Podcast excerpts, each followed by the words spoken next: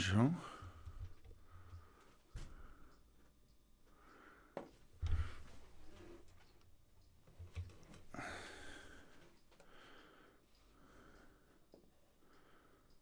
Zo, zo, zo.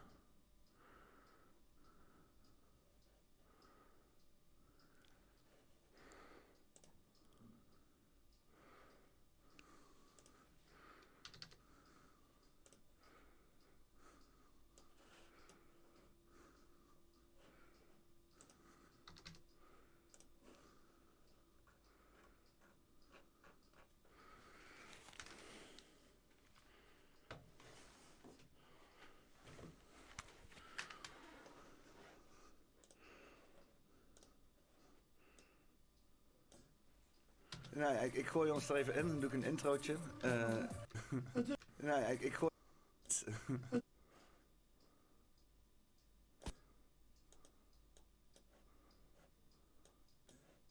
Maatregelen opgenomen. Ja. Maatregelen.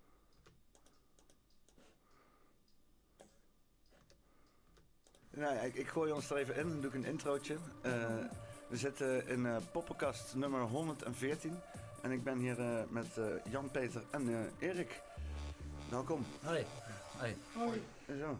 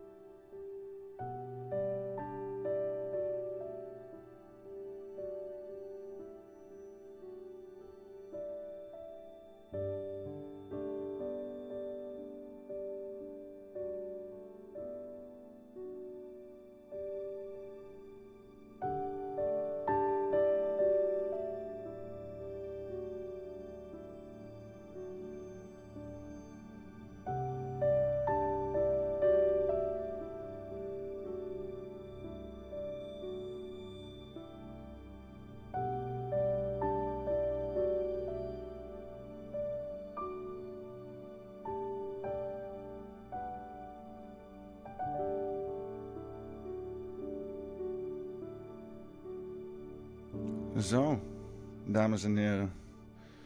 Eens een keer eh, wat anders. Ehm, ja, het is, het is, eh, het is een, keer, eh, een keer wat anders. En ik vond het nodig om, om dit even wat anders te doen. Ik wacht nog heel even voordat iedereen, eh, dat iedereen, eh, god, 111 kijkers nu al. Nou, laten we maar gewoon beginnen dan. Laten we maar gewoon beginnen. Ik heb een serieuze, treurige muziek op de achtergrond. ja. Ik, eh, ik, ik, bij de poppenkast doe ik altijd de zaken eh, ehm, met een beetje humor en luchtigheid benaderen om dan zo inderdaad wat ehm, pittigere onderwerpen, hè, vaak op een iets filosofischer manier, eh, te kunnen benaderen. Eh, nu heb ik na 113 eh, afleveringen, dit is dan 114, ben ik tegen een vraagstuk aangelopen. Natuurlijk wordt alles ook wat serieuzer. hè, dus ik voel ook wel een beetje die druk om, om, om ook wat serieuzer te gaan. Ehm, maar ehm, ik, wil het, ik wil het, voor mezelf hou ik het altijd heel erg luchtig. En deze podcast is iets anders. Want eh, ja, ik heb hier de heren mogen ontvangen. En die zijn zelf heel serieus bezig met dit onderwerp. En, ehm, en eh, ik, ik, bleef over met een gevoel dat ik denk van... Hè, moet ik dit nou wat doen? Hè? Is dit nou precies wat ik wil? En ik dacht van... Uh, ik ging serieus even door mijn hoofd van... Moet ik dit nou wel uitzenden? En ik schaam me daarvoor. Want alles moet uitgezonden worden. Alles moet uitgezonden kunnen worden. Vind ik zelf. Alles moet besproken kunnen worden. Alles. Ik, ik ben ook niet. Ik, moet niet. Ik ga niet lopen censureren en zo. Dus uh, ik ga dat ook gewoon fucking uitzenden ook, weet je. Alleen ik wil wel een kleine kanttekening maken.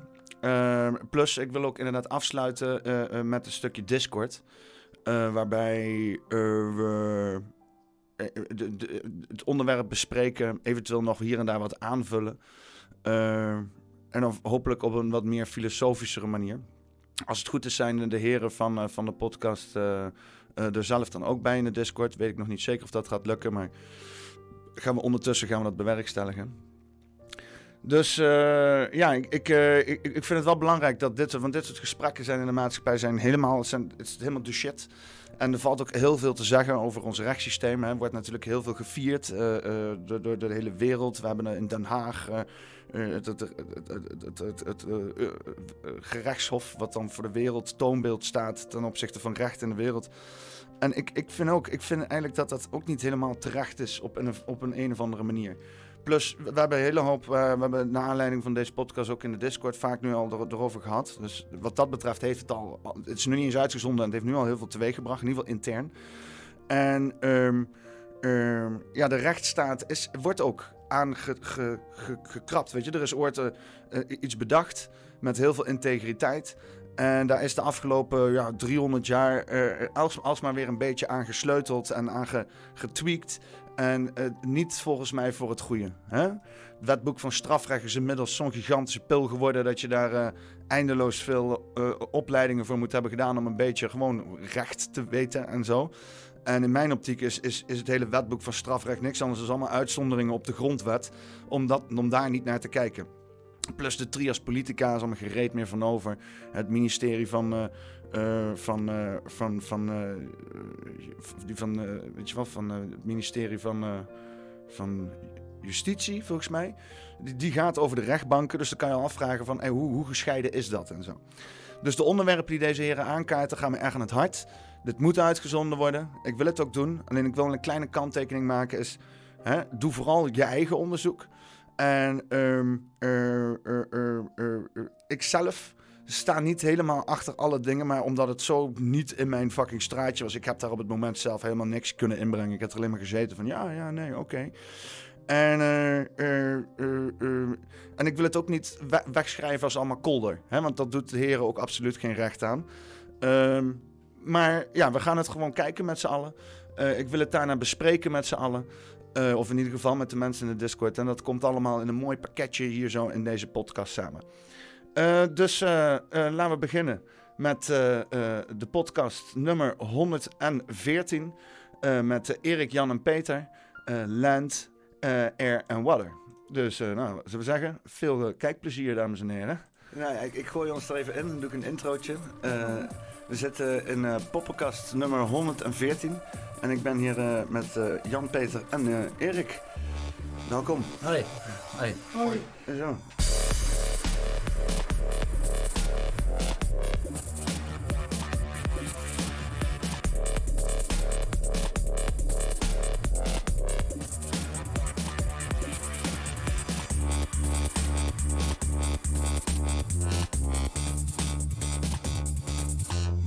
Wij gaan het uh, hebben over, uh, over juridische zaken, als ik het goed begrijp. Uh, over de constructie van de Staat der Nederlanden. Okay. Over hoe die in elkaar zit en ja, dat iedereen gewoon mezelf voor de gek wordt gehouden eigenlijk. en dat we eigenlijk helemaal geen staat hebben, maar dat het gewoon een bedrijfscoöperatie is die gewoon iedereen ja, verhandelt. Mm. Mm. En dan gaan we het ook even hebben over mijn gedeelte achter van verlatingen. Waaruit blijkt dat Rutte in 2021 misschien wel een staatsgreep heeft gepleegd. Waardoor uh, de koning afgezet is. Oh, ja. oké. Okay. Oh, dat is wel heel interessant inderdaad. Uh, ja. Ja, we maken ja, alles mee. Het is, uh, nou ja, zover ik weet was, was het Koningshuis sowieso al niet echt legitiem meer sinds de Tweede Wereldoorlog. Hè? Dat was dat zo... Ooit een Koningshuis gehad, moet je je afvragen. Ja, wat is dat eigenlijk wat daar zit? Het is een gouverneur. Ja. En een gouverneur houdt in dat uh, Nederland heeft vroeger in de, de tijd van de VOC in Indië heeft Nederland dus bestaan uit 17 provinciën, opgebouwd door 17 gouverneurs. En die hebben dus gewoon namens de VOC handelscontract afgesloten, waarop die basis bij belasting moeten betalen, werd in die tijd landsrente genoemd. Ja, en we betalen een partijtje belasting, hè? Iets van 1 miljard per dag of zo? Gaat er, uh, aan, uh, gaat er de belasting uh, de pot in en zo? Nou, als je de belastingen pakt eigenlijk, het is een vrijwillige bijdrage die je geeft. En ik heb al verschillende mensen die dus gewoon het geld gewoon terugvorderen eigenlijk omdat het een ambi is. Een ambi betekent dus alle bedrijven, het is gewoon een schenking die je doet, een gift. Hmm. Want als je gaat kijken, ik heb hier een inschrijving bijvoorbeeld van de Staat der Nederlanden. Ja, ja. Even dat, uh... En als je daar gaat kijken, zal ik even de vinger erbij. Dan zie je hier korte voorhoud 7. Is dus de inschrijving in de Security Exchange Commission ja? in Amerika. Ja. Dus oh, even zo. Even zo? Ja. ja. Is goed in beeld? Jazeker. Nou, wat er vervolgens gebeurt, dan heb je dus bij Bloomberg en dergelijke, dan ga je dus kijken, de staat in Nederland, hoe staat dat ingeschreven? Even de andere kant. Andere kant, ja, die zo. Uh, even kijken of het goed doe. Hier. Dan zie je dus hier staan, relatiesgeschenken, koninklijk. Ja. Dat is de staat der Nederlanden. Met hierboven bevoegd functionaris Beatrix. hey, de herder. Is die, is die nog steeds... Uh... Nee, dat is nu Willem-Alexander. Oké, ja. Kijk, maar als je goed kijkt, dan moet ik even spieken. Uh, wat staat hier? Beatrix van Oranje Nassau, hè? Ja. Koninklijke relatiegeschenken. Dit zijn alle dochterondernemingen die hieronder staan. De NS. Noem maar op. Ja, ja dat had ik ook al. Die, die, die vallen dan, als het goed is, uh, onder, onder ministerie van Justitie. En die verhandelt dat ook allemaal op de beurs. Ministerie van Financiën. Financiën, ja, ja, dat bedoel ik. Ja. ja. En wat krijg je dan vervolgens? Dan ga ik even, even kijken. Dan pak ik deze. Dit is de Staat der Nederlanden. Dit is de officiële inschrijving bij de UCC. Ja. Nou, dan ga je dus kijken, wat zie je dus hier staan? Kort voor het 7, hè? Ja, is, dat is een uh, adres van? Ja, dat is dus de inschrijving van Nederland. Postzone 7, het is een postzone. Nou, als je dan al die namen hier staan, alle bedrijven, dat is maar een gedeelte ervan, hè?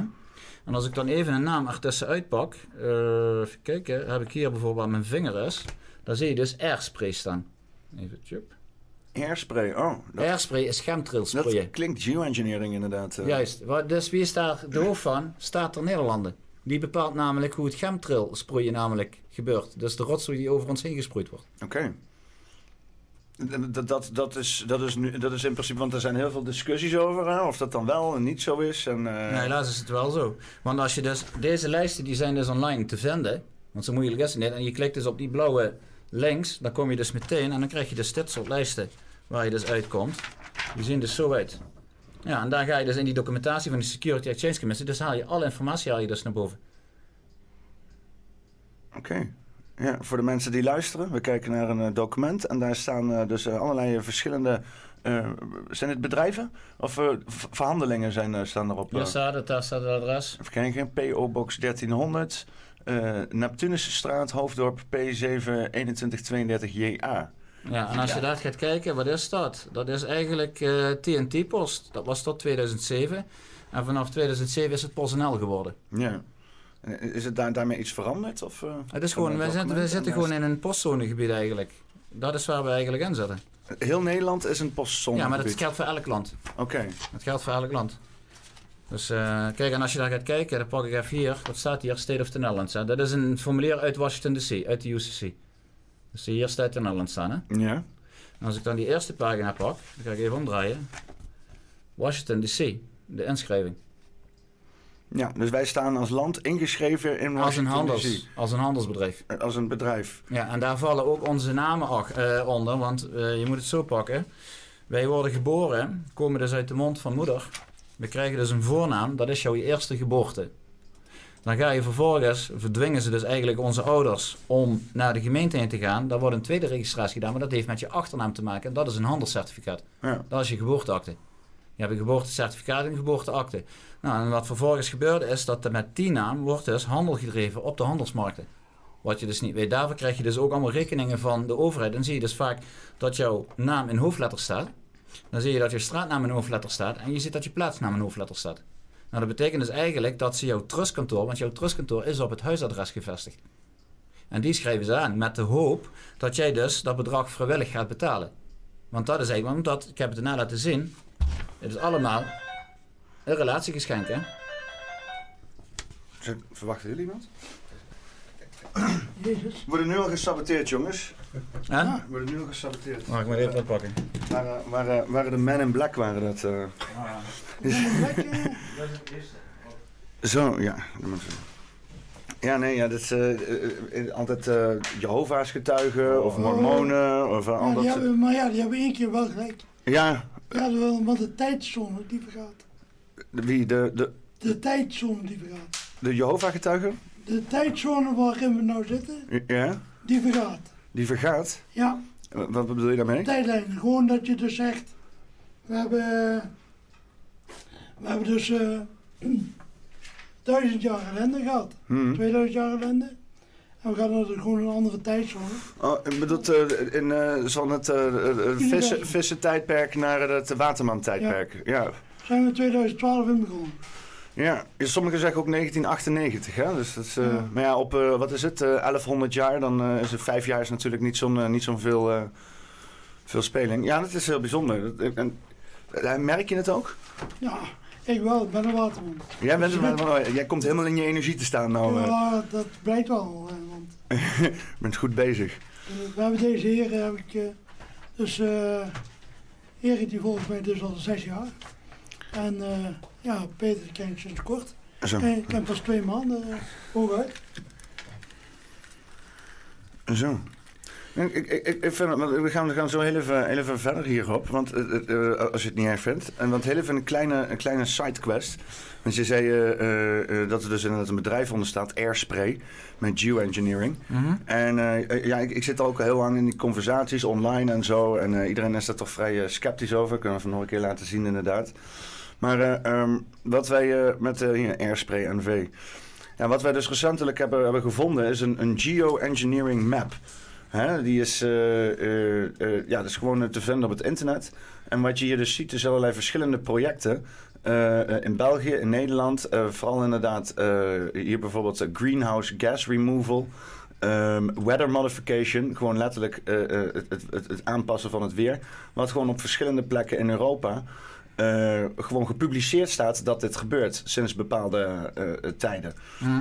Dus ja, heel veel mensen zijn er vaak nog sceptisch over. Van ja, maar dat, dat, dat hele. Dat hele uh, Weet je hoe je dat heel makkelijk kunt checken? Nou? Je ziet vaak de vliegtuigen vliegen, hè? Mm En normaal liter, als een vliegtuig vliegt, komt er een witte streep ja. achteruit. Ja. Nou, als die streep oplost, is het gewoon normaal eigenlijk die, die wrijving wat in de lucht is, zeg maar, met die L kou en dergelijke, dat los zich op. Maar als je echt de chemtrail hebt die ze sproeien, blijft de wolk hangen en die gaat zich verspreiden eigenlijk in de lucht. En die, die gaat zo uit, uit elkaar, zeg ja, en dan kun je eigenlijk al voorspellen dat er slecht weer aankomt. Nou, dan ga maar kijken of het wordt koud, of het wordt ontzettend warm, of het gaat gewoon echt stormen en noem maar op. Oké. Nou, wat je dan vervolgens kunt doen, dan ga je naar buienradar.europa. Ga je naartoe. Wat zul je dan zien bij buienradar Europa, is dat je bij Arnhem richting uh, Düsseldorf, zeg maar, dan zie je dus een soort streep, pijl. Die zie je steeds terugkomen. Als die zich herhaalt eigenlijk. Dan weet je precies, van daar zit de harp-installatie. Oh, ja, ja. Die dat namelijk, daar kun je daar naar kennen. En wat, wat, doet, wat doet harp nou precies? Want heel het veel mensen manipuleren. Want heel veel mensen die hebben het ook over dat bijvoorbeeld zo'n aardbeving in Turkije is veroorzaakt door, eh, door harp. Of is dat dan Wat ik eh, begrepen heb, zou daar een gasleiding hebben gelopen. Maar onder die gasleiding uh, zou een megadump hebben gelegen die dus opgeblazen is ondergronds met een implosie. Dat, dat is wat de verhalen wat rondgaan. Dus, van, van, Turkije? Turkije en Syrië, dat blijkt op één lijn te liggen namelijk. Maar dat heeft dus niks met harp te maken? Het zou kunnen, dus ik weet het niet. Dus uh, hou ik even mijn uh, antwoord voor dus, schuldig. dat houden we even in het midden. Ja.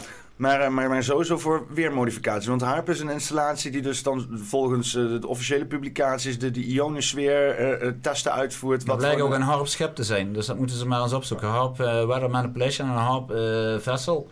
En die kun je vinden, ja, daar word je gewoon uh, bang van hoor. Dat zal ik je eerlijk zeggen. Een harpvessel? Ja. Dat is een enorm plateau is dat met eigenlijk een hele grote ronde bal erop die wordt voor wordt getrokken door een trekschep. Ja. Uh, kijken of we het... Uh... Maar dat is een, dat is een hele gronde bouw. Het is net als een soort, uh, hoe noem je dat eigenlijk, een, een, een radartoren, zeg maar. Moet je even naar de video's gaan, of naar uh, image. Maar kijken we dan naar een boot? Of, uh? Ja, echt een boot. En die heeft eigenlijk een hele grote ronde koepel. En als die actief wordt, nou, dan word je echt bang van. Ja, dat is meer een platform. Ja, daar oh. heb je hem. Dat is hem. Moet je daar maar eens een video van aanzetten. En dan moet je dan maar eens bekijken als die in actie is. Dan word je echt bang van. Ja, eerst even afbeelding erbij pakken. Dan kunnen mensen televisie zien. zo. Uh, en we kijken voor de luisteraars naar een soort van olieplatform-achtige situatie. Uh, met, met, en dan met een grote bol erop. Ah, daar, uh, daar is onze belafspraak. Met Erik. Ja? Kunnen we... Is klaar?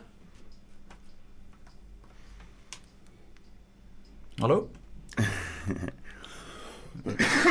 Mag even kijken. We, we, krijgen straks een belletje met uh, nog meer uh, informatie. Ja, het belletje waarover gaat is um, Jori Platen. Uh, ook bij heel veel bekend.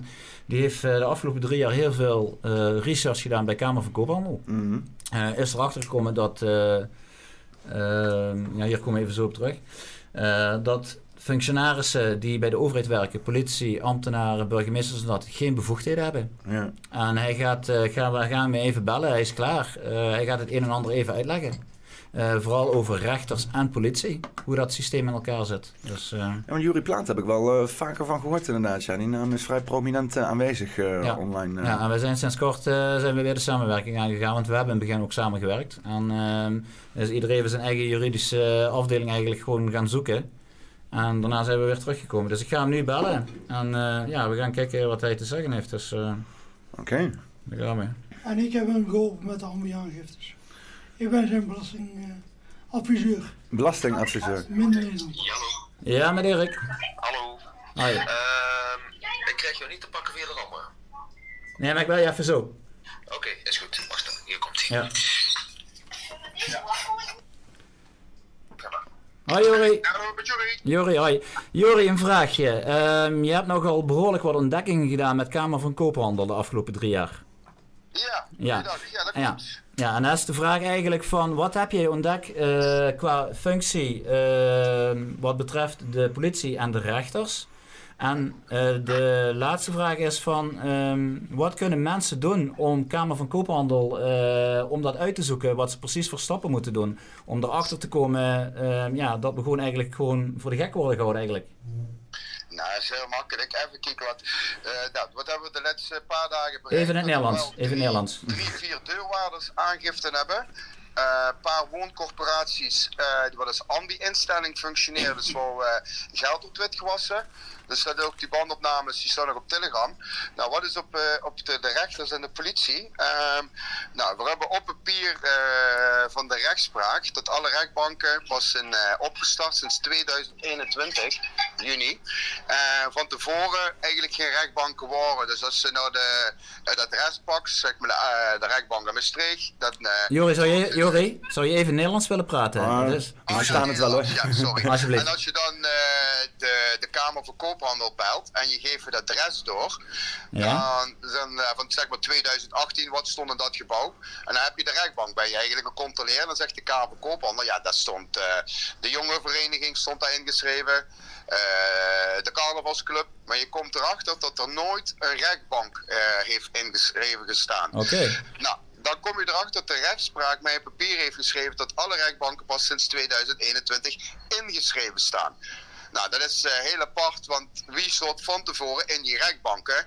Uh, nou, dan kom je erachter via rechtbank Zeeland West-Brabant. Uh, daar zat ik in een conflict. dan sturen ze wat mail dat hun rechters natuurpersonen zijn, maar niet alleen hun. Zo schrijven ze ook alle rechters in Nederland.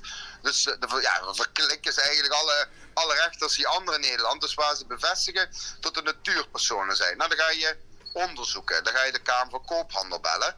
En dan vind je formulier 18. Uh, inschrijving functionaris onder een publiekelijk rechtspersoon. Want als het gebouw, wat we net zeiden, 2021 een publiekelijk rechtspersoon is geworden, dan moeten hun als openbaar lichaam, functionaris, staan ingeschreven onder dat formulier als gevolmachtigd om besluiten te maken. Nou, daar zijn we op bandopnames. Op Telegram staat er vol. Dus geen één rechter, want ik heb op namen gezocht. Geen één is te vinden.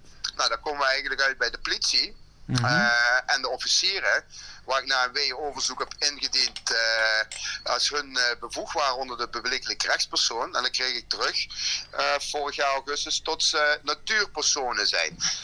Nou, dan ben ik mijn aanklacht alles gaan doen. Nou, toevallig dat ik hier binnen zit met mijn maatschappelijk werk. Hè van juist, wat heb ik op papier. Mijn uitspraak uh, die gaat nou, als je intikt feitelijke handelingen uh, politieambtenaren, dan zie je mijn politieuitspraak van de rechter uh, op internet. Waar heel duidelijk staat dat de politie wat mij hebben opgepakt, want ik had het verkeerd gedaan. Ik had hun aangeklaagd onder een publiekelijke bevoegdheid. Mm Nou, ik heb nou op papier tot hun gehandeld hebben, dus feitelijk handelen onder de niet de publiekelijke rechtspersoon. Dus niet onder de bevoegdheid van de publiekelijke rechtspersoon. Want dat moet op papier staan. Je kan niet iemand zomaar van de straat wippen. Ja, als daar geen uh, officiële documenten van zijn door de publiekelijke rechtspersoon. Ja, dat heb ik nou ook op papier van de rechtbank uh, Roermond, wat zichzelf ook niet bevoegd acht als rechter, maar toch achter gesloten zittingen, maar een artikel heeft ingeschakeld, toch maar even rechter was. En zich daarna maar uh, heeft gezegd dat mijn ja, zaak is goedgekeurd voor schadevergoeding. Alleen ik heb het fout gedaan. Want ja, je dacht je gaat zoeken onder de publiekelijke rechtspersoon. Maar we hebben nou papier hoe je het wel moet doen. Dus zeer opmerkelijk. Uh, ja, wat er is aan het gebeuren, laat ik het zo zeggen. Ja, nou, de laatste dagen, ik heb drie, vier telefoontjes per dag waar ik met de politie nou ben het overleggen. Met cliënten voor uh, deurwaarders uh, te laten oppakken, aangiftes, woningcorporaties. En dan komen we uit, mensen, wat is het belangrijkste? Wie, wie, wie doet dat geld witwassen? Die miljarden. De Belastingdienst. En wij hebben al meer dan vijf namen op papier van de belastinginspecteurs in Nederland, wat wij ook gaan aangeven wegens het witwassen van ambi-instellingen. Ja, want dat moet gedaan zijn. Ons schenkingsformulieren vragen, dit, dit en dat. En zelf witwassen. Ja, en zo kom je eigenlijk bij het hele, dat je het hele systeem hebt blootgelegd. Ja, en wij doen, uh, ik ben blij dat de Kamer van die mogen we een compliment geven, mensen. Zonder hun was het ook niet gelukt. Ja, en ja, hun verlenen alle medewerking. Ik heb contact dagelijks met team fraude van hun. Ik heb het 06. Alle aangiftes moet ik terugkoppelen. Ja, en zo zullen we dan blokkades komen. En ik heb een uh, bandopname, ik gooi hem niet online, jongens. Maar we ook uh, met één, uh, één klacht alle politiebureaus in Nederland met deze uitspraak kan platleggen. Maar we doen het niet, want we hebben ze nodig. Ja, ja. ja heel makkelijk. Jori, even een vraagje. Ja. Komen we er niet. Even een vraagje. met die Ambia, want ik heb al verschillende mensen gesproken die kregen een brief van de Belastingdienst. Waarin stond met de Ambia-aangifte dat het een vrijwillige bijdrage is. En omdat je het vrijwillig betaald hebt, kon je het niet terugvorderen. Uh, ja, heel mooi uh, hoe ze dat vragen. Hè. Dan uh, baseren ze zich op de wet van 2001, de inkomstenbelastingwet, waar ieder natuurpersoon geacht is loonheffing en die belastingen te betalen. Mhm. Maar als je goed leest, staat er dat er een rechtspersoon niet verplicht is. Nou, wat ben ik met mijn vereniging, bij de notaris en bij de Kamer van Koop al vastgelegd, een privatelijke rechtspersoon. Dus ik dien voor onze leden, dien ik het in als een private rechtspersoon. Dus ze schakelen het al uit. Dan komen ze met uitspraken van de rechtbank Leeuwarden Den Haag. Nou, die heb ik allemaal op band. Dus die uitspraken van hun, toen was de rechtbank een jongerenvereniging, carnavalsvereniging, maar geen rechtbank. Dus die, die weerleggen wij ook. Dus alles wat hun zeggen, hebben wij tegenbewijs, alleen nog juridisch vastgelegd. Dus Daar heb ik even een vraag over, Jori. Daar heb ik even een vraag over. Je hebt het over die rechtbanken. Ja. Tot 2021 waren hun een vereniging, hè? Ja. Dat betekent dus dat wij eigenlijk als uh, wezens, zeg maar in heel Nederland, eigenlijk mee mochten inspreken met die hele rechtspraak. Dus, wat, dus die alle rechtspraken die dus zijn geweest tot 2021 juli, die zijn dus allemaal niet rechtsgeldig. Nee, want uh, ik heb op papier van de rechtspraak sinds de wet, wet bestuur toezicht rechtspersonen is gekomen, ja. is de rechtbank een rechtbank geworden. Want anders moest iedere bestuurder, ik en Ronald, alles moeten tekenen wat de deur uitgaan. Moesten alles vonnissen getekend worden. Op een eigen wet wat de regering heeft gemaakt. En zo is de rechtbank een rechtbank geworden. Alleen het gebouw. Ja, want alles, ja, moest alles vanuit de vereniging ja, getekend worden. Want het was geen rechtbank, het was een jongerencentrum. Dus daar stonden geen rechtbanken ingeschreven. Onderzoek maar, bel maar naar jouw zitting. Was die in 2016, 15, 18, 19, 20 zelfs nog. Vraag op het adres zo bel je, je belt de KVK, maar op het adres vraag je wat in, uh, op daar stond ingeschreven op die datum. En zo kom je erachter dat er geen rechtbank bestond. Ja, en jij had ook eens eens ontdekt met die marché in Limburg, hè, in Bik. De gezelligheidsvereniging. Ja, leg dat eens uit hoe je daarachter bent gekomen. Ja, ook zoekend natuurlijk, omdat wij zelf een vereniging zijn geworden met volledige rechtsbevoegdheid. En je gaat dan de uitdraai zoeken van de Kamer Koophandel. Dus gewoon ja, op te vragen, je leest. En dat hun ja, eigenlijk een informele vereniging zijn, mhm. opgericht via de internet. Dan niet eens bij de notaris zijn geweest. Ja, en dan gewoon een gezelligheidsvereniging ook zo de naam hebben gegeven. Ja, die hebben mij eh, tot heden nog heb ik geen rijbewijs terug. Er zitten hun in betrokken, klachten goed gegrond. Ja, hadden dat niet mogen doen. Die man werkt zelfs niet meer daar, bij de gezelligheidsvereniging. Want ik ben voor een paar ton schade daar geweest. Maar die ga ik nog altijd innen. Want het is een vereniging. Ik heb hier een aantal mensen, Jori, die willen nog even een, ook een vraag aan jou stellen als het mag. Jazeker. Jori, uh, doe maar eerst hem. Maar doe maar even de telefoon even, oh, die, oh, die, kant op dan. Dan kan hij met het, bij de microfoon houden. Ja, doe maar betalen, vraag maar. Juri, hoe staat, hoe staat de Nederlandse de rechtbanken? Hoe stonden die tot 2020 ingeschreven, of 2021 ingeschreven? Waren dat evenementenbureaus? Waren dat theatervoorstellingen die daar dagelijks gehouden werden voor duizenden mensen? Of hoe zie jij dat? Ja, iedere rechtbank stond anders ingeschreven. Uh, ja, noem het rechtbank. Uh, die hadden allemaal, die was een jongerencentrum. Die was een uh, gezelligheidsvereniging. Dat was een carnavalsvereniging. Er stonden allemaal andere inschrijvingen in dat gebouw. Hoe dat heeft kunnen plaatsvinden, snap ik echt niet. Weet ik echt niet. Maar er stond geen rechtbank. Dus je kent het ook echt nergens. In, in, welke rechtbank je ook, of een kamerverkoophandel, je ook belt en je onderzoekt dat adres. Je komt nergens eigenlijk uit tot de rechtbanken waren. Ja, en dat is heel apart. dat is hetzelfde nou wat ik toch onderzoek. Ik ben gisteren teruggebeld door de Rijksoverheid. Over, uh, jongens, want dat is heel belangrijk. In het Openbaar Ministerie in Maastricht, daar staat de Rijkswaterstaat ingeschreven. Dus de Rijkswaterstaat, wat de publiekelijke rechtspersoon de titel heeft gezet, tot dat gebouw en die medewerkers slootjes mogen controleren en wegen. Het er gewoon stiekem iemand zich ingeschreven als het Openbaar Ministerie, zonder dat vast te leggen dat is je voordoen uh, als de staat, dan ga je negen jaar voor de bakken. En die zijn nou de openbaar ministerie gewoon het doen. En gisteren die man van de persvoorlichter, die wist het ook niet meer. Die zei, ik moet, ik moet je laten terugbellen door een jurist. Nou, ik ga je wat moois vertellen, Jori. Ik heb gisteravond nog iets gekregen van iemand. Die was ook even de Kamer van Koophandel door het spitten over Rijkswaterstaat. Maar die blijken dus ingeschreven te staan als ministerie van Volksgezondheid en Sport. Want wat is nu het mooie? De Rijkswaterstaat mag namelijk de certificaten voor de mRNA-vaccins namelijk uitgeven. Ja, dus ja, die heb ik nog niet onderzocht, maar dan zie je toch, ja, en daarvoor is de bron de KVK. Zoek naar rechtspersonen, ja. gevolmachtigden, en zo kom je terug dat eigenlijk niemand of niks is gevolmachtigd om besluiten te maken. Dat we te maken hebben met BV's en holdingen. Ja, en één constructie waar jammer dat nooit een advocaat of is, hier is opgestaan.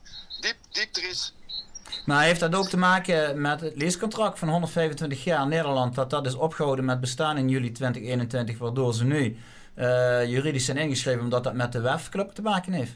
Dat denk ik wel. Dat is toen, uh, ja, dat weet ik dat dat nog was.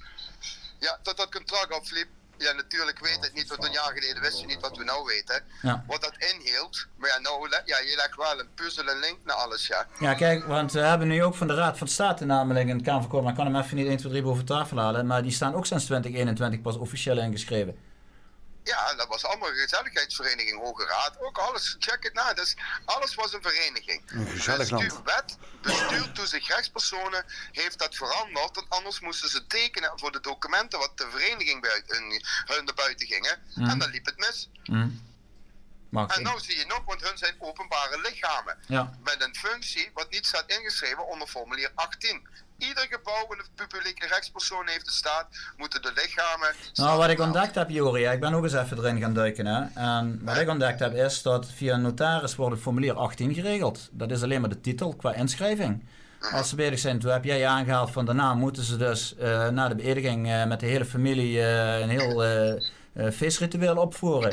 Ja? ja. ja, ik vond wel mooi hoe je dat vertelde. Dat vond ik wel heel mooi verwoord eigenlijk, want zo is het eigenlijk ook. En dan zie je vervolgens dat je formulier 18 aanvulling hebt en formulier 25. Want formulier 25 geeft aan waar hun jurisprudentie bevoegdheden liggen. Maar wat ik ontdekt heb, ook hier boven in het land, met uh, boeren waar we ook mee bezig zijn.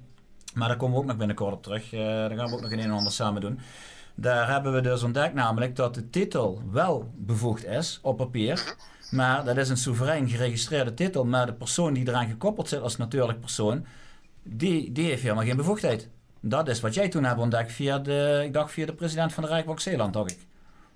Ja, precies weet ik niet meer, maar dat is wel uh, ja, mooi uitgelegd. Ja, ja, zo is het ook hoe je het moet gaan zoeken. En, maar ja, dat is ook heel moeilijk hier bij Janneke taal uit te leggen naar mm. uh, Erik en uh, Jan, een publiekelijk rechtspersoon, een lichaam, als je zo gaat zoeken. Ja. Maar ja, daarvoor kan ik alleen dankbaar zijn wat de afgelopen dagen is gebeurd met de KV en de politie. Ja. Dus uh, de aangiftes die stromen binnen vandaag drie stuks. Vergeet dat niet jongens, gewoon corporaties. Hoe zie je dat met uh, Vlaanderen of weet die uh, Drie keer al nou op de politie. Drie keer een aangifte al door het land. Ja, die zijn in het stort. Ik leg dossiers stil voor mensen. Dus ik bel en ik stuur de aangifte door. Is het stop. Dus we gaan binnenkort ook met het juridisch bureau alles terugvorderen voor mensen wat geld betaald hebben. Super. En, uh, want ja, we hebben nou de aangiftes rond, hè. En dus uh, perfect, man. Jury, mag ik dat even aanvullen? Ik ben inmiddels ook tegen GGN en tegen plaatselijke deurwaarders. Hebben wij dus ook al aangiftes gedaan. Ik ben er al bij drie aanwezig geweest. Ik alleen persoonlijk, afgelopen maand. En ik heb zelf ook al aangifte gedaan. En ik moet weer tegen GGN een aangifte gaan doen. Dus ze komen landelijk overal bezig. Ja, zullen we dan gewoon de krachten samen bundelen en dit gewoon samen eh, oppakken? Want ik denk dat daar de slagkracht veel krachtiger ligt. Ja, 100%. Uh, zeker weten. Dat is um, de, de, degene waar we nu zijn, die dus het uh, programma maakt, die had ook nog een vraag. Nee, ja, ik wil vragen over de ambi inderdaad, maar ik heb het al uh. Oké, dan heb ik nog een laatste vraag, Joris, het mag. Um, wat zou jij de mensen, of de wezens eigenlijk, uh, adviseren van hoe ze het beste naar de Kamer van Koophandel kunnen bellen en hoe ze dat het beste in stappen de vragen moeten stellen? Maar ook bijvoorbeeld, um, op het moment dat er uh, fraude aan het licht komt, hoe ze die aangiftes moeten gaan doen, hoe ze dat het beste kunnen doen, want jij hebt daar de expertise in. Nou, super. Nou, je belt gewoon. Uh, je kijkt eerst, je hebt een deurwaarder, je hebt een brief gekregen voor zelflanderij. Dan staat er een deurwaarder op wat jou die brief in de brievenbus stiekem heeft geduwd. Je staat altijd erop. Nou, dan bel je de Kamer van Koophandel en dan ga je functionaris controleren. Dat is het enige wat je zegt. Dan zegt die vrouw, goedemiddag, geef het KVK-nummer maar. Nou, dan geef je het KVK-nummer. Nou, dan, gaat, dan zeg je dan, ik zou graag eh, deze meneer willen controleren als functionaris. Dan blijkt die niet staan ingeschreven te staan. Niet als gevolmachtigd, niet als wat dan nee. Nou, dan ga je zoeken, dan zegt de Kamer van Koophandel, dan heb je al de eerste klacht te pakken. Nou, dan kom je eigenlijk uit op, de, op het, uh, even, want dan hebben ze een brief hebben ze aan de deur gebracht. Dan is het een valse geschriften, dat is twee. Want die, deur wordt, die brief wordt aan de deur wordt gebracht, die wordt vanuit de BV gedaan, Vlanderij. Dus die deurwaarder is vanuit een BV brieven aan het sturen waar de bestuurders niet op de hoogte zijn. Nou, dan heb ik een bandopname voor even niet af te geleiden dat de politie mij bevestigt. Als je dat onderzoek hebt gedaan en het blijkt dat de bestuurders niet op de hoogte zijn met de brief en die deurwaarder staat op eigen titel voor de deur, kan je een burgerarrest doen. Die bandopnames staan op eh, de Telegram. Ja, dat is even aangegeven Ben. Ik heb namelijk een formulier gemaakt, die zeven pagina's, hoe je het burgerarrest met de wetsartikelen moet uitvoeren. Dus dat ga ik jou bezorgen. Oh. Ja, super. Kijk, en dan heb je de Kamer Dan heb je eigenlijk twee vragen gesteld. Is die bestuurder, die man een bestuurder? Is hij de gevolmachtige om brieven te brengen van de deur te komen? Nee. Dan kom je erachter dat de bestuurders, bijvoorbeeld van Landerijn, eh, allemaal holdingen zijn, BV's zijn, tot de Kamer van Koophandel zelf al niemand eruit uh, uitkomt. Van wie is dan uh, de bevolmachtigde, de bestuurder in deze hele BV? Nou, dan uh, kom je erachter dat Vlanderijn meerdere kantoors heeft ja? En we hebben nou gisteren Amsterdam onderzocht. Die staat niet op de Kamer van Koophandel als je de uitdraai doet. Maar het laat wel mensen beslag leggen. Nou, dan was gisteren ook nog een hele mooie, want ja, Amsterdam niet erop staat. Dan heeft de Kamer van Koophandel al drie punten gezien. Waar ze uit zichzelf zien van ja, de inschrijving en de bestuurders zijn niet op de hoogte. Je wordt valse geschriften mm gepleegd, dwang, afpersing. En dan eigenlijk zeggen hun dan vanzelf: het is geen klacht meer. Uh, je moet aangifte doen. Nou, en GGN hebben we drie keer op de band staan, waar de van Koophandel zegt dat we per direct aangifte moeten gaan doen tegen hun, omdat ja, niemand op de hoogte is. En, uh, Dan heb ik even een ander idee, Jori. Of een ander idee, gewoon een aanvullend uh, iets. Is, um, we gaan deze week even, maken we even tijd samen. We gaan we even bij elkaar zetten.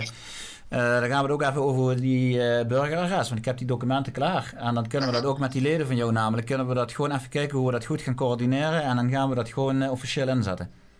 Ja, zeker. Mensen moeten dat leren. Hè? Met onze aangiftes van de politie ja. is dat nou een rond. Ja, en met dit heb je een burgerarrest staat precies van uh, wat je rechten zijn, hoe je het moet doen, hoe je het aan de officier van justitie de persoon moet uh, overhandigen. Zal ik maar even zeggen, of aan een BOA of aan de, de politieagent. En uh, op welke straffen hun vervolgd worden en ook hoe dat zit met brengen naar de gevangenis, et cetera, et cetera. Het staat er allemaal in vermeld. Ja, super. Dan uh, beginnen mensen dat door te krijgen. Als ze zelf gebeld hebben, op Telegram ja. onze bandopnames horen en ja, ook de aangiftes zien. Iedereen kan het. Alleen bundel het. Ja, breng het uh, liefst ook op één centraal punt. Stuur het naar ons, infojuriplaten.nl. Ja, wij uh, doen het met Team. Heb jij ook een uh, telegramkanaal, Jori? Wat blijft? Heb jij ook een telegramkanaal? ja, dat is heel moeilijk voor mij. is een ja, ik zal de link anders bij jullie sturen. Ik weet uh, niet hoe dat allemaal werkt, hoe je daarop komt. Uh, ik kan alleen met dat linkje sturen. Maar we hebben wel een Telegram kanaal en die staat open. Kan je alle berichten en bandopnames kan je gewoon hier hebben we hem. Ja, wacht. We hebben het kanaal joriplaten.nl. Uh, even opgezocht, die laten we even in beeld zien voor de mensen. Dus dan weten ze waar ze naartoe kunnen op jouw vaste website. Even kijken. Ja, ja en Jan die had ook nog een vraag. Jori, hoe zit het met artikel 120 toetsing door de regering, of uh, van de rechtbanken naar de regering toe. Grondwet. Grondwet. Mogen ze die nog uitvoeren? Ja, kijk, een hele goede. Kijk, ik heb die uh, jurisprudentie van eigenlijk 8 januari 2021 dat hier geen grondwet is. Wij hebben nou ook de rechter en de officier en de griffier opgeroepen als getuige om mijn procesverbaalzitting naar boven te laten komen. Omdat hier een uitspraak is, hier is geen grondwet. Ik heb dat toen naar voren gehaald. Dus uh, ja, voor ons gevoel is er natuurlijk geen grondwet. Die is uitgeschakeld. Ja, en ja, daar hebben wij dus ook dit kunnen baseren. Want als geen grondwet is en de eet en alles is snap, heb je een show mee moeten, moeten Ja, want ik ga er even op ja. inhaken. 1983 heeft het uh, kabinet Lubbers de grondwet 120 uitgeschakeld. Dat heeft te maken ook met het woord bij gratie gods. Want als je dan teruggaat naar 1602, dat heeft te maken met landsadvocaat van Oldenbarneveld. Uh, vanuit de VOC, Verenigde Octrooi uh, Compagnie eigenlijk. Want het is gewoon allemaal octrooi wat ze geclaimd hebben. Want als ze officieel, uh, dat staat ook in de oude boeken van de VOC, we zouden een echte koning hebben gehad, dan zou hij niet het woord bij gratie God, maar bij gratie Mercurius gebruiken. Dat betekent communicatie.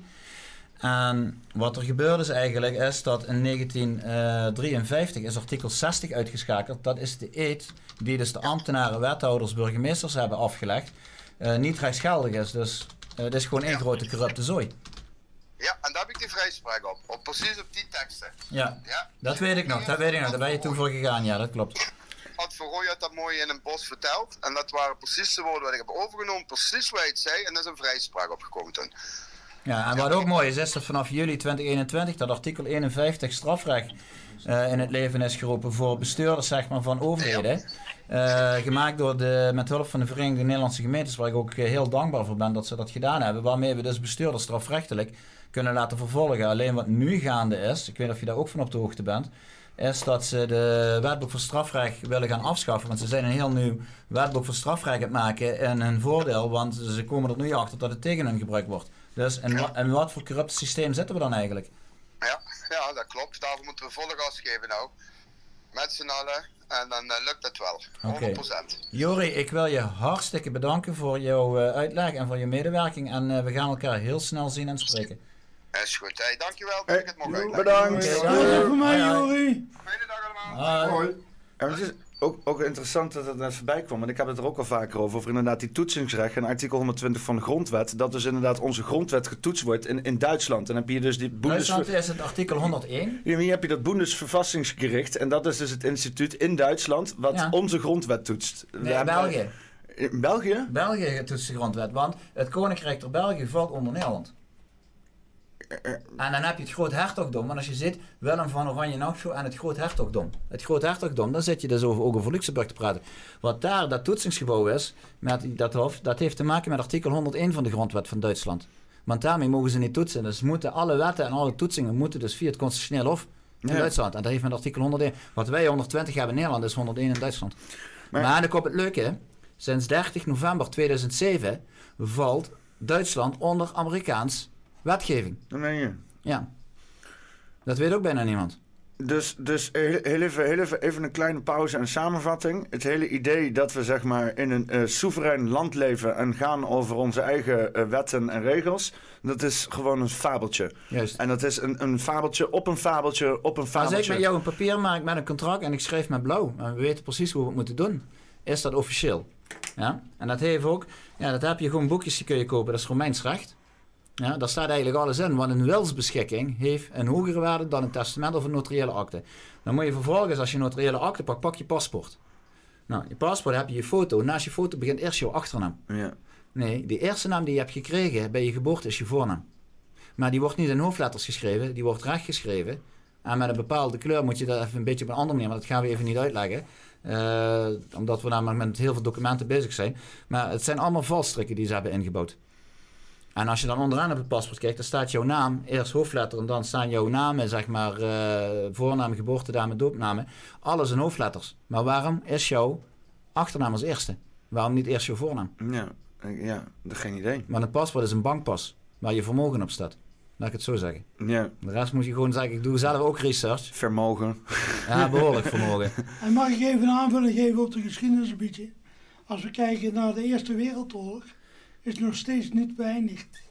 De Belgen vieren ieder jaar, vieren die dus de wapenstilstand die in 1917 is getekend. Ja. Met als gevolg dat ze daarna hebben ze dus een x aantal jaren Hitler in zadel gehad, waar de Tweede Wereldoorlog uit is ontstaan.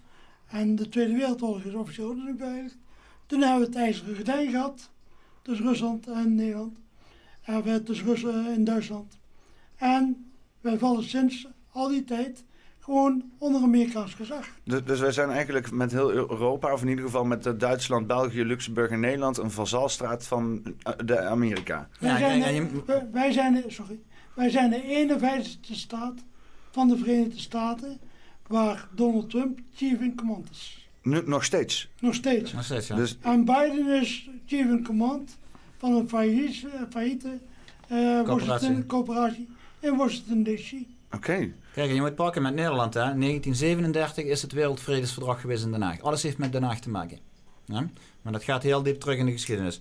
En dan ga je vervolgens kijken met het Wereldvredeverdrag. Dat is de Tweede Wereldoorlog geweest. Wat hebben ze gedaan? Dan heb je het Nuremberg-tribunaal gehad.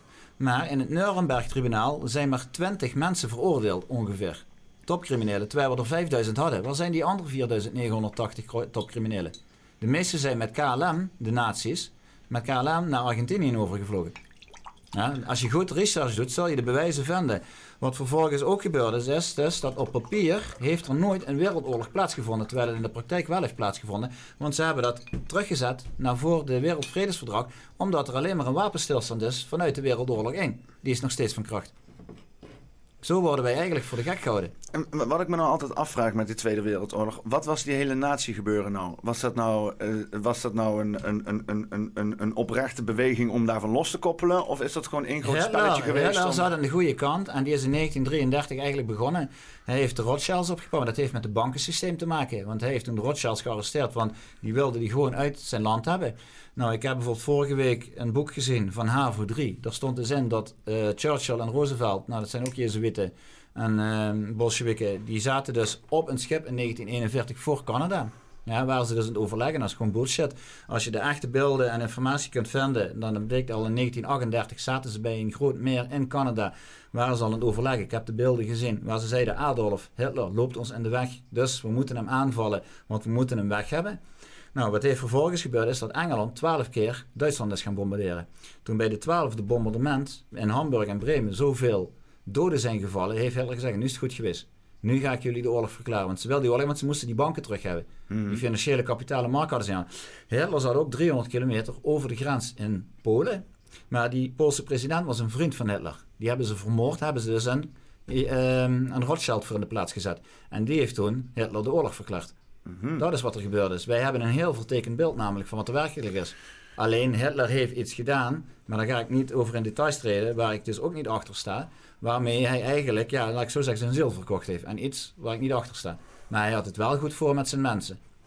En om daar ook weer even op aan te vullen. Het boek Mein Kampf, dat was zijn persoonlijk gevecht tegen de Rothschilds, tegen de Rockefellers. En daar stond de waarheid in. En, dat, is, ja. En dat is heel confronterend. Dat je dus die waarheden tegenkomt. En ook wat uh, Erik zei over de tribunalen, Nuremberg. Er is één variant is overgebleven. Dat is de Marburg variant. En Marburg was de bankier van de nazi's. Ja. Ze hebben het toch over het Marburg-virus? Recentelijk, daar heb ik nog niet van gehoord. Uh. Ja, dan worden ze dit jaar laten losbreken. En ook met het monkeypox-virus. Ah. Dus dat is vroeger, zeg maar? Of, uh... Ja, maar dat is allemaal gepland eigenlijk. Dat is, uh, maar we houden even pauze. Dat vind ik wel heel strakke. nou ja, ik wou, ik wou wel heel even, een, een, een, nog wel even die, die Rothschild even met de haren bijslepen. Ja. Want uh, je ziet sowieso al de afgelopen tijd, de afgelopen decennia's, dat er dus, en ook, al vroeger had je wat, Andrew Jackson of zo in Amerika, ja. die zich heeft losgekoppeld van de, die, die de, de, de Rothschilds banken eruit wil hebben. Het staat volgens mij ook op zijn graf, staat I broke the banks of zoiets. En uh, Volgens mij heeft Poetin, die heeft ook nog inderdaad de Rothschilds uit zijn land gegooid. Die heeft ze zelfs uh, gearresteerd. Vrij, vrij, die heeft de bank genationaliseerd. Nou, wat de Rothschilds deden in, uh, in, in Rusland, toevallig heb ik daar wel informatie, heb ik niet bij me. Wat hun wilden was namelijk die hele oliehandel wilden ze dus hebben. Dus wat deden hun? Hun hadden dus de olieplatforms en alles. Uh, deden vervolgens de olie voor 20 dollar verkopen in Amerika. Ja. deden dus, van, en dus Rusland kreeg 20 dollar per vat. En ze verkochten het vervolgens voor 200 dollar. Hmm. En, daar, en opeens kwam Poetin aan de man. Die heeft gezegd van ja, hier pas ik dus voor. Hij heeft ze gewoon laten oppakken. En heeft ze gewoon levenslang in de bak gewoon gezet. Klaar. Want hij zegt, het geld is van de Russen. En niet van, van de, de bankiers. Ja. Daar heeft hij meteen een komaf van En daarvoor is ook dat ze zo fel tegen uh, Poetin eigenlijk zijn. Poetin, Poetin heeft het niet zo verkeerd voor met ons. Het is, het is iedereen die zich los wil koppelen van die Rothschildsbank, want dat is dan een globaal instituut uh, al, al 400 jaar of zo. Ja. En uh, elke keer als mensen zich daar los van koppelen, ook bijvoorbeeld zo'n Gaddafi of een, uh, uh, heet hij nou weer, van Irak. Ja, zodat ah, Hussein. Ja, Hussein inderdaad, die dus uiteindelijk gewoon los wouden van die, van die globale Rothschild-greep en dan een eigen bank worden oprichten. Ja, dan zie je wat er gebeurt. Dan word je gewoon, ja, je wordt gewoon, hoe dan ook, maakt niet uit of je Maar het had ook niks met massawapens te maken. Het had er gewoon mee te maken dat ze het goud aan de banken in handen moesten krijgen. Want daar draait het om. En als je ging kijken in die landen, kijk dat ze een hard regime hadden, oké. ja, zeg ik dan even, net de zaken. Maar de mensen hadden zorg. De daarvan, mensen, mensen, hadden alles. Daarvan weet je ook niet hoeveel er waar is, een hard regime. Want inmiddels, als je er naar kijkt, dan denk je ook van ja, ze, ze lullen elke keer maar wat over van alles en nog wat. Nou, dus... er gebeurden wel dingen die niet door de beugel konden. Ja, oké. Okay. ik het zo zeggen. Kijk, uh, maar ja, dat is nu eenmaal. Maar het is ook een hypocriet om daar van bijvoorbeeld onze positie in Nederland vanaf te lullen. Want er gebeurt hier ook van alles. Uh, alleen het wordt keihard onder de mat geschoven. Ja, zoals die doorgesnoven hooligans, uh, die uh, Romeo's noemen. die gewoon, uh, waar de beelden gewoon online te vinden zijn, waar je gewoon ziet dat de Romeo's aan het snuiven zijn en daarna gewoon iemand uh, totaal los zijn aan het slaan.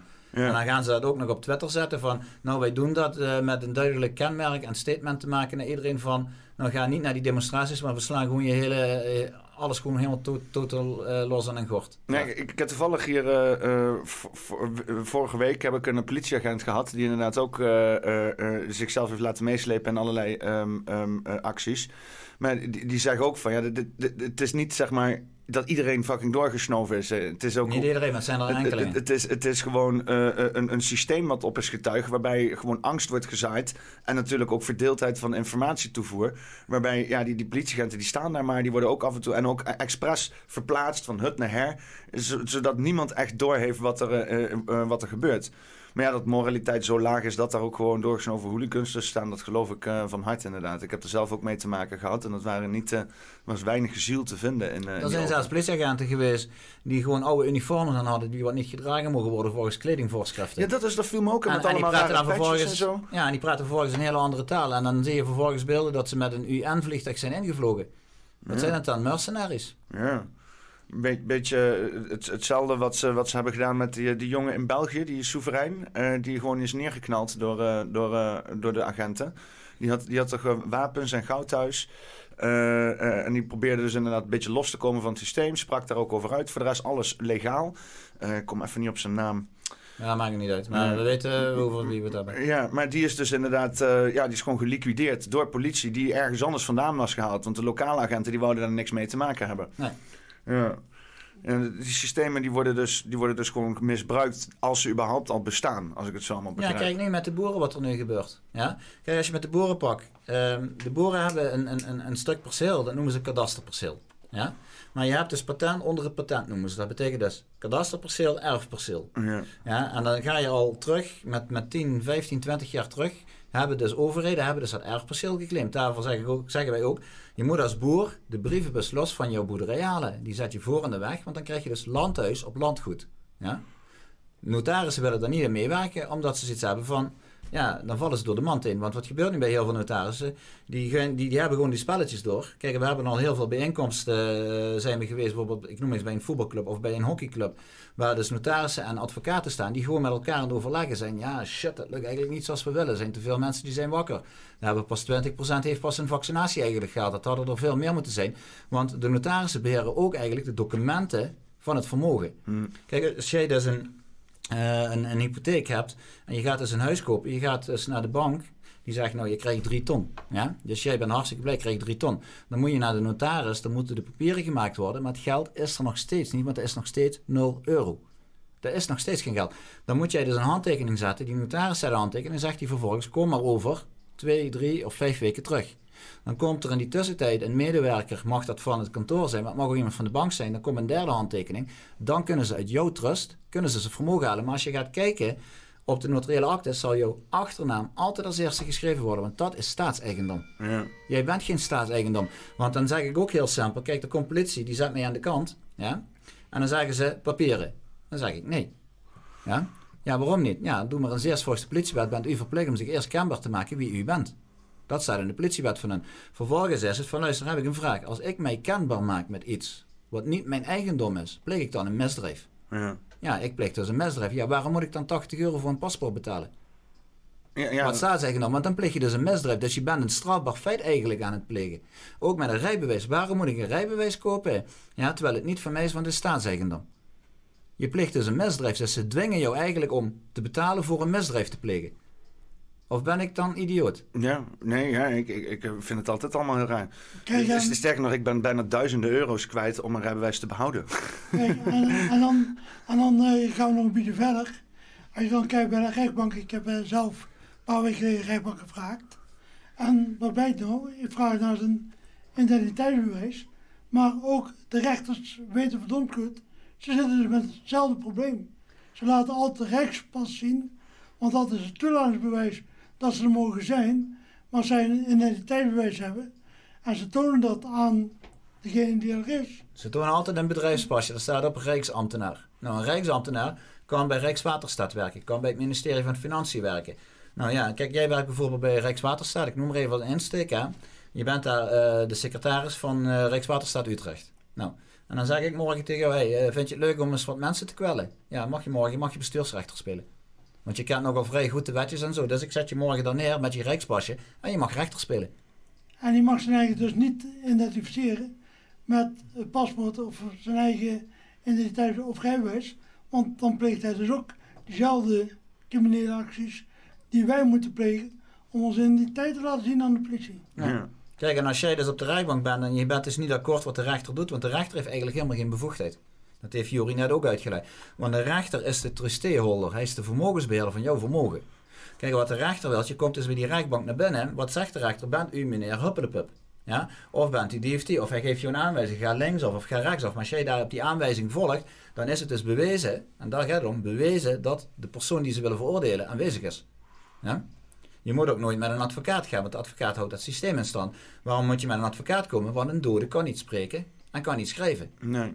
Dat is het. Dus hebt bijvoorbeeld, noem maar eens, dit, dit is bijvoorbeeld bewijslast. Ja, even als voorbeeld. Die dien ik dus in bij de rechter, maar wat is nu? De voorkant is feitelijk bewijs. Waardoor de rechter, die draait dat hele pakket om en die kijkt naar de achterkant. En dat is een bepaalde trucage die je moet toepassen, maar die achterkant is blanco. Dit is het juridisch gedeelte. En die moet je op een bepaalde manier verzegelen. Nou, wat gebeurt dan vervolgens? Die rechter gaat kijken, oh shit, verzegeld, verzegeld, verzegeld. verzegeld. Ah, ik heb er eentje die is niet verzegeld. Dus je bent veroordeeld. Boom. Dat is wat ze doen. Oké. Allemaal, allemaal heel veel rare constructies en zo om een beetje de, de, de, de wetgeving die ze zelf hebben geschreven ja. te omzeilen. Kijk, die je hebt, zo niet gehandhaafd kan worden. Ja, je hebt de griffier. De griffier stelt de rechter aan wie welke zaak doet. Ja. Dus je komt naar binnen. Dus dan zegt de, uh, de rechter bijvoorbeeld van, nou, ik noem maar even het, uh, ik ben een Franks Meesters, ik noem maar even het, hè? Gewoon een fictienaam. En dan zeg ik vervolgens, kom ik binnen, zeg ik dus u bent tegen de rechter, u bent dus de trustee Smeesters Frank. Want je noemt eerst je achternaam, dan je voornaam. Ja? Nou, de rechter zal er niet blij mee zijn. Dus wat gebeurt, we hebben dat met veel mensen al toegepast. Die raken dus geïrriteerd, want we hebben het spelletje door. Dan kijk ik naar de griffier en zegt de rechter, ja, maar de griffier heeft niks te vertellen. Nee, u moet de mond houden, want u heeft niks te vertellen. U probeert mij in die trusteerrol te zetten, terwijl ik de trust ben. Ik ben degene die bepaalt als begunstigde wat er met mijn vermogen gebeurt. Dan kijk ik naar de, naar de griffier, dan zeg ik tegen de griffier, dus u bent dus de griffier, de curator, die dus de trustee Smeisters Frank heeft aangesteld.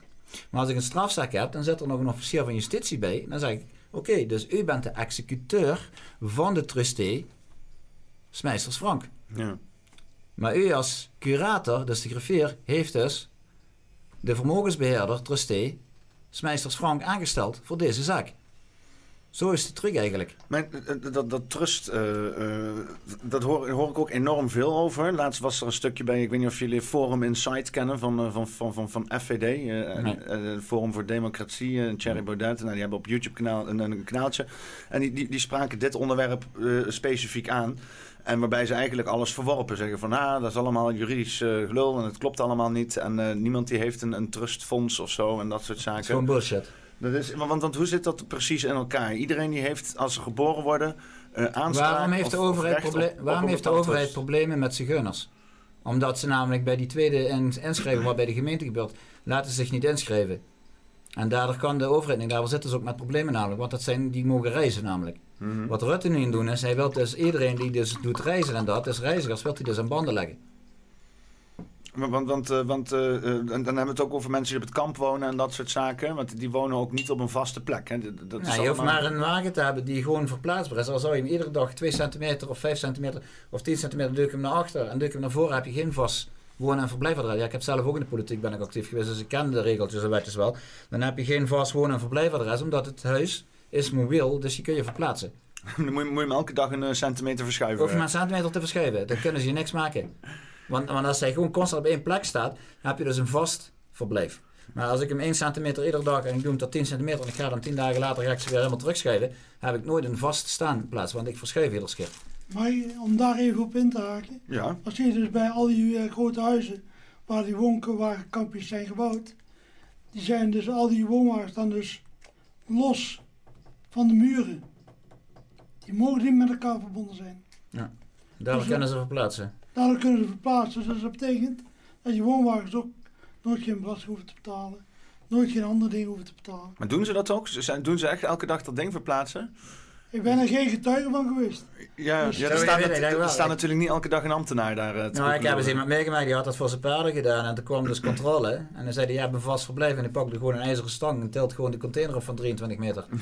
en hij doet hem gewoon een halve meter naar achter. Zegt hij, nou ja, ik heb geen vaste plaats, zegt hij.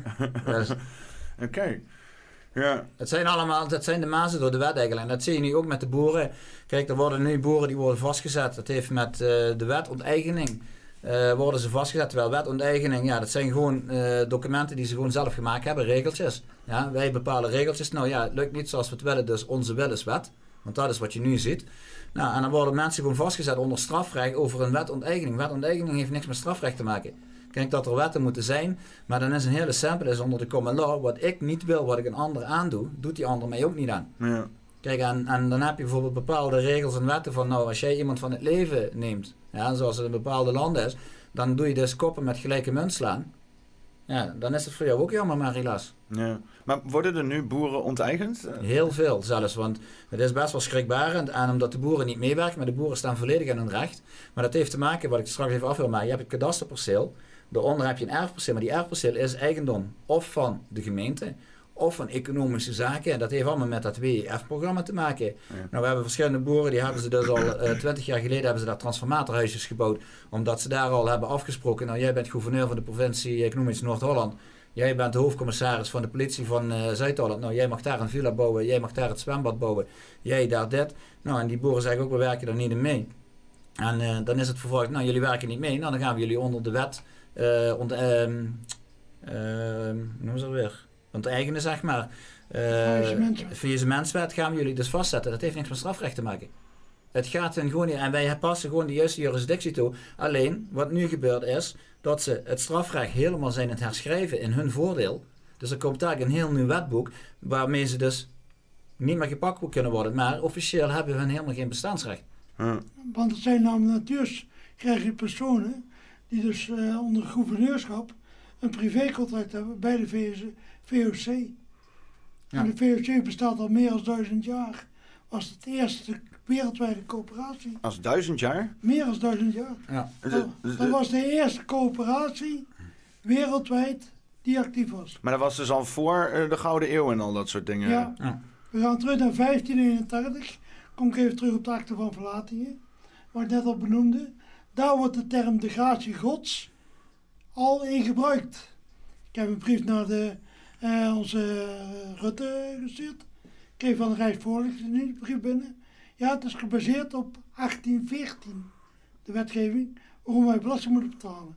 Toen zijn wij met z'n drie gaan spitten. En we komen dus tegen dat blijkt dat de VOC in 1814 in Londen een contract heeft getekend met de City of London, waardoor dus de VOC handel mocht bedrijven van Indië en van al die eilanden. Onze 17 overzeese gouverneurschappen om kruiden, specerijen gaan allemaal in Nederland halen. En dat is dus gedaan. En tegenmaatregel is dat wij dus landrente moesten betalen als burgers, wat het huidige belastingssysteem is. Maar wil je nou zeggen dat al de VOC sinds het jaar duizend een ding is? Ja. Want, want, er is natuurlijk wel echt een gigantisch gat ook in de geschiedenis uh, voorbij 1500, waarbij uh, een beetje alles wordt weggewuifd als uh, ja, donkere, weet je wel, middeleeuwen, medieval times, daar weten we allemaal niet, er is geen documentatie van. Maar daar, die 500 jaar voor 1500, daar is dus ook gewoon al gigantische imperiums gebouwd en dergelijke. Ja, je moet het anders stellen. Hè? Als ik nu een simpele vraag stel, wat is de hoofdstad van Nederland? Zou zeggen Amsterdam. Maar dat is het niet. Oké. Den Haag? Amersfoort. Amersfoort? Amersfoort. Amersfoort was de oversteek van de Romeinen richting Londen. En waarom Amersfoort? De bisschop van Keulen heeft namelijk Amersfoort alle privileges gegeven. Tot hoofdstad van. En dat heeft met de VOC te maken, ook met landsadvocaat van Oldenbarneveld. Landsadvocaat van Oldenbarneveld heeft dus in 1580 is hij begonnen met het oprichten van die VOC. Wat hebben ze gedaan in 1602? Zijn ze dus met 65 schepen, zijn ze dus Portugal en Spanje gaan aanvallen. Waarmee ze dus alle landen, uh, waarmee ze de Portugezen konden verjagen. Want de Portugezen waren namelijk de beschermers met Spanje van alle landen eigenlijk over de hele wereld. Onder uh, de papaboels die ze hadden gekregen vanuit de kerkelijke rechten.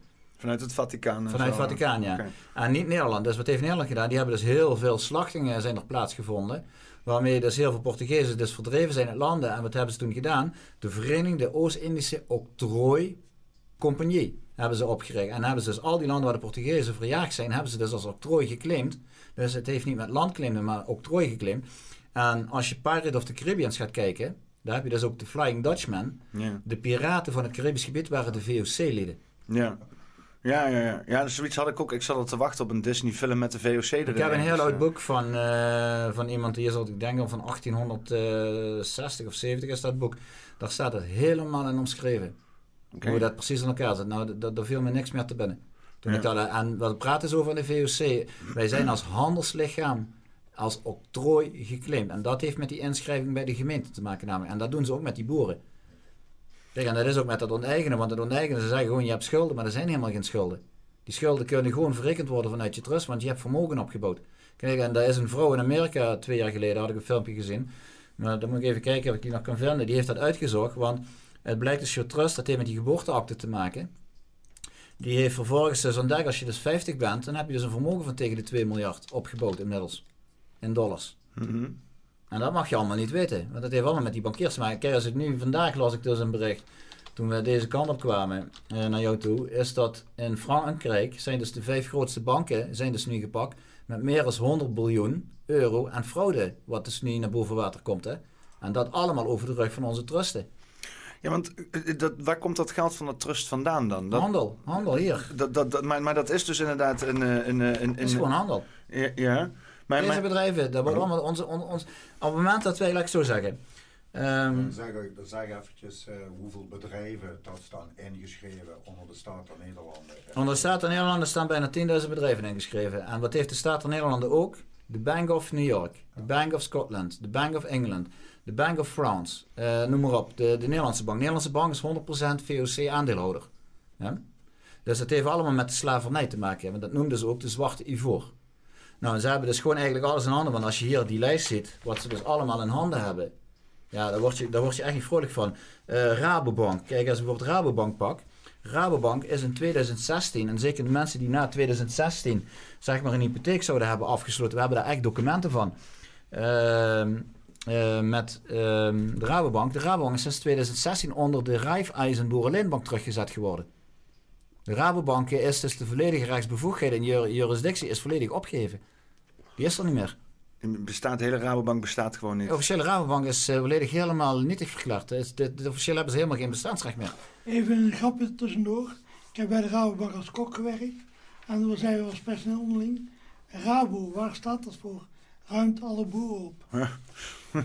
ja, dat is een succesvol gelukt inmiddels. Uh. Ja. En uh, Greden is de hoofd van de Rabobank. En dat staat dus weer onder het trustvermogen van de Nederlandse Staatsbv. Ja, kijk, en ook als je pakt, hè, heb ik hier bijvoorbeeld pensioenverzekeringen, pensioenfonds. Maar wat? Even inzoomen. DSM noem ik maar, hè? Ja. Er staan gewoon de namen in. De pensioenfondsen zitten gewoon onder beheer van Nederland. Dus als ze zeggen, we maken duizend miljard over naar de Europese Unie of naar de IMF en dergelijke. Ze kunnen gewoon rotzooien wat ze willen. Dus... Dus, dus wij leven in een, in een, in een bedrijf uh, daarvan uh, uh, doen ze alsof wij daar enige, enige recht in hebben als burger, terwijl we dat niet hebben. En wij zijn als mensen gewoon een soort van commodity. Ja. ja. Moet het zo zien? Ja, kijk, als Sheerpak daar bijvoorbeeld, hier moet je dat kijken. Rosillo Family Trust. En zo hebben ze heel veel trustfondsen, hebben ze. Allemaal onder Staten Nederlanden. Ja. En het wordt in de Tweede Kamer wordt allemaal bekendgemaakt. Kijk naar de discussie over Rusland. Dat op een gegeven moment om zich vraagt. Ja, er zijn 15 Russische trustfondsen waar de miljarden staat. En Nederland heeft dus ook voor iedere aparte inwoner van Nederland, heeft dus een trust opgericht. Ja, net zoals Amalia, die kreeg, uh, althans het heeft ze dan met een brief naar Rutte geschreven, uh, heeft ze daar afstand van gedaan. Maar het schijnt dat uh, Amalia anderhalf miljoen vanuit dat trustfonds ieder jaar betaald kan krijgen. Ja. En dat is ook iets waar wij, waar wij wezens ook in principe recht op hebben. En dan nog even terug te komen op, uh, op die geboortetrust. Uh, waarvoor heeft de koninklijke familie toen in die tijd met de film van Michiel de Ruiter is een, heel, een hele opspraak geweest. Want zij wouden eigenlijk verbieden dat die film werd uitgezonden. Maar dat is dus jammer maar helaas niet gelukt. En daar komt ook een heel stukje over de trust komt er ook in uit. Ja, want, want, want uh, uh, er is dus vermogen waar wij. Maar hebben we daar dan als Nederland. Want wij, wij zijn niet eens Nederlands burger dan. Wij zijn nu. De, soort, wat zijn wij nou eigenlijk dan? Levende wezens. Maar, maar, we zijn geen mens van vlees en bloed, maar we zijn wezens. In de ogen van de staat of uh, gewoon nee, juist, juist. Wezen, je bent geboren als wezen, want wij zijn een zoogdier. Ja. Ja? Ik denk dat ze beter even de plakkaat van verlatingen even kens laten, uh, kan laten uh, uitleggen. Ja. Omdat in de plakkaat van verlatingen over fossielen ja, wordt, wordt over ja. fossielen gesproken. Jan heeft daar de expertise in. En die, die, hebben dus, wordt over fossielen gesproken. En als je kijkt wat fossielen zijn, dat zijn dus planten en dieren die dus in steen zijn verhard. En dat zijn fossielen. Ja. En zo wordt er zo in de akte van verlading, wordt er ook zo over ons allemaal gesproken. Als fossielen? Als fossielen. Waarom zegt de overheid steeds fossiele brandstof? Omdat ze willen lijken dat het, uh, dat het opgaat ergens. Een ja, en als je echt een fossiele brandstof pakt, zoals mijn opa dat geleerd heeft, dan praat je dus over turf. Want dat is een fossiele brandstof. Ja. Dat, dat brandt. Want aardgas en olie, kijk, ze zeggen wel van we hebben een probleem met aardgas en olie, maar dat wordt gewoon door moeder natuur zelf bijgemaakt. Dat is gewoon geen aardgas en olieprobleem. Het wordt gecreëerd namelijk door degene om ons onder controle te krijgen terwijl ze helemaal geen bevoegdheden hebben. Ja. Kijk, en dan komen we terug op de akte van verlating weer. Akte van verlating. Er staat hier schema opgemaakt in 1531 op basis van ideeën van Calvijn en van een zekere Beza die leerling was bij Calvijn. En wij hebben in Nederland hebben een Calvijnse samenleving, de protestanten, waar ons koningshuis onder valt. En we heeft hij bezig gezegd, de gratie gods. Dat is deze toch die ik er nu voorbij heb staan? Ja. En, da, en de gratie gods houdt dus in dat dat dus toen gebruikt werd om de fossiele de levende wezens te benoemen. En die hebben dus het recht om uh, de Nederlandse uh, regering af te zetten. Maar die hebben dus ook het recht om het Koningshuis af te zetten. Wat heeft Rutte dus in 2021 gedaan? Heeft dus de gratie gods verklaring in de akte van verlating gebruikt om eventueel de koning af te zetten. Eventueel. En hij heeft het ook duidelijk toegegeven in de Tweede Kamer bij de algemene verschoningen dat we vanaf dat moment dat hij demissionair was, is het Nederlands staat een republiek die terugvalt, teruggaat naar 1776, wat de oorsprong vindt in de Amerikaanse grondwet. Hm. Ja, maar het verdrag van verlatingen is toch ook de, de basis geweest van uh, de, de, de, de, de Constitution uh, in Amerika? Ja, ja, de Nederlandse versie is overgeschreven in het Engels, dat is die Constitution van 1776. Ja. En die is opgemaakt door een notaris. Om dan even heel terug, uh, terug te komen naar het AMI gebeuren. Maar zegt ook de Belastingdienst, die zegt van, ja, je moet een notariële akte kunnen overleggen. Dus mensen, pak de akte van verlatingen daar staat de notaris onder in Genève, die dat op uh, geschreven heeft. In Genève. In Genève is het plakkaat van verlating, maar niet wat onze is wijs gemaakt in, in, in, België. Uh, nee, nee, wat is wijs gemaakt is dat in België zou dat zijn geweest. Maar dat blijkt helemaal niet waar te zijn. Het is in Genève gemaakt. En dan, dan niet alleen. Zwitserland, uh, ja. tuurlijk weer in Zwitserland. En, dan, en dan niet alleen, maar hij is opgemaakt door een notaris. En hij is dan 17 gouverneurs. 17 speelt heel belangrijk als je een complottheorie denkt, hoe gaat zitten, kom je bij Q uit. Ja, Q is ook 17. Dus daar ligt dus een hele belangrijke link. En waar staat Q voor? Kill de nazi's, kill de Zionists. En dat is dus, kom je terug naar de Oekraïne, zijn allemaal nazi's die door Rusland opgeruimd worden. En daar hebben we 100% bewijs van tot de akte van verlatingen getekend is in Genève. Daar hebben we een officieel koninklijk document van. Ja. Maar, dus je hebt hier een heel soortje bedrijven. Uh, die dus inderdaad de eigendom uh, vinden in, in, in, in, in een, een, een, setje mensen die dat allemaal gekaapt hebben. Maar eigenlijk uh, zou dit allemaal van, van ons als, als, als eigenaren van dit, dit zou van, van alle burgers moeten zijn, alle wezens, zeg maar. Ja, burgers kijk, eerst voorbeeld, hè. eerst een zaak, eerst komen wij ook in Zwolle uit, hè, bij de Rijkbank. Ja? En dat heeft met hypotheken te maken. Ja. ja? Als ik naar hypotheken ga kijken, Rijkbank Zwolle Lelystad, hè. Wat ik hem hier heb. Dan ga ik naar onder, wat staat hier? De Bank of Scotland. Ja. ja. Dan zal ik een stukje oplezen.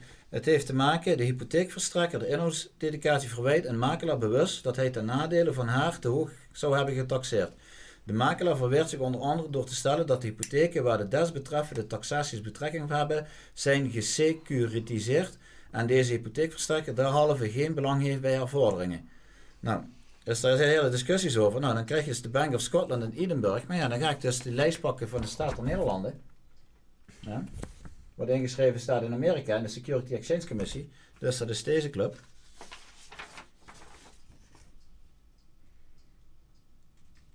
Even kijken. Ja. En voor de, voor de luisteraars, uh, we kijken nu naar uh, een, eh, een, document waar uh, op staat dat de staat van Nederland. Staat er Statement of Acquisition of Benefit nee. Ownership by Individuals? Staat er, staat de inschrijving. Ja. Hier staat ook het nummer boven. Hè? Staat van Nederland inschrijving bij de US Securities and Exchange Commission. Ja. Nou, dan heb ik hier dus ook. Hè. Kijk, Security Exchange Commissies staat hier ook. Hè? Ja. Ja, en dan ga ik dus even daar doorheen bladeren. Dit zijn dus dochterondernemingen van hun. Hè? En dan gaan we even kijken. Maar heeft het ook te maken met privatisering waar we door zijn gegaan en dat soort zaken? Of staat het daar verder los van? Is dat dan gewoon weer uh, een beetje afleiding? En, uh, dat, dat, is eigenlijk een beetje afleiding, maar de hoofdaandeel ook. Zie je het staan? Wat staat er? Uh, de Royal Bank of Scotland. Ja, hypotheekverstrekker. De Royal Bank of Scotland. Wie is daar de eigenaar van? Staat er Nederlanden. Staat er Nederlanden. Is, is ook de Bank van Scotland, de Isle of Man. Nou, als je dan vervolgens een ander document gaat pakken. De Isle of Man, waar, uh, waar uh, hoe heet hij weer... Uh, dat is waar, David Icke woont, toch? Ja, dan heb je dus Beatrix van Oranje Nassau. Ja. Zoals hier staat, hè? Relatiegeschenken koninklijk. Want dat is hij Israël. Dan heb je hier al die bedrijven eronder staan, hè? Nou, dan ga je dus hieronder kijken wat ik dus een beetje aangevinkt heb. Isle of Man. Oh ja. ja. De Bank of Scotland, hè? Wie is daar de eigenaar van? Staat van Nederlanden. En weet je waar de staat van Nederlanden officieel ingeschreven staat? Bij de UCC. Nou? Dat is in Boston, Philadelphia en hoofdplaats Zwolle. En wij hebben ook de lijsten in ons Zwolle. bezit waarin staat wie de officiële trustee zijn van de Nederlandse KBV. Met naam, toenaam, wie ook de alle eh, ministerie van Financiën, CEB, de, eh, CBS, eh, nee, eh, CAK en al die bedrijven. En waar heeft het mee te maken? Wat staat hier? Beheerfondsen. Ja. Dus alles heeft met vermogen te maken. Maar eh, dan is toch wel mijn vraag een beetje van... waarom eh, zouden wij als wezens dan zeg maar eh, recht hebben op al deze constructies? Omdat ze, omdat ze namelijk claimen dat zij de eigenaar zijn van waar wij overheen lopen. En Erik heeft dat al een keer op gevraagd. Ik heb het ook op Twitter gevraagd. Laat mij de Nederlandse staat maar eens zien dat zij een contract hebben met de aarde waar wij overheen moeder lopen. En die hebben ze niet. Hun claimen gewoon de grond is van ons, maar de grond is niet van hun. Het is hetzelfde als ik ga boren en ik wil grondwater hebben. Dan komt er zo'n organisatie die zegt, wij zijn waterschap. Ja, hun hebben geen bevoegdheden. Hun denken dat ze wat te vertellen hebben. Maar ja, nee, en, en ze, ze handhaven het natuurlijk ook. Want, Ja. want ze komen met de geweren je huis binnenvallen als je, als je daar niet eh, aan voldoet. Ja, eh. maar kijk, dat is een black law. Hè? De Black Dictionary Law. Van 1 tot en met 11. Nou, ik heb een bankier die heeft mij heel veel uitgelegd. Van dat het meeste wordt gebruikt vanuit de Black Law 3. Kijk, en als je daar gaat kijken, in de Black Law 3 zegt gewoon, de grond is van iedereen. ja. Er is niet een staat die zich dat kan claimen. Kijk, en wat het probleem is, is dat één persoon zegt... eh, jij moet morgen 100 euro belasting per dag betalen. En, en, de, en 1 miljoen mensen zeggen, ja, is prima. Dan hou jij dat systeem in stand wat nieuw is. Als iedereen zegt van vanaf morgen, jongens, luister, het is goed geweest. Ja? Want jij hebt helemaal niks te vertellen over mij. Kijk, dan, dan houdt het op, hè. Het heeft Rutte ook meermaals gezegd. Als iedereen nee zegt, dan is het einde oefening. Ja, ja, ja. Hij had zoiets En raars ze gezegd. geven hè? het gewoon. En wat ook gebeurde in de Tweede Kamer, en dat is, wij vallen onder de Admiralty Law, is de Maritime Law. Wat gebeurde in de Tweede Kamer, ze doen de vlag bekendmaken, dat is de oorlogsvlag, de kleur bekendmaken voor hetgene wat ze aan acties gaan uitzetten. Dat is wat er gebeurt. Kijk, en als je nu die patronatten pakt van D66, die wil die eerst, eerst de hele Eerste Kamer opdoeken, hè? Ja, dat heb ik inderdaad. eh, Er kwam eh, op, eh, op Lubach een leuk stukje voorbij, inderdaad. Waarbij ze dus. eh, ja, niet alleen bij Hubach, maar ook bij eh, Jensen en dat. Die, die vertelden dat ook. Ja, nou ja, ja, Lubach die presenteert het natuurlijk als staatspropagandist aan het volk alsof, alsof het een goed idee is. Hè? Dus, eh, dus die zei ook van, oh ja, de Eerste Kamer, daar moeten we echt vanaf met z'n allen. En Lubach, dat is natuurlijk gewoon een propaganda-outlet van D66. Ja, die, die Jan Paternotte, die zit bij die D66. Dus dat, dat klinkt allemaal heel, eh, Ja, Ja. heel logisch inderdaad. Nou, dan is mijn vraag. De persoon die de, dat, als poppetje dat uitvoert, is hij wel bevoegd of hebben we daar een eh publiekrechtelijk persoon of hebben wij een privaatrechtelijk persoon voor ons staan? en een publiekrechtelijke persoon, dat is dus een gebouw. Wat Jury net ook zei. En een gebouw kan dus geen contracten sluiten. Kan je dus niet veroordelen. Ja. Heeft dus geen bevoegdheid om over jou te oordelen.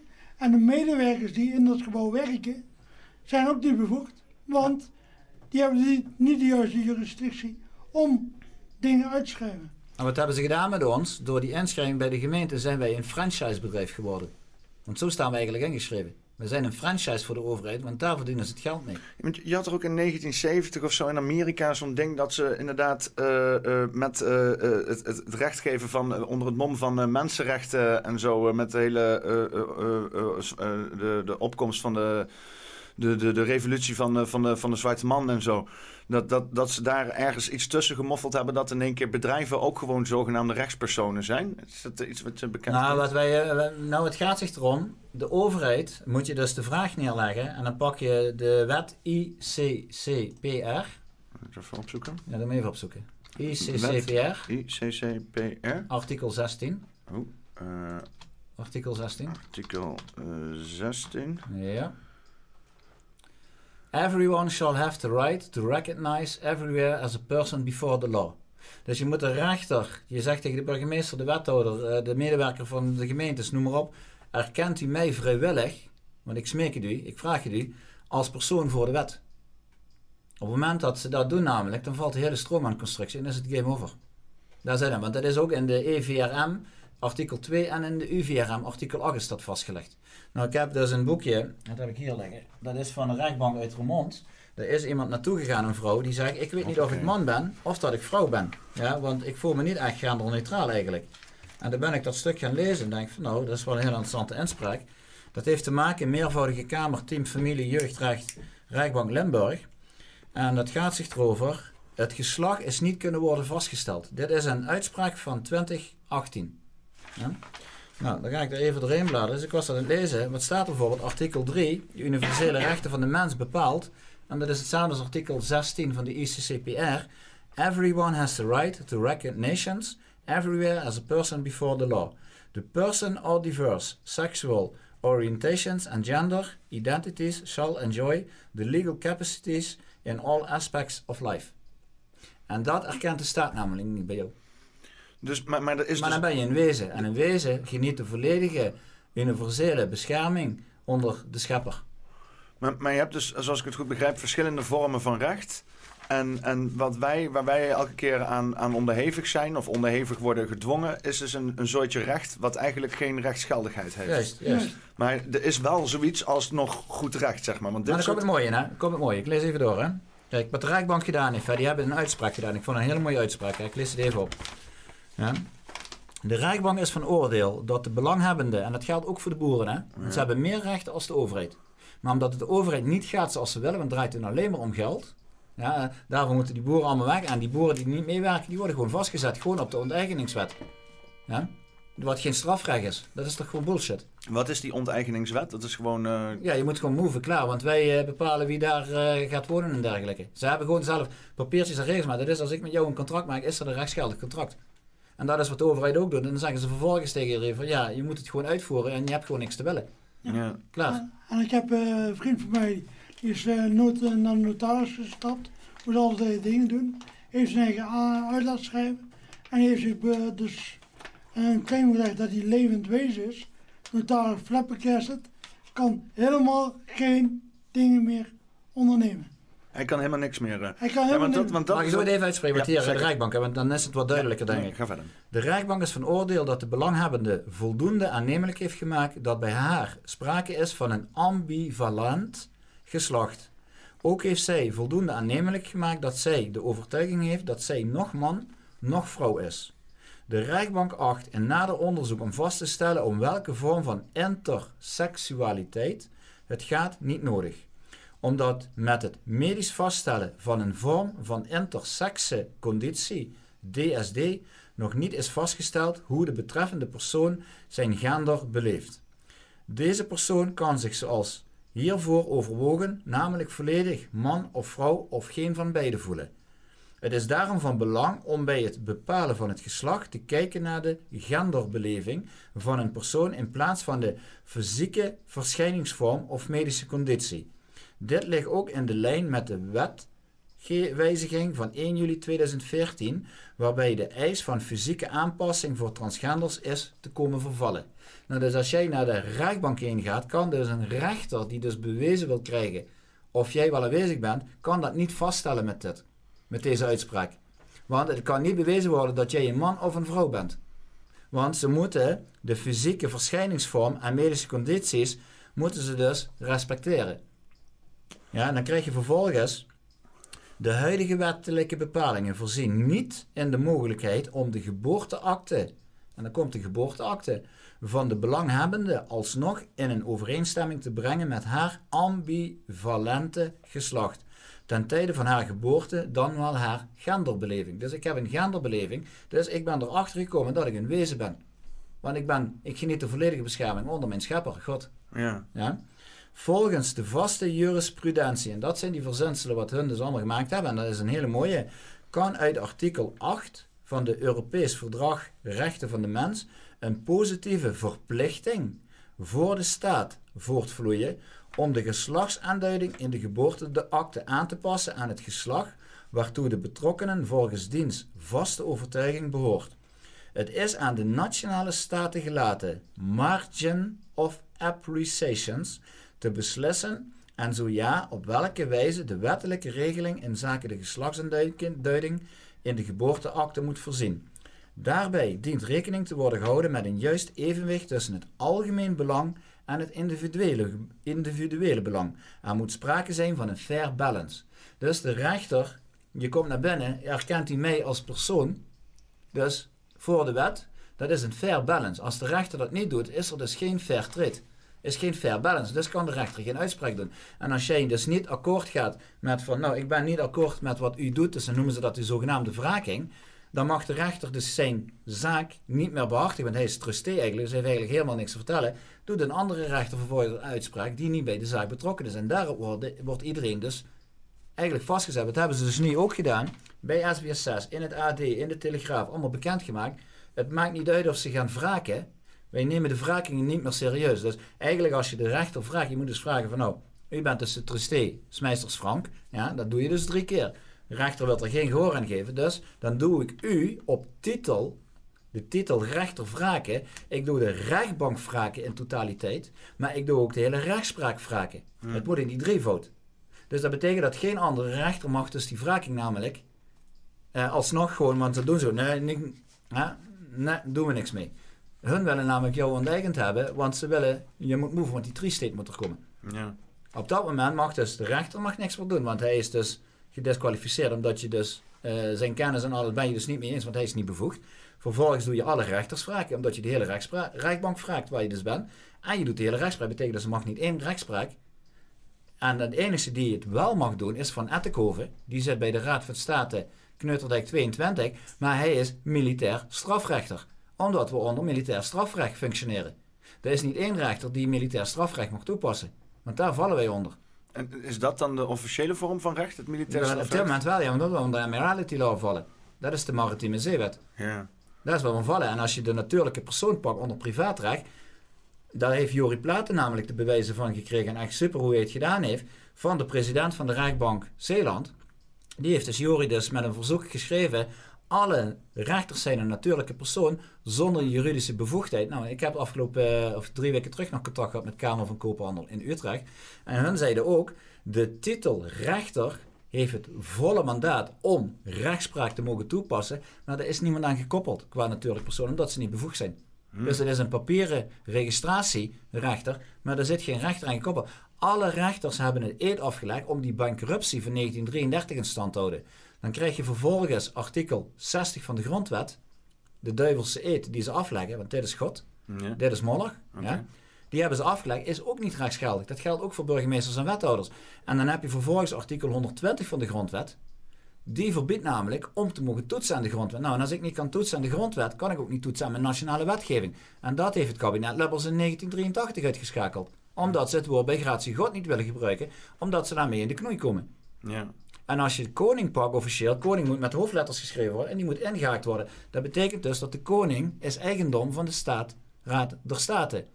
Ja? En hij is geen koning, maar hij is een gouverneur die dus daar is gekomen omdat Maurits heeft namelijk, zoals ik het goed begrepen heb uit de geschiedenisboeken, we hebben echt heel diep moeten zoeken, die heeft van Oldenbaldenveld vermoord.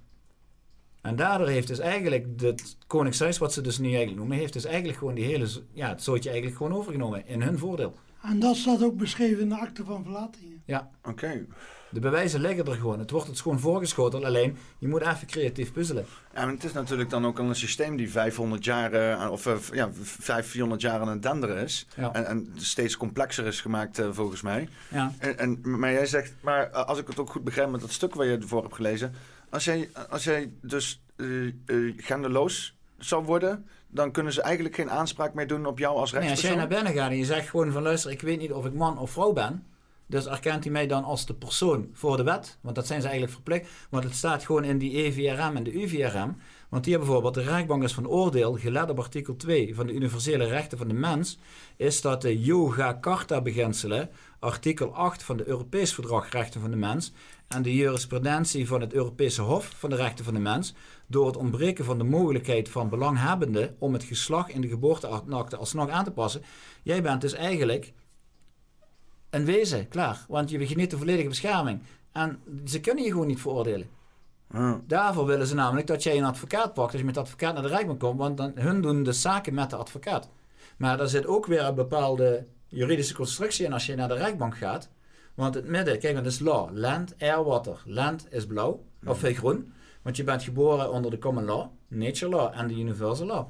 Dan heb je air, dat betekent levend wezen. Dat zijn wij, dus die staan in het midden van de rijkbank. En dan heb je dus water, water. Ja, dat is de maritime law, die admiralty law, dat is militair strafrecht.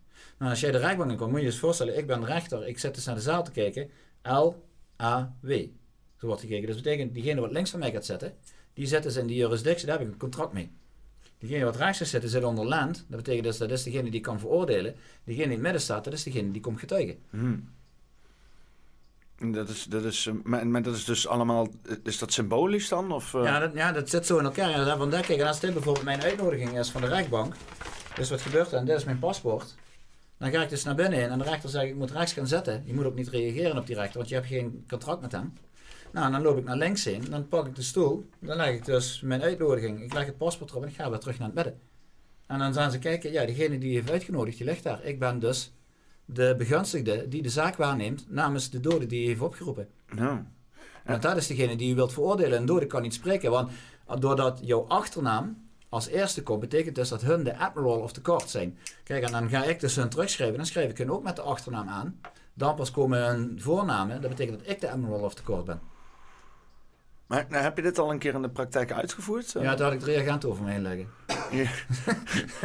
dus, ik was bijna drie minuten weer buiten. Dus, uh... Oké, ja, dus, dus uh, ze, ze gaan er niet zeg maar, mee akkoord als, als je dat spelletje gaat spelen? Ik had een rechter voor me zetten, die had in 2012 de, de common law onderzoek gedaan vanuit uh, de, common, um, de House of London, noem ik maar even, met de inmenging in de Nederlandse wetgeving.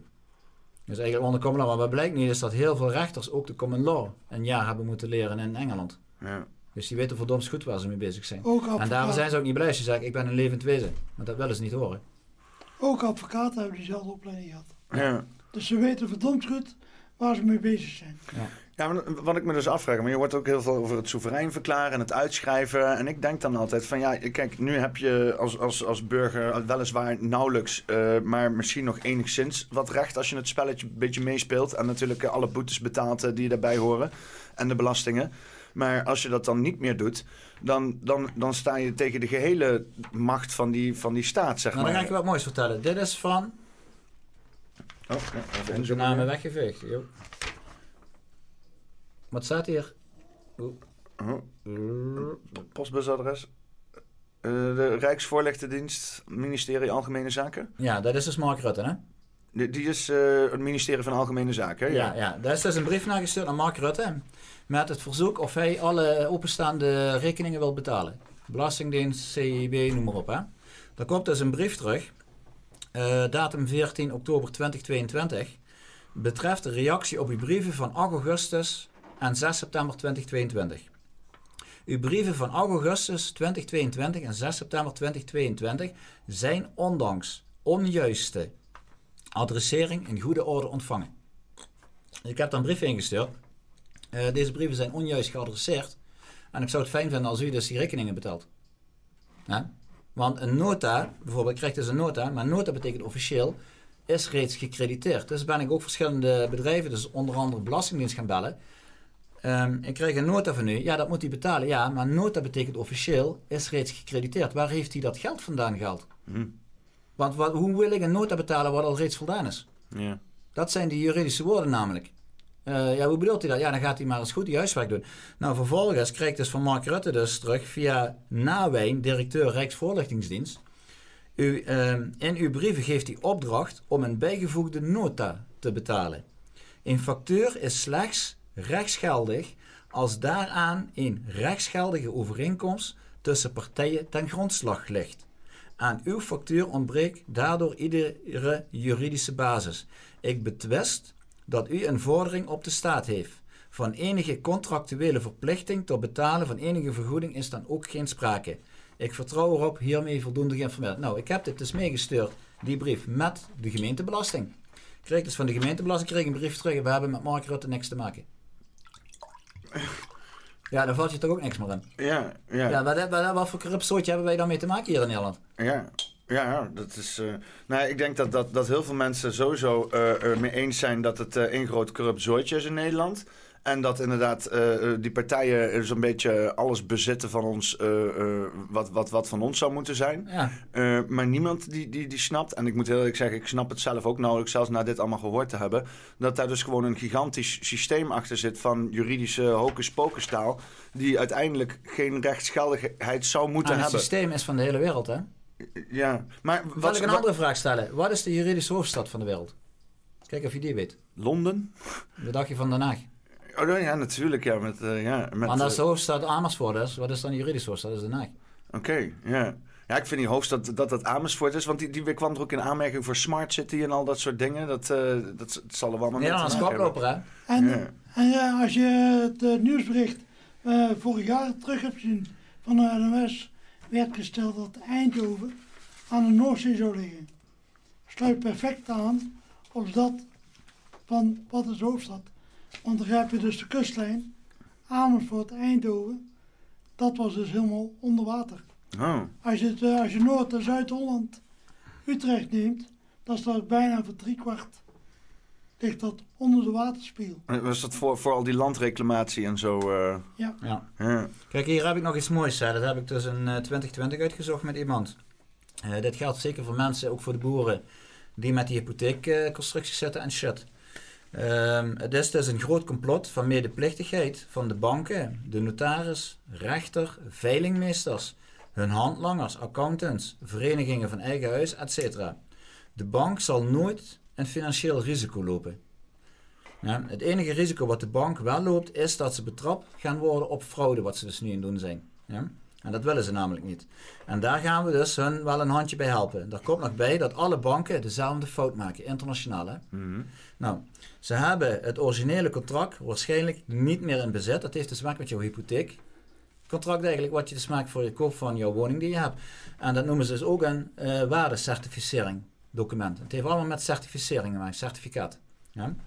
Nou, die zal dus waarschijnlijk, als je dus naar de bank gaat vragen, hebben we niet. Die zal dus nooit boven water komen. Nou, dat maakt hun positie zwak. Ja? Wat betekent dat? Dus als we ons gewoon goed blijven inzetten, is het gewoon een kwestie van tijd dat we dat hele systeem gaan kraken. Nou, dat is dus inmiddels gewoon van alle kanten moet gebeuren. We hebben vier jaar harder moeten werken. Nou, dan ga je dus, wat ga je doen? Je gaat altijd vragen naar de originele hypotheekovereenkomst met natte handtekening. Niet die kopie wat je hebt gekregen, want die heeft geen rechtswaarde. Nee. Je moet de originele hebben, want waarom krijg jij die originele hypotheekakte niet mee vanuit de notaris? Moet je jezelf vragen. Waarom krijg je gewoon een flutpapiertje ja, waar een handtekening op staat van de notaris, wat ook nog een kopie is? Nee. Waarom krijg je de originele niet mee? Die originele is van jou, niet dat kopietje. Je denkt van, oh kijk eens wat ik heb. Nee, je hoort de originele te hebben, maar die originele gaat die notaris jou niet geven. Ja? Zoveel mensen lopen niet met een rechtsgeldig document rond. Nee, nee. Dan kun je gewoon je kop mee afvegen. Ja. Zelfs de notarissen zijn er niet eens op de juiste jurisdictie beëdigd. Dus die hebben 15 jaar opleiding gehad. Kunnen ze gewoon 15 jaar zo. Ja, kunnen ze gewoon weggooien. En hoe noemen ze dat? Dat noemen ze een promissory note. Een notariële akte. Want die promissory note is in het voordeel van de staat. Het, het, voordeel van jou. Het, verwijst naar een document dat ergens ligt, wat wel rechtsgeldig is. Ja, en waar de handtekening en naam van een bankmedewerker niet op staan vermeld. Want je hebt een kopie. Maar het mag vanaf nu doen ze dat ook dus met een medewerker van het kantoor zelf. Dus we hebben met, uh, contact met verschillende mensen die bij een notaris werken, ook notarissen zelf, die ons uh, alles hebben uitgelegd de afgelopen jaren. Hoe het in elkaar zit. Het, het, is echt gewoon schrikbarend. Als je het dan ziet, hè. En dan krijg je vervolgens Um, dus die handtekening naam van een bankmedewerker of van een medewerker van de notaris staan er kortweg niet op vermeld voor het document wat jij hebt. Kortweg, het origineel is zeker, en dat zeggen ze ook allemaal, 100% doorverkocht en is bijna onnaspeurbaar. Het ligt eigenlijk in stukjes verkocht, verspreid over de hele wereld. Want jouw hypotheek, op het moment dat jij die handtekening zet, is die drie keer wordt die doorverkocht. Dus ze gaan drie keer uit jouw trust halen ze dat geld. En dan gaan ze mee handelen over de beurzen ja. met jouw geld. Wat dan vervolgens gebeurt, je moet dus de bank erna blijven vragen naar het originele hypotheekovereenkomst met natte handtekening. Nou, dat kunnen ze dus niet, hebben we dus gemerkt. We hebben al heel veel mensen gehad die daar echt zijn gaan. Op eentje na, die heeft het wel gelukt om het te krijgen. Maar, dat bleek achteraf, zijn we dus gaan nachecken, blijkt dus die handtekening vervalst te zijn. Dus er is ook nog valse tegen schriften wat dus plaatsvindt. Ja. Nou, dit contract is voor de bank namelijk het aankoopbewijs voor jouw huis, noemen ze dat. Nou, die certificaat, het aankoopbewijs, waardecertificering noemen ze dat. Nou, als ze dit doorverkocht hebben, dat betekent dus dat er geen aanspraak meer gemaakt kan worden op beslaglegging op jouw woning. Omdat ze het document niet hebben. Dat betekent dus dat het huis, de hypotheek, volledig is afbetaald. Ja. Dus waarom moet je dan nog hypotheek betalen? Nou, dan krijg je vervolgens, mocht daar zich een rechter mee gaan bemoeien, en dat is heel interessant ook voor de boeren, dan ga je dus aan de rechter eisen, want die eis mag je neerleggen, dat de, dat de rechter bij de bank het origineel gaat vragen voor de zetting. Ja. Nou, dat hebben wij dus ook gedaan. Die rechter wilde dat dus niet. Dus wat hebben we daarmee te maken? Eén grote corrupte bende. Ja. Ja? Nou, en wat blijkt dan? Dan zeg, uh, zeg erbij dat een zitting overbodig is. Dus je zegt tegen de rechter van luister, allemaal leuk en aardig. Ik eis van u dat u de originele aankoopbewijs, die certificaat van de bank, wil ik dus zien op de rechtbank. Nou, kunt u dat dus niet uh, tevoorschijn toveren, dan heeft die rechtbank gewoon geen zin, want dan is het officieel is dus die zaak gedaan. Want dan hebben we dus geen rechtszaak. En dat is dus ook met verschillende boeren wat nu gaande is. Ja, wat gebeurt dan vervolgens? Dan gaat het niet zoals de overheid het wil. Pakken ze dus de boeren op en flikkeren gewoon in de gevangenis. En dan zeggen ze gewoon, nou, je wordt dus vastgezet vanwege de wet onteigening. Ja, via menswet, wat geen strafrecht is. Ja, en, want we willen jou weg hebben. Jij loopt, jij loopt ons in de weg. Je bent gewoon een probleem voor ons.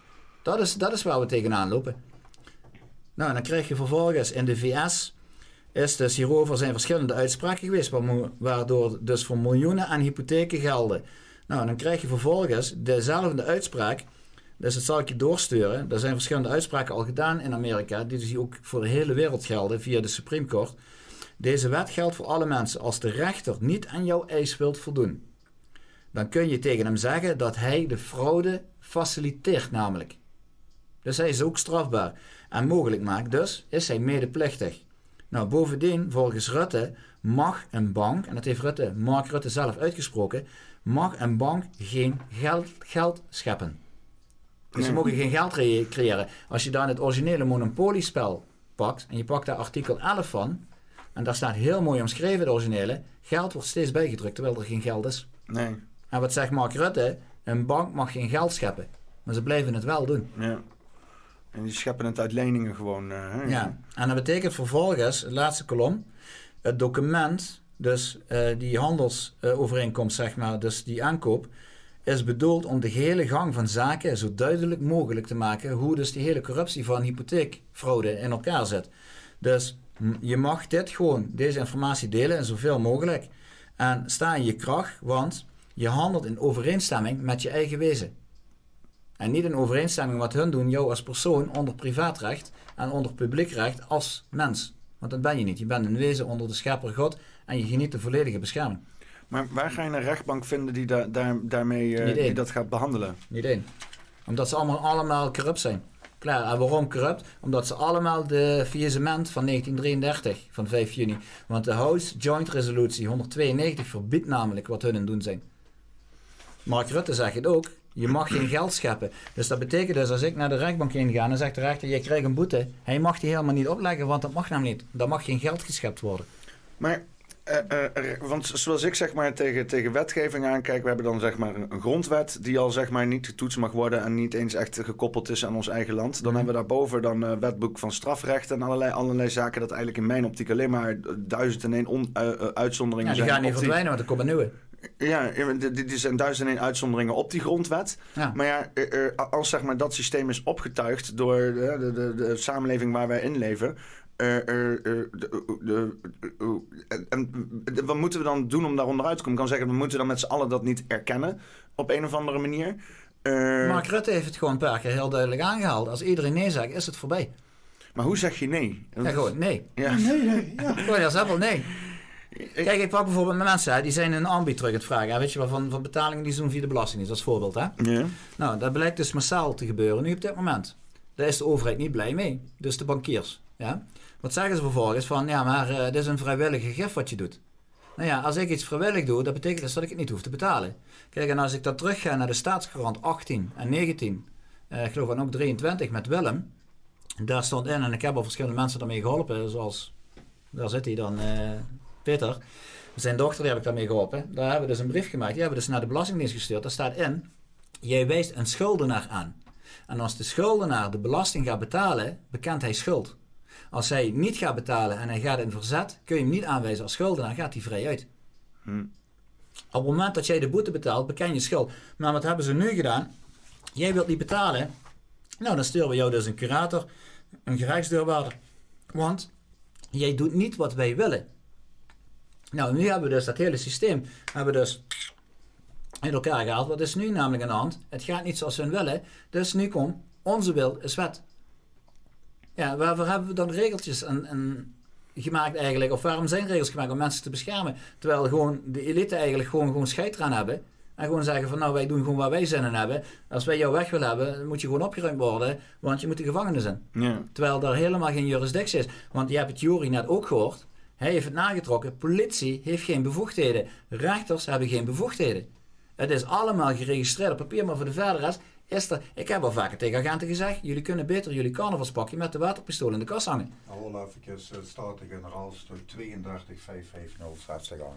Ja, dat is een, ehm, een, een, en dat vind ik heel mooi van de overheid. Ja, de Tweede Kamer heeft dus een kamerstuk gemaakt. Dat is kamerstuk 32550, nummer 60. Al die naar voren. 32, 550. 50. Ja, nee, 550, nummer 60. Dat is de officiële. Zo. Ja, doe maar eens even klikken. Nou, dan klik je de PDF-document aan. 2006. Nou, wat daarin staat namelijk, is, kijk, daar staat het, het is het voorstel van de wet leden van Weyenberg en Keizer tot wijziging van de ambtenarenwet. Wat hebben hun gedaan? Ze hebben de ambtenaren vanuit privaatrecht onder publiekrecht geplaatst. Dat betekent dus, als ik een agent voor me heb staan en die is geen leidinggevende, en leidinggevende is dus een postchef, ja, en de rest zit er gewoon onder, die staan op gelijk niveau. Ook al hebben ze een uniform aan van ik ben politie, nee, hun zijn onder publiekrecht gelijkgesteld namelijk. Wat heeft vervolgens de overheid ook gedaan, en daar ben ik ook wel blij mee, Vereniging Nederlandse Gemeenten, dat is dit document. Namelijk, de gemeente heeft hun bestuurders, of politie, of rechters, noem maar op. Hè. Alle medewerkers komen in het strafrecht en toezicht, vooral tegen in de sectoren milieu, bouwen, openbare ruimte, maar ook op alle andere gebieden van het strafrecht, tenzij ze onderworpen worden aan toezicht. Nou, je mag dus iedereen die dus ambtenaar is onder artikel 51 strafrecht, en of die nu publiekrechtelijk is of privaatrechtelijk als rechtspersoon, mag je dus strafrechtelijk laten vervolgen door aangifte te doen op artikel 51 strafrecht. Alle wetten die in het strafrechtboek uh, staan, waarmee dus de overtreding wordt begaan, moet meegenomen worden in de strafbeoordeling. Dus als jij dus uh, eh, 500 overtredingen hebt gemaakt en het wetboek telt er 2000, nou, dan ben je de check. Hm. Politie heeft geen bevoegdheden, behalve degene die leidinggevend is. Omdat ze door dit kamerstuk, wat je dus nu net ziet, betekent dus dat de rechtspositie van ambtenaren is komen te vervallen, behalve voor de leidinggevende. En wat dus ook gebeurd is, en dat is op 31 december 2014, is, zijn alle ambtenaren, of ze nu in het leger werken, of bij de politie, of bij de overheid, die zijn dus uit hun uh, arbeidsvoorwaardencontract gevallen. En wat is vervolgens gebeurd? Daar zijn ze op 1 januari 2015 onder een nieuw contract gezet. Ja. Sommigen hebben dat wel dus ontdekt. Die hebben ook al hebben ook mee gesproken die dat gezien hebben. Maar we zijn dus vanuit een BRP, basisregistratie persoonsgegevens, omgezet naar een GBA, gemeentelijke basisadministratie. Maar ik zie dus bij gerechtsdeurwaarders dat hun nog steeds spreken over, ja, we hebben de basisregistratie persoonsgegevens toegepast, terwijl die is komen te vervallen. Maar wat hebben hun gedaan? Wij stonden in een crediteurenstatus en we zijn nu in een debiteurenstatus gezet. De overheid zat in een debiteurenstatus en die zijn per 1 januari 2015 in de crediteurenpositie komen te zetten. En daar is dus nooit toestemming voor gegeven geworden. Dus dat is eigenlijk een koep die ze gepleegd hebben op ons. Heel recentelijk dan ook? Vrij recentelijk. Ja. Maar zitten wij dan in een soort van endgame momenteel van, van hun? Want waarom zijn ze nu alles weer dan aan het omgooien? Omdat namelijk de banken aan het omvallen zijn. En als de basis omvalt, hè, en dan, dan valt dus heel het systeem als een kaarthuis in elkaar. Ja. En wat zie je dus ook komen, als we dan teruggaan naar, weer naar de Napoleon-tijd, dan zie je, wie zijn dus de eigenaar van de wereld, wereldeconomische vorm, de Rothschilds, maar ook de Lehman Brothers. En alle banken die nou omvallen, zijn dus dochterondernemingen van de Lehman Brothers. Kijk, en ga maar eens die, die, die de, ja, CEO's noem ik het maar even na. Ja. Ga hun eens natrekken. Wie was de vader van hem? Kijk eens als um, uh, Klaus Schwab. Ja. Zijn vader was een SS-generaal. Ja. Ga bijvoorbeeld kijken, Mark Rutte, zijn opa. Die was uh, verbindingsofficier van de NSB in Den Haag. Ga de opa van uh, Hugo de Jonge pakken. Dat was een SS-commandant van kamp Vught. Ja, dat waren de meest gezochte SS-criminelen. Je kunt alle informatie vinden als je weet hoe je het moet doen. Maar die, die naties waren toch goed bezig, toch? Of niet? Goed en niet goed. Het heeft twee kanten. zeg maar, Hitler die, was, die, die wou iets wat, wat, wat, wat die wou zeg maar loskoppelen van al die Rothschild zit. Maar dan, dan de, nazi's, de, nazi's, de nazi's als geheel, die, uh, daar zat dan allemaal rot of infiltranten tussen. Hoe moet ik dat dan zien? Nou, de nazi's waren, zijn dus door en door corrupt. En Hitler was dus tegen de nazi's. En als je naar zijn uniform kijkt, hij is de enige die dus geen skulls en bones op zijn uniform heeft. Geen of wel? Geen. Geen, ja. Waarom had, hij, waarom had hij een bruin uniform en geen uh, zwart? Ik, geen idee. De meeste beelden die ik heb gezien waren zwart. En hij was corporaal, hè? Wie, uh, Hitler? Ja, Adolf. Vanuit het leger... Uh, maar eh, oké, oké, ja, want dat, is altijd een beetje. Hij heeft die... ook in de Eerste Wereldoorlog gevochten, hè? dus hij heeft een oorlog al uh, meegemaakt. Ja, maar dat is altijd een beetje die cognitieve dissonantie die ik heb als het gaat over, uh, over de naties. Hoor je aan de ene kant altijd van ja, die, die, wouden, die wouden vrijvechten van het hele Rothschild bankensysteem. Maar aan de andere kant hoor ik ook heel veel beschuldigingen naar huidige of, officiëlen die, de, die, die dan naties zouden zijn. En dat is dan weer slecht. Als je hier over straat loopt, zie je ze ook, hè? Je hoeft maar naar de politiewagen te kijken. Dan zie je gewoon die logos met dat blauw-rood. Dat is gewoon de SS-logo. Ja, ja, dat, ja. Dus je ziet ze gewoon door de straat te rijden. En dat niet alleen, maar de naties, eh, de Verenigde Naties, zijn allemaal opgericht door Wilhelmina, 1959. En wat zie je nou gebeuren met het onderzoek naar de, onafhankelijk onderzoek naar de MH17 bijvoorbeeld? Dat zijn de Verenigde Naties die dat onafhankelijk onderzoek stopzetten. Ja. En als je kijkt naar 9-11, dat was dus een bankactie. Al het goud wat in gebouw 7 in New York opgeslagen staat, hebben ze allemaal naar de Oekraïne gebracht. Ah. En de Oekraïne, wat zegt Poetin in zijn commentaar, de denatio, de de, denazificatie ja, ja. van de Oekraïne.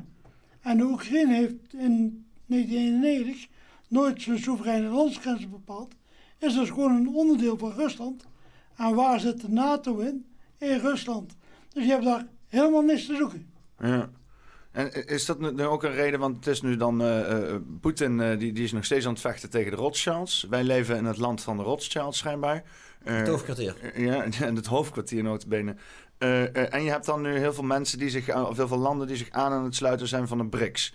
Is dan zeg maar landen die zich aansluiten bij de BRICS, zijn die zich dan aan het loskoppelen van die Rothschilds banken? Die zijn, die zijn we terug in 1993 geloof ik, moet ik liegen. Zijn de, heeft onder Nixon zijn de Amerikanen zijn overgegaan, de dollar, naar de fiat dollar en hebben ze het goudgedekte losgelaten. En nu doet Rusland, is ermee begonnen, door de roebel weer goudgedekt te maken, zijn we naar de juiste waardes gegaan. Dus al die BRICS-landen gaan allemaal over naar de goudgedekte munteenheden. Ja. En dat wordt steeds groter. Bijna 80 tot 90 procent van de wereldbevolking is binnen nu een paar maanden goud gedekt. Misschien zelfs 100%. Er gaat heel veel gebeuren de komende tijd. Oké. Ja, dus, want uh, dat met, uh, met inderdaad die SVB-bank wat is geklapt. Uh, ik zat er al met een maat van mij naar te kijken. Ik denk van oké, okay, nu gaat het allemaal. Maar als je dan kijkt naar die lijntjes, het, het, stijgt allemaal weer een beetje. Maar ja, dat is natuurlijk allemaal fictieve, fictieve speculatie en dergelijke. En dat niet alleen. Maar wat gebeurt er? Dus de banken die krijg je bijna 20% per dag. En ze stijgen dan weer 2%. Oh, de banken zijn weer omhoog man. Dag later gaan ze weer 8% naar beneden. Ja. Ze zijn gewoon continu aan het vallen. Ja. Maar het is hoe, hoe je er tegenaan kijkt. En ja, dat zie je nu ook in Frankrijk hè, met uh, de NSBC of zoiets bank. Er zijn vijf banken, topbanken, die, uh, ja, er is nu alles aan het liggen komen. Hè? En doordat dat QFS-systeem is, heb je dus ook een internetsysteem. En door dat internetsysteem, dat uh, quantum Quantum volgens mij. Quantum Financial System. Ja, dan kunnen ze dus al die transacties kunnen ze gewoon zien. Dus alle terroristische witwaspraktijken wat ze eigenlijk doen, en dat is ook wat Jori er straks aangaf, en daar zijn we dus ook achter gekomen, is dat heeft ook met Kamer van Koophandel te maken, met de inschrijvingen van de bedrijven. Ja, dus, en wat is eigenlijk, dat is dus de UBO, de Universal Beneficiary Owner, is dus afgesloten door Kaag. Kijk, een Kaag heeft een niet bindende uitspraak van het Europese Hof gebruikt, namelijk waarmee het witwassen van terroristengeld eigenlijk ingezet wordt. Hm. Nou, dat, en dan heeft zij gezegd, ja, ik heb het dus bindend gemaakt, klaar. Maar dat kan helemaal niet. Mm -hmm. dat is Kijk, en dan heb ik een, bijvoorbeeld, had ik er straks voor, ik pak dit hè, als voorbeeld even. Dit is bijvoorbeeld de uitvoeringsvordering van de commissie. Dat heeft met het onvetpoeder te maken van krekelpoeier. Ja. Uh, you will eat the bugs. Ja, de bugs. Ja. Ja. Maar dan komt het mooie. Moet je kijken hoe ze het ondertekend hebben namelijk.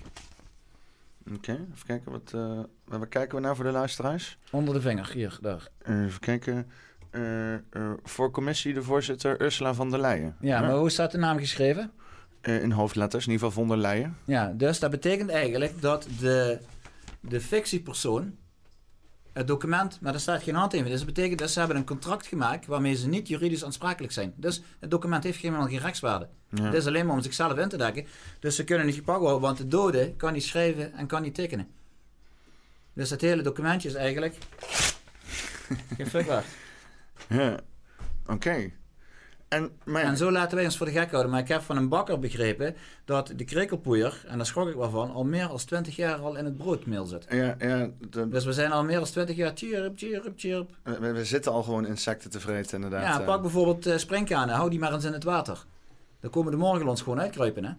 De... Ja, muggen, niet allemaal. Dat pak je bij de vleugeltjes vast, doe open. Ah, nummertje 15. We gaan kinnen.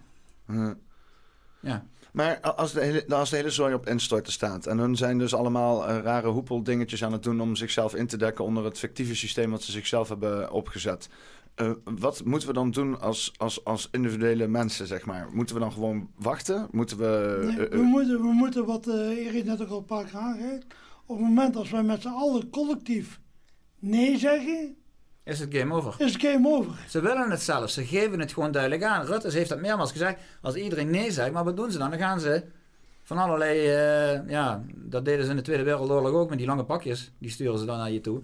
En dan zeggen ze, hey, uh, dat mag niet hè. Ja, maar als er natuurlijk meer mensen nee zeggen als dat er politieagenten zijn, dan kennen niet zoveel Hoeveel politieagenten hebben we? Ik heb geen idee. 20.000? Zou kunnen. Zou Hoeveel mensen hebben we hier in Nederland? 7, 16 miljoen? Dus 18 miljoen inmiddels alweer. Ja, nou wat is dat? Uh, 1 op 100?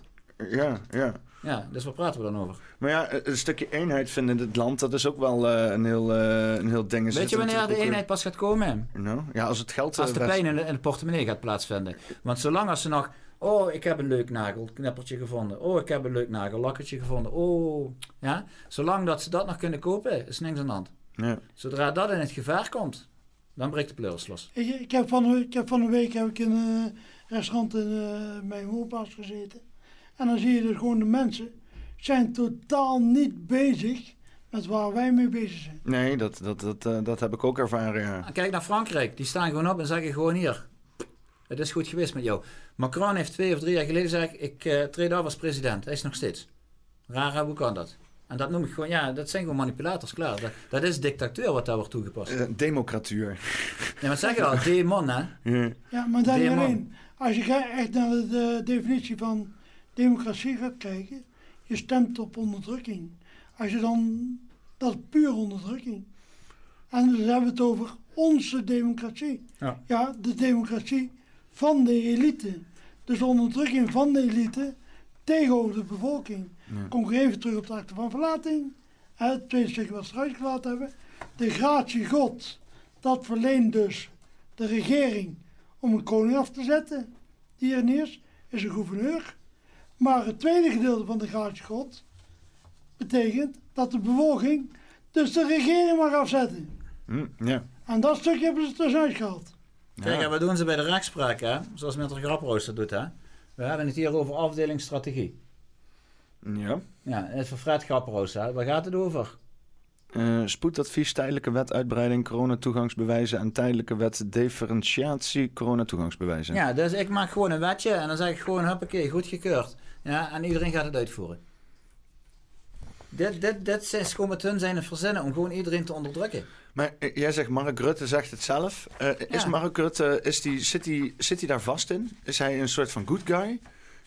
Mark Rutte, Mark Rutte is gewoon iemand die, zoals wij al vaker, wat je op, waarschijnlijk zelf ook gehoord hebt, het is een spel. Het is dus gewoon een film. Ja, en maar, en ze moeten allemaal de film uitspelen om de niet wakkere mensen, bewust wakkere mensen, om die kenbaar te maken wat ze allemaal voor plan met ons zijn en waren. Ja. En dan uitspreken allemaal in samenwerking met, uh, met het WEF. Ja. Marcon is een wefpuppy, uh, Rutten is een wefpuppy, Kaag is een wef, uh, wefpuppy. Dus in principe worden wij Nederlands, uh, Nederlanders allemaal geweft, ja. om het maar zo te zeggen. En als je kijkt naar, ik zag toevallig vandaag een plaatje van de verkiezingsuitslag van mensen van buiten de Nederlandse grenzen gestemd hebben, Nederlanders. En dan zag je dus dat alle WEF aangestuurde partijen, die hebben de complete meerderheid in de Eerste Kamer. Ik, ik, ik, zoek, ik, ik, zoek, ik zoek een filmpje, want je hebt inderdaad zo'n videofragment van Rutte, die inderdaad, wat je ook zegt, wat hij zelf heeft gezegd over. Uh, en hij quote daar een of andere andere politici of zo. Ja, dat is uh, van uh, 1900 nog wel in het begin. Ehm, oh, weet je ook alweer. Dat zegt je ook even. dat was een oprichter van, van iets in het begin. Ja, klopt. Ik, kom er ook heel even niet op. over de, de, de, burger die omrolt of zo. Of zich laat. omrolt. Um, ja, ik weet wie je bedoelt, maar ik kom even niet op een naam. Ja, want er was, er was, was een speech in de, in, de, Eerste Kamer volgens mij. Ja. ja. Dat was eigenlijk de voorganger van de VVD. Volgens mij. De voorganger was, uh, was er niet uh, uh, die minister waar, van... Waar je vaak met het citaat van uh, teruggegooid, Mark Rutte, van... Um, oh, ik, ik kan bijna de naam op het lippen leggen. Niet op Nijpels, maar nee, Bolkestein? Nee. nee, je praat over 1904, 1906. Die is ook minister-president geweest. Je moet echt uh, de minister-president zoeken van uh, 1900, 1910. Minister-president 1900. 1900, 1910. Uh, van Nederland. Ja. Eh, even kijken, even naar web toe. Eh, ja, doe die maar even, list. Zo. Moet je even een andere in, even kijken. 1900. 10. Huppakee, huppakee. Nou, dat is een flinke lijst. Trek naar boven. Deze? Jan de Kaai? Nee, nee, nee, boven, naar boven, naar boven. Even kijken, wat is dat? Louis boven. Willem Drees? Willem, nee, nog naar boven. Louis Bill, Willem Schermhoorn, Pieter Schwartz. Maar dit is allemaal 1800, hè? Even kijken, Jelle Zijlstra, Kohals, Victor Marijnen. Uh, nee, naar boven. Terug naar boven. Maar dat is allemaal 1800 dan, hè? Nee, ze geboren, hè? Geboren en dinges. Oh, oh ja. Oh. Terug naar boven, naar boven. Waar zit ik te kijken? Hier, hier. Oh ja. Even naar boven. 19...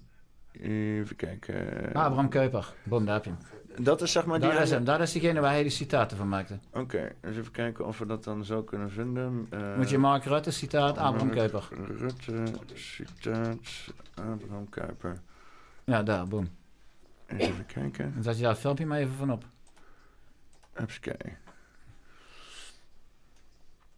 Bij elke welgelukte aanslag op de vrijheid kan... Om te reageren op dat prachtige citaat van professor Oud met een citaat van Abraham Kuyper. Uit zijn uh, reden ter inwijding van de Vrije Universiteit. En hij zei daar bij elke welgelukte aanslag op de vrijheid kan dus de staat nooit dan medeplichtige zijn. Hoofdschuldige blijft de plichtsvergeten burger zelf die, in zonde zingenot, zijn zedelijke spierkracht verslappend, de kracht tot eigen initiatief verloor. Nou, nou. nou, dat is wel wat hij daarmee zeggen. Als jij dus geen ballen hebt om op te treden tegen de overheid, ben je gewoon een slappe spierlul. Ja, en, en, je hebt, en dan is het gewoon je eigen schuld dat dan de staat over jou heen was. Juist, juist. Dus jij keurt het gewoon goed. Dus hij zegt gewoon van nou. En maar op het moment dat, dat de slappe lullen opstaan, zoals hij dat zegt, hè, wordt gelijk de kop ingedrukt. Maar, maar waarom zou hij dit zeggen? Omdat het citaat is van Abraham Kuyper. Hij geniet ervan. We zien ook hoe hij lacht. Ja, ja. Zo van, uh, ik zo heel genippig. Zo van, uh... Maar is dat dan een stukje arrogantie? Of, of, of is dat een soort van, uh, toch wel een dingetje wat aan knaagt dat hij denkt van... en ego. Macht en ego. Ja, ja. zeker. Macht en ego. En Kees van der Staaij, de voorzitter van de staatsgereformeerde partij, die speelt daar ook een hele belangrijke rol in. En Van der Staal was ook degene die een vraag aan Rutte stelde van, zijn wij een republiek? En wie hebben dus de gouverneurs opgericht? De staatsgereformeerden. En dat waren de 17 gouverneurs. Ja. ja. En zo is de cirkel helemaal rond. En dus daarom kon ik in 2021, toen dat speelde, toen Rutte demissionair was, heeft dus in 2021 hebben dus Kees van der Staat in samenwerking met Rutte hoogstwaarschijnlijk een staatsgreep gepleegd. Ja, met, Mark, met, de, acte van, met de acte, acte van verlatingen. Mark Rutte en Kees van der Staaij hebben gewoon een, een staatsgreep gepleegd. Ja, met de acte, vierde acte van verlatingen. Ik vind dat een mooi t-shirt. ja. Ja, dus... het is te bizar voor woorden. Het is te bizar. En dan zijn we de afgelopen twee weken zijn we erachter gekomen. Ja. En nou ja, benoemen het ook. Ja, ja nee, het is, want ik, ik, ik, maar nogmaals, weet je, ik denk dat heel veel mensen dit ook al voelen en, en, en enigszins weten, maar dit is gewoon Kijk, ik heb hier iets moois aanknopingspunten, zeg maar. Ik heb iets moois aan. Wat is de betekenis van het bestandsdeel wederrechtelijk? Dat, dat kan ik hier mooi mee aansluiten. Hè? Er zijn verschillende opvattingen hoe het bestandsdeel wederrechtelijk zou moeten worden uitgelegd. De eerste opvatting is origineel afkomstig van Remmelink. Hij is van mening dat wederrechtelijk betekent dat iemand zonder een privaatrechtelijke of publiekrechtelijke bevoegdheid handelt. Neem als voorbeeld artikel 350 strafrecht. Wanneer iemand zijn huis sloopt met toestemming van de eigenaar, handelt hij met een privaatrechtelijke bevoegdheid. Dus als ik naar de rechter ga en de rechter zegt tegen mij: Ik geef je toestemming om die klootzak in elkaar te slaan, heb ik dus privaatrechtelijk toestemming. Maar een privaatrechtelijk kan niet publiekrechtelijk die niet kan lezen en schrijven veroordelen. En dat is wat de rechter doet. Ja. Maar de rechter is een natuurlijk persoon die de dode fictie wilt veroordelen. Daarvoor moet je een advocaat bij meenemen, want daarop word je dus veroordeeld. Dus en dat kan gewoon niet. Maar, zijn het ook van die zaken waar dan bijvoorbeeld zo'n Willem Engel en zo mee bezig is? En, nou, we, als we dit Willem Engel laten vertellen, die volgt mij ook trouwens vanwege de ambiaangiftes. Maar als wij hem dit soort dingen uitleggen, die valt pal achterover van wat er dus gebeurt. Vooral met artikel 120, dat de rechters niet mogen toetsen aan de grondwet. Dus al die processen zijn waarschijnlijk schijnprocessen. Ja, maar dus inderdaad zo'n Willem Engel die de hele tijd zit te procederen, dat is, dat is, dat is nutteloos. Dat is nutteloos. Huh. En daarom verlies je ook al die rechtszaken. Of is het controlled opposition, vraag ik me dan af. Ja. Ja. Is het gewoon, gewoon om de aandacht te verleggen. Want wat, wat me vaak opviel, en ook andere mensen, is op het moment dat hun bepaalde acties doen, gebeurt er in de Tweede Kamer of Eerste Kamer, worden er wetjes doorheen geduwd. Ja. Altijd op die momenten dat hun. Kijk, zoals bijvoorbeeld uh, met Heug Pluk bijvoorbeeld, die hadden ze rechtszaak. En daar kwam Willem Engel ook en die zei: Je moet gaan wraken. Oh ja, we moeten gaan wraken. Dan denk ik van ja, ja, maar het, dat is af en toe gestoken kaders. Het is, het is uh, ik had een, heel concreet voorbeeld. Maar wat je dan doet is inderdaad, uh, uh, je, hebt, je hebt, er is geen probleem. Creëer je een probleem ik en, en dan kunnen ze daar vervolgens een oplossing voor geven. Ik stel één vraag. Wat hebben hun in die paar jaar tijd gerealiseerd om het te kunnen stoppen? In plaats van alleen maar om de aandacht te trekken. Niks, er is niks gebeurd. Ja, nou, nou hebben we het probleem toch al opgelost. Dus is er niks geregeld. Want, want, je hebt hetzelfde gaande nu bijvoorbeeld met in Amerika heb je, gaan ze TikTok gaan ze verbannen. Uh, hè, dat is Bij de Belastingdienst ook in Nederland, hè? Ja, nou ja dat, dat is dus uh, wat sowieso raar is. Want je hebt die hele Biden-regime die daar zit. Dat is in mijn optiek gewoon China die daar de touwtjes in handen heeft.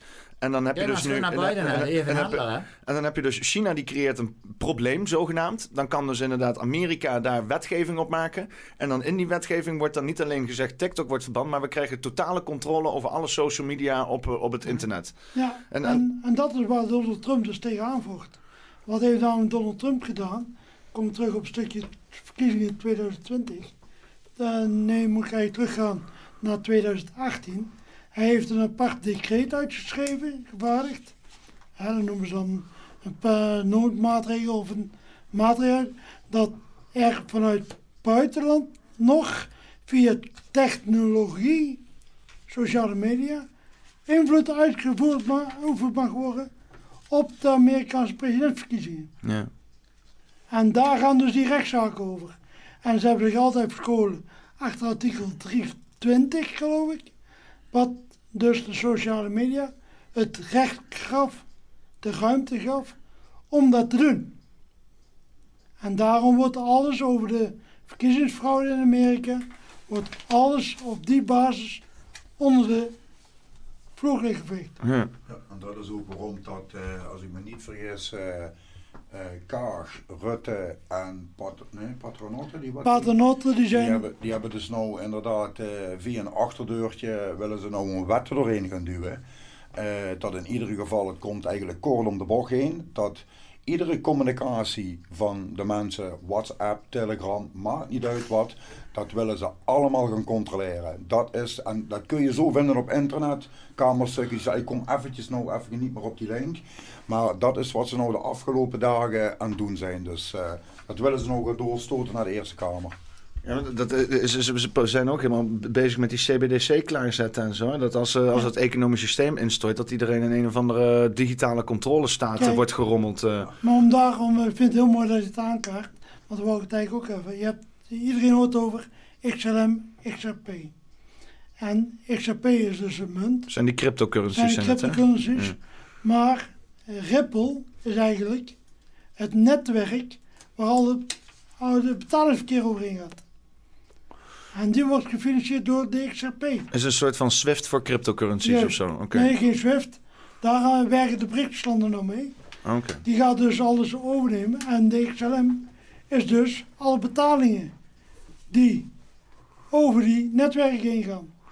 En daar heeft dus de SEC heeft daar een hekel aan, want Bitcoin, Ethereum. De, de, de, SEC, de, de SEC dan, hè? De, security. Ja. Uh, de, de, de, de, ja, okay. die, hebben, die hebben daar dus een probleem mee, want alle fiat-eenheden gaan dus via de Bitcoin, gaan dus via Ethereum. Hm. Dus ook daar zie je dus na de beurs cash die komt, bankencrash die komt, komt dus daar ook op de cryptocurrency, die gaan ook crashen. En als dat gebeurt, dan binnen nog een paar weken kan dat gebeurd zijn. Is dat inclusief een bitcoin? Inclusief een bitcoin. Bitcoin, ja. Wordt dan vandaag officieel in de kant over gesproken. Blijkt dus mensenhandel en kinderhandel te zijn. BTC, baby, baby Trafficking Coin. De, dat is de BTC, Baby Trafficking Coin. Oké. Ja. De verdwijnen in de wereld. Dus, dus die hele bitcoin is eigenlijk ook een... Uh, een nou, heb ik ze ook nooit gekocht. Ja, is een, uh, hoe noem je dat nou ook weer? Is ook control top position. Uh. Ja, ja, dat is gewoon, uh, en als de prijs hoog staat, dan is er heel veel handel met, met human trafficking. Zo moet je pakken. En als die laag staat, dan betekent dat er weinig handel is. En, okay. en, dan, en daarom speelt Oekraïne ook een hele belangrijke rol. Want alle Tesla-auto's, er zitten bijvoorbeeld accu's in. En voor iedere accu dat daar gemaakt wordt, sterven er vijf kinderen. Ja. Je moet eens pakken, dat is echt de accu's eigenlijk met, met de Tesla uh, auto's. Je moet eens voorstellen, zoals als jij zegt van hey, ik koop een uh, elektrische auto hè. Maar dan hou er wel rekening mee dat je dus meedoet aan het kinderslavenhandel hè. En daar sterven dus per auto zijn 25 kinderen. Jan heeft me dat helemaal uitgelegd. Zijn 25 kinderen nodig voor die rotzooi, noem ik het maar even. lithiummijnen. Ja, ja. lithiummijnen. Die moeten met de handen uitgraven. Die moeten met die zakken lopen. Maar er sterven per auto sterven dus ook vijf kinderen. Dus realiseer dus als je een elektrische auto rijdt dat je medeplichtig bent aan ja, en, dat schuld, en, kindermoord. Kindermoord, want ja, ik heb er geen ander woord voor, klaar. En dan die dat verdwijnen jaarlijks 8 miljoen kinderen wereldwijd. Ja. Dat, zijn, dat zijn, en er zijn zelfs, eh, ik heb al geluiden gehoord, dat er bijna 10 miljoen kinderen überhaupt het daglicht nooit zien. Ja. Hm. Ja. ja, maar Nederland is wel een beetje de hoofdstad kinderhandel en zo. Hè? Ah, Bijna 80% gaat door Nederland heen. En, en Oekraïne die speelt daar dan ook een heel belangrijk. Uh, ja, je moet het zo pakken, hè? Waarom, waarom is zoveel focus op de Oekraïne? Ja, want er is ook poppenkast in Jemen. Er is ook poppenkast in Palestina. Poppenkast. Wat is dit voor een poppenkast? Zo, die moest even. ja, dat is wel goed. Ik heb hier geluidjes, die hoor jij niet. Wat is dit voor poppenkast? nee, maar goed. Maar wat je dan krijgt bijvoorbeeld, dan zeg ik ook, ik heb bijvoorbeeld gehad met uh, de burgemeester van de gemeente waar ik woon. Uh, ik heb dus foto's over de zomerkampen waar dus de kinderen zomerkampen krijgen bij die uh, separatisten. Ja. Die dus de, ja? Ja, ja? De, de, voor de luisteraars een Hitler goed doen. Heel erg goed. Je hebt ook Rutte, Mark Rutte keer gehoord. Uh, Slava Oekraïna, dat is eigenlijk uh, ziek heil. Kun je ja. beter zeggen dan. Ja, dat is die Azov-bataljon en zo. Hè? Dat is gewoon een directe afsplitsing van wat toen de tijd gewoon nazi-enforcers waren. Ik heb bijvoorbeeld als voorbeeld, ik ben in Blijswijk geweest. En vorig jaar toen ik met Jori Platen naar Kamer van Koophandel ben geweest. Ja. Een gesprek gehad daar, een heel goed gesprek gehad. En dan zijn we vervolgens zijn we naar Blijsweg gegaan, naar die boeren. Dan ben ik naar de pelotonscommandant gegaan, daar van een van die ME-bussen. En daar heb ik ook gevraagd, hoe kunnen jullie nu de nazi-club dienen? Nasi vind ik lekker, want dat eet ik. Met plezier. Maar de nazi-club, daar moet ik niks van hebben. Toen vroeg dus een hele hoge van, ja, maar waar baseer jij dat op? Ik zeg heel simpel. Ga maar eens naar YouTube, ga maar of, of gewoon op Google of, of andere zoekindexen. En dan typ je gewoon in de parade in Den Haag met het huwelijk van Juliana en Bernard. Ga dat maar eens opzoeken. Den Haag, Juliana... Bernhard, toen ze getrouwd waren. Dan ga je naar film. Uh, video? Ja. Deze? Nee, uh, 1937 moet je intypen. 1937. Dan lopen de kinderen met de Hitler groet gewoon door Den Haag heen, hè? Eens even kijken. Is dat die herdenking? Nee. Algemene mobilisatie. Ik denk dat ik het heel even op Yandex moet gaan zoeken. Ja. En wat je ook kunt zoeken is Ronald de Boer van WordPress. Kun je ook intypen, Ronald de Boer, WordPress. Uh, Prins Klaus, typ je dan in.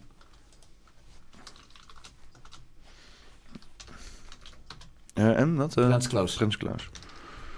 Prins Klaus. En dan moet je naar een web.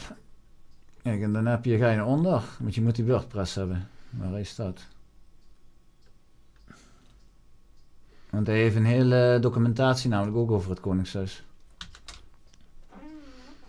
Mm, mm, mm, Misschien moet ik hem toch heel even op. Ik toch heel even op Google zoeken. Daar heb je hem. Nazi Gerard de Boer, sorry. Gerard de Boer, dat is hem. Als je Gerard de Boer pakt, dan krijg je dus heel veel. Ook het NSDAP, ja van uh, Bernhard. Die hebben ze geprobeerd om van de lijst af te schrappen, want hij is lid van de NSDAP geweest. Hè? Hij was persoonlijke lijfwacht van Hitler, Bernhard. Bernhard was persoonlijke was lijfwacht? lijfwacht? En hij zat bij de brede brigade van Himmler. Was, was hij gewoon een handler van Hitler misschien? Juist. Ja, En, en, Hitler heeft hem dus uh, in 42 de papieren gegeven waarmee hij de stadhouder is geworden van Nederland. Ja. En wat is een stadhouder? Dat betekent dus gouverneur van Nederland. Ja. Want... want, want ja, ga maar eens omlaag. Helemaal omlaag? Kijk, dus je moet kijken, de NSDAP, ja. 1948 heeft de toenmalige Nederlandse regering door tussenkomst van een topambtenaar geprobeerd de naam van de prins van de ledenlijst te schrappen. Het ledenlijstnummer NSDAP 258309. Hij had ook nog een broer, Ashwin. Ja, die had het nummer 3 en dan ga je hem laag. Ashwin? Heet zijn broer nou Ashwin? Ashwin, dat was broer. Dan ga je hem laag. Oké, wacht even. Dit, Dan ga je hem laag, even hem laag. Kijk, daar zit Bernhard. Daar staat zijn broer in het NS, uh, uh, het Hitler-uniform. En daar staat Juliane. Ja, ja. In Duitsland, hè? En daar staan alle beelden eigenlijk zeg maar, van de panda's en zo van het Wereld Natuurfonds. Wat ze gejaagd hebben en gesloopt hebben. Dus is hij dan aan de goede kant? Nee, ja. Maar was, was dan uh, uh, Wilhelmina en Juliane waren die aan de goede kant? Nee. Ja, dat, ons hele koningshuis allemaal nazaten waren van, uh, van nazi's. En niks, niks niks dat uh, Maxima van mij betreft ook uit Argentinië komt en zo. Dat, dat, is, dat, is, dat, dat ligt er zo dik op. Dat is bijna onver, onvermijdelijk Ik heb familie in Argentinië wonen en ik ben daar geweest. En als je dan pakt in Argentinië...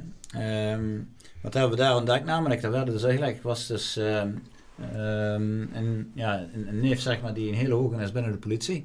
Die heeft dus eigenlijk, als dus Maxima naar Argentinië komt, die wordt dus uitgejoeld door het volk. Hè? Ah, meen je niet? Ja, die, die, die is daar niet geliefd. Hm. En als je pakt bijvoorbeeld, je hebt daar uh, Marilotje. Marilotje, als je dat eens gaat opzoeken in Argentinië, de bouwstijlen zijn allemaal Duits.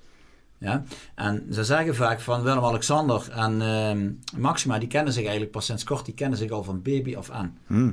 Van, van toen ze nog een telligje waren. Toen kennen ze elkaar, dus het is allemaal gewoon één grote leugen. Die zijn al uitgehuwd sinds het begin, zeg de maar. Paus, Paus Franciscus, en daar heb ik ook de bewijzen van gezien en de, de verhalen en alles hebben, maar die blijkt namelijk een relatie te hebben gehad, namelijk acht jaar lang met Maxima. Dat en die hebben zelfs ook een kind gehad, hè? Oh. Ja. En die, ja, maar, Paus Frans, die Franciscus... dat is... Waardoor zij dus een hele hoge is geworden binnen dat hele is, uh, de Ninth Circle. Want Franciscus is die we nu hebben, die paus? Ah, of is dat die, die, die weg is gebonjourd? Weggebonjourd. Oh ja, ja. Nee, die we nu hebben. Die, die we nu hebben, want dat ja. is ook een, een Jezuïet, hè? Ook ja. niet eens geheim, staat gewoon maar, op zijn Wikipedia-pagina. Maar, maar dat niet alleen, als je dan even terug gaat. Uh, opa Sorigeta en Prins Bernhard waren bevriend via de Bilderberggroep. Het waren neven van elkaar, want Willem-Alexander, als je de stamboom pakt zoals het mij uit is gelijk in Argentinië, blijken dus achterneven achterneef van elkaar te zijn. Ja, dat is toch ook ranzig gestort? Ja, ja, nou ja, dat koningshuis dus waren, uh, hoe noemen we dat nou, uh, uh, incest aan het doen zijn en zo. Dat is, dat, dat, dat is al... Ja. Als je Merkel pakt, hè. Merkel. Dus sinds het Habsburgse Rijk is dat al... ja, gaat dat Merkel al zo. is geboren in 1950 in Argentinië. Ja. Oh. Zij was dus een dochter van Hitler, hè? Ja, dat heb ik ook al vaker gehoord. Als ja. je daar naar Paraguay gaat, in Paraguay ligt een landgoed waar Merkel ieder jaar op vakantie gaat, maar op dat landgoed ligt ook haar vader begraven. Hmm. Adolf Hitler. Hij is in 1992 pas gestorven, gestorven hè? op 94-jarige leeftijd. Ja. Met een hartaanval in Paraguay. Met een hartaanval nog wel? Ja, een hartaanval. Died suddenly. Degene die, die dus in Berlijn gestorven is, was een dubbel. Want hij is via Noorwegen weten te ontsnappen. Ja, met een, met een onderzeeër, toch? Ja, en wat is het leuke is dat de CIA toen opdracht had gekregen van president Obama om uit te zoeken wat er werkelijk heeft gespeeld. Want Obama blijkt een achterkleinkind van Hitler te zijn. Dus om dat uit te zoeken van wat ze boven water konden halen en familie. En Hutting Hitler van de CIA, die hebben gewoon al die bewijzen gewoon vrijgegeven dat, dat, ja, dat Hitler gewoon nog geleefd heeft tot 1992. Maar waarom wou Hitler die Rothschilds eruit hebben dan? Omdat, omdat hij namelijk aan de goede kant, omdat hij wist waar ze mee bezig waren. Maar het zijn al die nazaten die van Hitler, dat, is, dat, dat zijn, dat weet ik nog steeds niet of ze aan de goede of de slechte kant Ze staan staan. allemaal aan de slechte kant. eh. Maar die hebben dan hun vader verraden of ja, zo. in feite Ja. wel. En het leuke is, is dat Hitler, Adolf, toen Eva stierf, met een, met een donker is getrouwd. Ja, Van Brazilië oké. is hij natuurlijk getreden. Is eh, heel tolerant van ze. Ja, hij moest er eigenlijk niks van hebben, hè. Maar hij is daar wel mee verder gegaan in de relatie. Ja. Maar, maar om dan even echt dood te gaan. De Bilderberg is dus ook verantwoordelijk voor de Watergate-affaire, waardoor Nixon moest aftreden. En zo kan je dus ga je heel diep in een complottheorieën. En dat noemen ze complottheorieën. Maar alle complottheorieën worden dus als complot door iedereen gelijktijdig afgeschilderd als complottheorie. Ja. En dan zie je aan de media, dan zie je aan alles, gaat het maar over corona. Kijk naar Willem Engel, kijk naar Lange Frans, Ja. kijk naar alle bekendmakers, Jeanette van Osselbaard, noem er maar een paar. Die vertellen gewoon de waarheid, maar dat wordt complottheorie weggezet. Maar door het complete assortiment aan media. Ja, ja. Ja, het wordt, wordt ook echt gezegd dat, hè, dat, is echt een aanval. Maar het, in 1970 heeft toch, eh naar aanleiding van die JFK-assassination, de CIA eh, de term eh, complot theorist in het leven geroepen. Ja. om juist dat, dat, dat soort, soort Maar- verhalen allemaal zo snel mogelijk Maar- te kunnen maar-. Maar hoeveel opdrachtgevers waren er om JFK senior te vermoorden? Nee, dus er, wa- waren, er waren er 17. Het, het was wel grappig, want er is recentelijk dus eh, eh, allemaal dingen vrijgegeven... waarbij ze eh, de, die eh, eh, Oswald kunnen koppelen aan eerder contact met de CIA. Dan zie je dat die CIA, die heeft dus zeg maar die Oswald eh, gewoon gepusht... om daar te, te, te, te staan Ja. in elk Ja, geval. het, was zodat de hij, chauffeur, het was de chauffeur die dus JFK heeft neergeschoten. Want als je ziet, de hersens vallen naar achter. Ja. En, J- en Oswald die sting achter. en je ziet die chauffeur ook omdraaien of zo. Ja, hè? je Dat, ziet eh, ook het geweer afvuren namelijk. mhm. Dus, En, en daarbij, nu gaan we nog een beetje verder. Wat blijkt nou? Dus Q buiten hanteert de letter of, eh, nummer 17. En in de Tweede Wereldoorlog had je de nazi's. En we zaten in de Hitlers auto's. Zaten dus. In Hitlers auto's zaten dus vochtmotoren van de Rothschilds ja. van de wapenindustrie in Amerika. De Rothschilds zijn dus allemaal een en al hebben op twee paarden gewet. Hebben alles geïnstrueerd, maar die moesten geld verdienen. Weet je ook meteen de reden waarom Trump weg moet? Vier jaar lang geen oorlog. Wapenindustrie heeft dus geen geld verdiend, waardoor dus de diepzee aan het wankelen is gekomen. Ja. ja. Eh, we gaan eh, een beetje afronden. We gaan, Ja. we gaan gewoon keihard afronden. ja, afronden. Ik wil nog één laatste zeggen. Dat wil ik wel nog kwijt en dan eh, kunnen we afronden. Zeker. Dat gaat over de instructies oninbaar leiden van gemeentelijke belastingen. Dat vind ik wel een belangrijke die nog even wel gelezen mag worden. Het oninbaar leiden is de bevoegdheid van een interne beslissing van de ontvanger om het recht op invorderen of het recht op verrekenen niet toe te passen, dan wel pogingen een belastingsschuld in te vorderen te staken. Alvorens een openstaande belastingsschuld oninbaar wordt voorgesteld, moet duidelijk zijn dat het succesvol invorderen ook niet mogelijk is door verhaal te zoeken bij of de aansprakelijkheidsstelling van derden uit het uitwinnen van zekerheden of het aanvragen van een faillissement. Indien deze situatie zich voordoet voor het of op het moment verschuldigd bedrag, een voorstel gemaakt dit bedrag oninbaar te leiden. Het voorstel wordt in de gauw-administratie, en gauw komt ook terug in de VOC, geregistreerd en wordt per subject per gemeente, dat is de opdrachtgever, en voorblad voorsteldocument opgemaakt. Het document staat in de combo-box.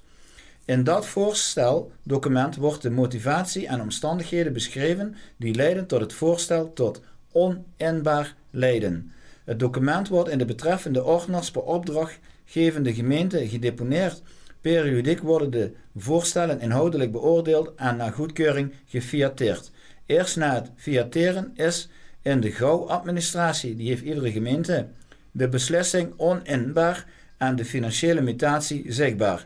Van de beslissing tot oninbaar lijden wordt de belastingschuldigde nog eventueel potentieel aansprakelijke op de hoogte gebracht. Op deze regel is slechts één uitzondering te weten. In geval van een voorstel is oninbaar op de grond van het besluit niet verder te bemoeilijken. Dus geen vordering. Ja. En om daar even op uh, in te haken, dat. Uh, ja, ik ben het even kwijt. we ronden af. Ik, uh, dank je wel voor de tijd die je ons uh, beschikbaar hebt gesteld. Ja, graag gedaan. Uh, ik doe altijd aan het eind nog even een titel verzinnen. Ik zat te denken aan Law, Air and Water. Dat we, dat, dat we de podcast zo noemen. Daar heb, heb ik geen actieve herinnering aan. ik kan het me niet herinneren. en ik vind het een poppenkast. Ja, het is zeker uh, poppenkast. Ja, een poppenkast. ja. Uh, nou, dat is goed. Dan is dit, uh... Als ik het had geweten, dan had ik er zeker maatregelen op genomen. Ja.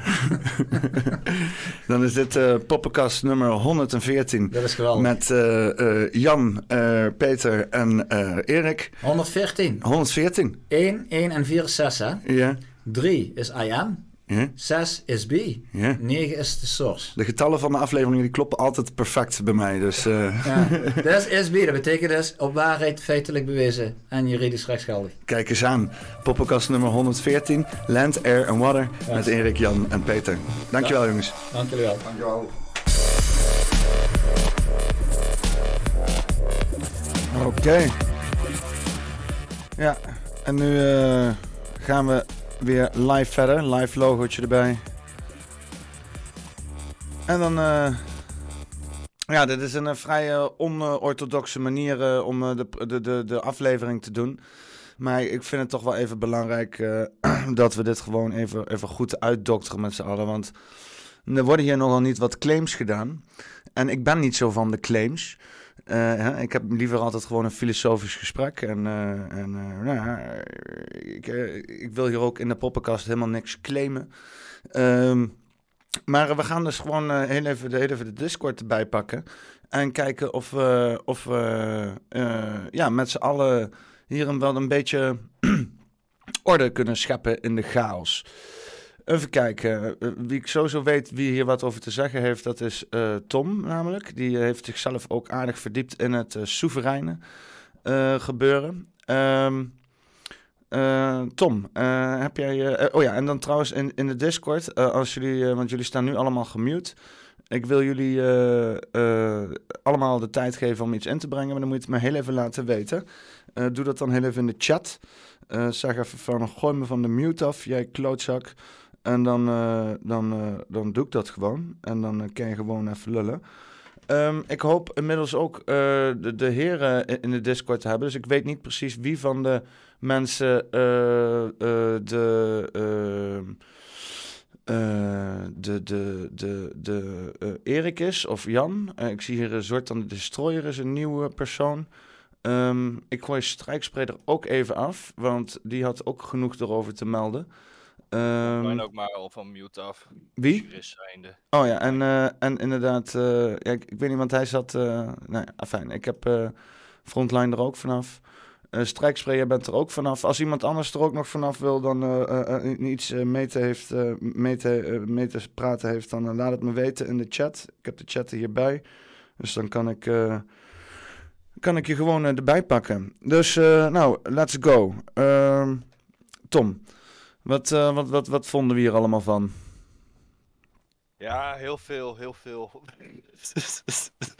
een hele hoop misconcepties, vooral uh, in mijn optiek. Um, weet niet of je het uh, vanaf het begin uh, wil bespreken of niet. Het liefst uh, helemaal. Het is Pasen, we hebben morgen vrij met z'n allen, dus... Oké. Okay. Nou ja, ten eerste begint het al met het begrip van KVK en wat ze daarover te vermelden hadden. Ik bedoel, de hele rechtbank en dat hele rechtssysteem is um, gewoon ondergeheven aan het OM en het ministerie van... En het OM wordt, heeft, zeg maar, politiek heeft... Het ministerie van Justitie en Veiligheid die heeft weer politieke verantwoordelijkheid voor het OM. Dus daar ga je al gelijk, kom je in het kader van dat de scheiding van de rechtspraak en de uitvoerende macht, en dus oh. de trias politica op zichzelf al een farce is, Ik omdat het al met elkaar verweven is. En de KVK is gewoon nodig om te kunnen handelen en om winstgevend te kunnen zijn. En heeft eigenlijk helemaal niks te maken met of ehm, dergelijke instanties, die dus gewoon overkoepelende organen hebben vanuit de regering, heeft helemaal niks te maken met of zij wel of niet rechts, rechtsgeldig zijn. Dus daar lopen ze al gelijk heel erg hard de fout in. Ehm, even kijken, wat uh, kun je dan nog. Uh, want dat is dus het KVK-stukje. Zijn wij ingeschreven bij Washington in een internationaal uh, kadaster, register? Ja, dat, dat is een feit. Uiteindelijk is het allemaal niet zo boeiend. Wat ze verder zeggen over de rechtbanken en het ingeschreven staan sinds, wat zeiden ze nou, 2018 of dergelijke in Maastricht of zo, ook niet relevant. Ik heb het nog gecheckt, ook bij een hoogrechter. Het, het dingen staan al langer ingeschreven. En af en toe wordt het ververst. En hier in Noord-Nederland, Groningen, Drenthe, Friesland is het al zeker sinds 2010 zo, volgens mij, als het niet uh, eerder is. Dus ja, het is allemaal nikszeggendheid. En er worden gewoon af en toe wat mooie dingen ingegooid. Maar er wordt één ding benoemd en dan worden er 20, 30 punten achterna genoemd. En dat wordt dan als een soort drogreden gebruikt voor het onderbouwen van hun beargumentatie. Zonder dat er überhaupt wordt ingegaan over één punt. Dus ja, dat, dat is teleurstellend op zichzelf. Uh, voor de rest twijfel ik, en dat is misschien een beetje, een beetje lullig om het zo te noemen, of ze überhaupt begrijpen wat ze zelf aan het oplezen zijn qua documenten. Want het is gewoon, ja, ik weet niet, ik vind het best wel lachwekkend. En ik heb al die soeverein shit ook gevolgd. Ik heb hele cursussen, ik heb er anderhalf jaar van mijn tijd aan verneukt. En uh, je ruilt gewoon de ene papieren werkelijkheid in voor de andere. En de wet heeft gewoon scheid aan jou. verklaar jezelf maar soeverein. Ga je maar ontdoen van het bestuursrecht. Maakt niet uit. Dan ben je soeverein. Ben je een eigen staat. Binnen een staat. Zoals het land dan van jou af wil. Dan word je eruit geknikkerd. En dan raak je gewoon al je bezittingen en dergelijke kwijt. Dus eindstand boeit het allemaal niks. En als je het verder wilt terugtrekken, ja prima. We zijn een vassalstaat van NATO, we zijn een vassalstaat van, de, van de Europese Unie, et cetera. Je vecht tegen het Napoleontische systeem enzovoort. Oké, we hebben ook uh, Erik uh, inmiddels uh, in de chat zitten. Erik, hoor je mij? Ja, ik hoor je. Oké, okay, dan ga ik even de telefoon uitzetten. Zo. Even naar de... Nou, welkom. Hij heeft net een beetje meegekregen wat, uh, wat Tom uh, te melden had? Nee, ik heb het even niet meegekregen. Oké. Okay. Uh, even ik ben er net in. Ik ben blij dat ik er al in heb kunnen komen. Ja. heb je een gerichte vraag, Tom, voor Erik? Nee. Ja, ik eigenlijk wel. Wat, wat, wat was precies de... Hallo iedereen trouwens. Ik ben even weg geweest. Maar ik zie dat het kanaal flink gegroeid is in mijn afwezigheid. Dus, Hartstikke gefeliciteerd, uh, de podcast, Peter. We gaan gewoon door. Wat was, wat was de aanleiding van uh, deze podcast, dit gesprek? Uh, vraag je mij bedoel je? Ja, een beetje in het algemeen, want ik, ik, ik, ik was een beetje... In het algemeen eigenlijk, laat ik het zo zeggen. Ik ben, uh, de podcast, ik, dat is op uitnodiging. Weer iemand dat vroeg van, om eens contact met Peter op te nemen voor een podcast te doen. Dus uh, zodoende zijn we daarmee in contact gekomen. En uh, het probleem is, dat ik al vanaf mijn geboorte tot mijn zestiende in het systeem heb meegelegd eigenlijk als kind zijnde met mishandeling, psychisch, lichamelijk en ook misbruik. Daarna zijn nog een veel verschrikkelijke dingen gebeurd en ik heb toen al met mijn zeventiende bij de politiek ingegaan, waarmee ik zoiets had van, dit systeem uh, kan zo niet doorgaan, want er is te veel schade voor veroorzaakt aan mensen. Waar ik zeg van dit wil ik gewoon veranderen. Ja, hoe dieper dat ik in die politiek actief ben geweest, hoe meer dat ik eigenlijk zag van jongens, dit, dit, kan helemaal niet wat hier gebeurt. Ik ben dus ook vier jaar VVD geweest, tien jaar bij het CDA, waarmee ik achter de schermen heel veel constructies heb gezien. Dat ik echt zoiets van luister, uh, wij staan hier als volksvertegenwoordigers voor de mensen, maar er kwam vervolgens iets heel anders naar boven heen dat is helemaal niks met te maken had eigenlijk tot bescherming van de mensen, et cetera, et cetera. Maar dat daar gewoon een hele bankiersconstructie boven water kwam. Waarmee ik zoiets had van, ja jongens, dit moeten wij gewoon uitzoeken, want dit, dit is gewoon hoogverraad wat hier gepleegd wordt. Ja, en dan kom je dus met verschillende mensen in contact, die dus uitzendingen doen, uh, zo anderen ook Peter, zeg maar, van podcast, ja, die ons dan zeiden van goed, uh, laten we een podium doen, uh, kom alsjeblieft.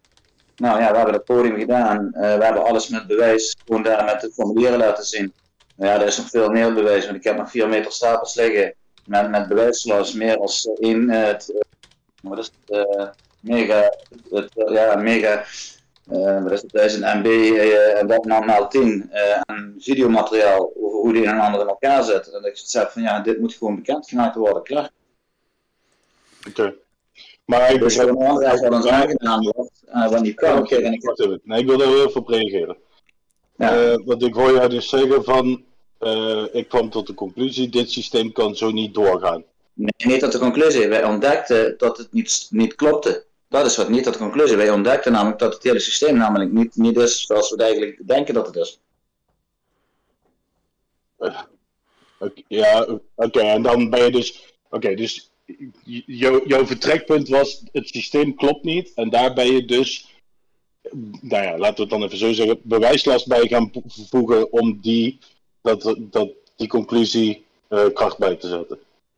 Uh, niet de conclusie, maar om de bewijslast zoals het werkelijk het systeem loopt, maar waardoor kan ik de bewijs leveren, is dat er mensen zijn die bankiers zijn, notarissen zijn, advocaten zijn, mij samen met ons team namelijk uh, uitgenodigd hebben. Die hebben ons alle in- en outs laten zien, die hebben ons het hele systeem laten zien hoe het in elkaar zit. Ja, er zijn ook verschillende mensen die zijn op dat moment, uh, ja, moeten gaan verhuizen naar het buitenland En die zeiden gewoon van ja, maar dit kan gewoon niet. Vervolgens is gebeurd, is dat wij dus gebeld zijn geworden. Ja, en uh, internationaal met Postmaster General samen in het werken zijn, waarmee wij dus ook de, de titel uh, hebben gekregen, waarmee we dus internationaal bezig zijn. Ja, en er gebeurt van het een, gebeurt het ander, maar daar kan ik verder niet over in details treden, dus daar gaat nog het een en ander gebeuren binnenkort. Uh, van documenten die wij gelegaliseerd hebben en uh, bezorgd hebben bij Mr. President Donald J. Trump, die nog steeds bevelvoerder is, wat de meesten denken dat het steeds Biden is, wat helemaal niet doet. En op dus basis van wat denk je dat? Ik uh, denk dat niet. Er is uh, niet iets van wat jullie nee, zeggen. Welke documenten heb jij om dat aan te tonen?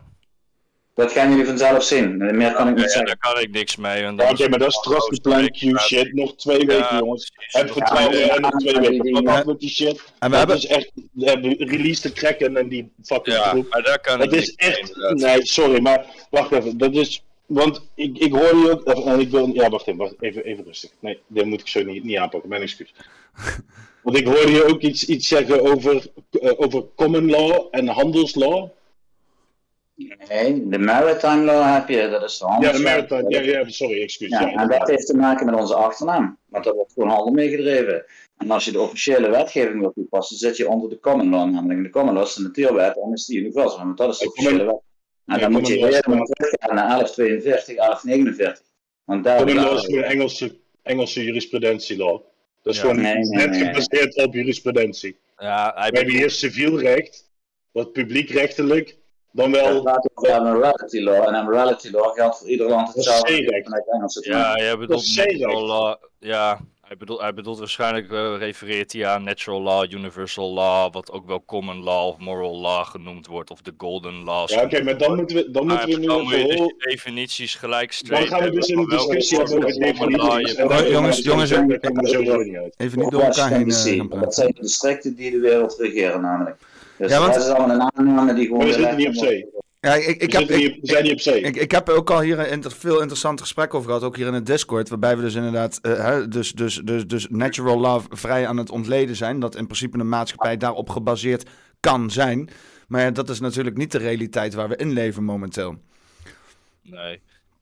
En ik weet ook niet op waar je het baseert dat jouw achternamen gebruikt worden om handel te drijven. Ja, het is zo dat de staat maakt... Ja, mag ik praten alsjeblieft? Oké. Dat zijn allemaal mensen die voor de overheid werken. Die, die ja, dat is allemaal leuk. Dat is allemaal leuk. Maar ik zal je even uitleggen hoe het wel werkt en waar jullie misconceptie dan is. Want ik heb het ook allemaal meegekregen, dat soeverein gehouden. En dat is ja, kom, laten we het wel even, even staat, nee, ik ga gewoon Ja, maar laten we het wel civiel houden. Ik ben het ermee eens dat we het er niet mee eens zijn. Nee, ik kan je gewoon uitleggen hoe een staat ja, schuld maakt.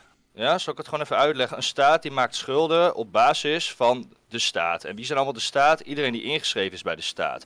Dus jij, ik, iedereen die een BSN-nummer heeft, staat garant voor die staatsschuld. En aan de hand daarvan kan een staat geld lenen op wat verwacht wordt, wat een mens kan produceren in zijn leven. En dat is hoe het werkt. En dat is hoe een staat geld kan lenen op basis van de grond die hij heeft, de citizens, dus de mensen die daar wonen, die ze hebben, die een bepaalde productiewaarde hebben in hun levensspannen. En op basis daarvan kan een staat schuld maken. En dat heeft niks te maken met het verhandelen van uh, geboorteactes en dergelijke. En als dat wel zo is, dan zou ik daar heel graag één bewijs van willen zien. Want ik heb hier al met heel veel soeverein mensen over gepraat. En niemand kan dit aantonen. Dus het blijft speculatieve ja, speculatie in de lucht, in het luchtledige. ik moet heel eerlijk, als ik hier een kleine toevoeging aan ma maken, want dat is ook wat we net zeiden, uh, met inderdaad van het, de informatie gaat komen. Dat is wel een beetje een meme geworden in de hele poppenkast gebeuren bijna. Uh, omdat er al een hele tijd, eigenlijk al sinds 2016 met de hele Trump-opkomst, onze soort worst wordt voorgehouden dat er allerlei revolutionaire zaken staan te gebeuren. En ondertussen zitten we met z'n allen maar te wachten op zogenaamde dingen die gaan gebeuren. Dus wij zijn daar, en ik ook zelf, wel een beetje allergisch voor geworden inmiddels. En um, ja, ik had ook wel een beetje gehoopt van de podcast dat er gewoon echt concrete voorbeelden kwamen. Want de dingen, dingen waar je mee kwam was best nog wel ja, was niet zo heel concreet. Hè? waren inderdaad een paar verwijzingen met, met uh, uh, dan, uh, een soort van bewijsstukken van, van zaken die in principe gewoon goed te verklaren zijn. Hè? Dat rechtbanken een KVK-nummer zijn of dat ze bijvoorbeeld vernieuwde KVK's aan hebben gevraagd. Omdat er dan bepaalde... Ja, dat, dat kan je ook verklaren doordat er gewoon allerlei wijzigingen zijn geweest. Um, ja, en, en om dat dan zeg maar te presenteren als iets wat dan echt verandering gaat inbrengen, dat vind ik vond ik zelf een beetje, beetje te veel, zeg maar. Snap je? dat, is, dat is ook waarom ik net vroeg van wat was de aanleiding precies van het gesprek. Omdat het inderdaad, er zat geen structuur in. Er was, er, er was geen kop, er was geen body, er was geen staart. He, er was niet één onderwerp waar het over ging. Het was een. En uh, ik moet je wel uh, complimenteren om je spreekskills. Want je bent ontzettend goed in het, ja, in het, in het, in het praten dingen over waar je ongetwijfeld over gepassioneerd bent. En ik, kijk, ik heb het ook in de chat gezegd. Ik kan het 100% met je oneens zijn, maar ik sta naast je om jouw hè, vrijheid uh, je vrij te uiten. Uh, daar heb ik, en maar als we dan vervolgens wel die discussie aan kunnen gaan, dan vind ik dan weer wel, wel prettig. Maar het was wel heel lastig om het te volgen, omdat het echt, het ging over alles en niets. En dat was een beetje van, als, je nou, als we nou één onderwerp hadden gehad, waar je dus twee uur lang hè, echt over dat onderwerp kon hebben. Maar ik, ja, het ging van inschrijven van, van rechtbanken naar de, van in de KVK naar, naar, naar transgender, naar uh, genderloosheid, naar, naar uh, het ging echt alle kanten op. en dat over dat intersex verhaal, daar wil ik ook nog wel, heb ik ook nog wel een antwoord op, want dat klopt ook helemaal niet. Maar even dat tezijde. Dat maakt dit gesprek vervolgens ook zo moeilijk. Want we gaan het meteen nu al in de eerste tien minuten hebben we het over definities. Hè, waar hebben we het over? Hebben we het nou over dat recht, over dit recht, over zusrecht? En dat maakt eigenlijk dit hele, hele gesprek ja, ontzettend lastig. Ja, want, want ik, ik had zelf ook wel tijdens het, het, het gesprek, dat ik en ook aan het eind, en ik heb die podcast voor het eerst heb ik dan helemaal teruggekeken, dat ik denk van, wat, we hebben er nou eigenlijk allemaal over gehad? Dat ik denk van, ja, er zijn zoveel dingen aangehaald, daar kan je al op zichzelf staand al uren over praten. Dus, dus ik, ik heb het idee dat we zeg maar heel veel hebben behandeld en daardoor eigenlijk bijna niks. Snap je dat, Erik? Ja, maar daar heb ik ook gezegd tegen jou. Kijk, geloof niet wat wij zeggen. Doe zelf je onderzoek om jezelf te overtuigen of wij de waarheid spreken. Zo simpel is het. Maar heb, je, heb jij, uh, uh, zeg maar, want uh, bijvoorbeeld, bijvoorbeeld zo'n claim die er was dat bijvoorbeeld een, een, een, een, een want QAnon die werd er ook even bij gehaald. En ik moet heel eerlijk zeggen, ik heb een beetje moeite met QAnon, want zoals ik het zie, vanuit een, een communicatieperspectief, is dat gewoon een een, een kaping van, van, uh, uh, van uh, bepaalde bewegingen, die vervolgens dan allemaal cumuleren in een, in een, in een, in een gesprek, wat dan eigenlijk voor politieke doeleinden de hele tijd in wordt gezet. QAnon. Hè? Want je ziet ook dat dat voor Donald Trump helemaal goed werkt en zo. Dat heb ik al vanaf het begin af aan. Want... QAnon is heel simpel, is Majestic 12. Zoek het maar op. Kom er vanzelf. Nou ja, ik heb er heel veel over. Ik heb de president van Amerika daar valt Majestic 12 onder. Dat is ook de DIA, Defense Intelligence Agency. Dat is de QAnon-beweging. Nou, dat is gewoon, gewoon de top van het leger van de veiligheidsdiensten. Maar heb, je, heb je niet... Je, geloof niet wat ik zeg. Ga zelf op onderzoek uit. Ga je zelf overtuigen of ik de waarheid Nou, nou ja, ik, ik, heb, ik, heb er al wat, ik heb er al wel wat eh, onderzoek in zitten. Ik ben er al, wat ik zeg, sinds 2016 mee bezig. En uh, ik heb toch wel voor mezelf die conclusie getrokken van ja, die hele QAnon gebeuren is gewoon, uh, uh, is gewoon een, een politiek middel om, om, om mensen te verzamelen. En ze vooral inderdaad niet effectief in te kunnen zetten. Maar mensen zijn alleen maar bezig met heel veel emotionele zaken uh, over hele obscure onderwerpen die, die nauwelijks aan te tonen zijn. QAnon digitaal soldiers of heb je QAnon met Amerikaanse militaire pakjes aan waar US Army op staat? Nee, Welke organisatie gewoon, heb je Gewoon het hele QAnon gesprek. Gewoon alles wat er online over te ja, vinden is. Ja, dan moet je bij DEA zijn in Amerika. Dat is QAnon. Sorry, wat?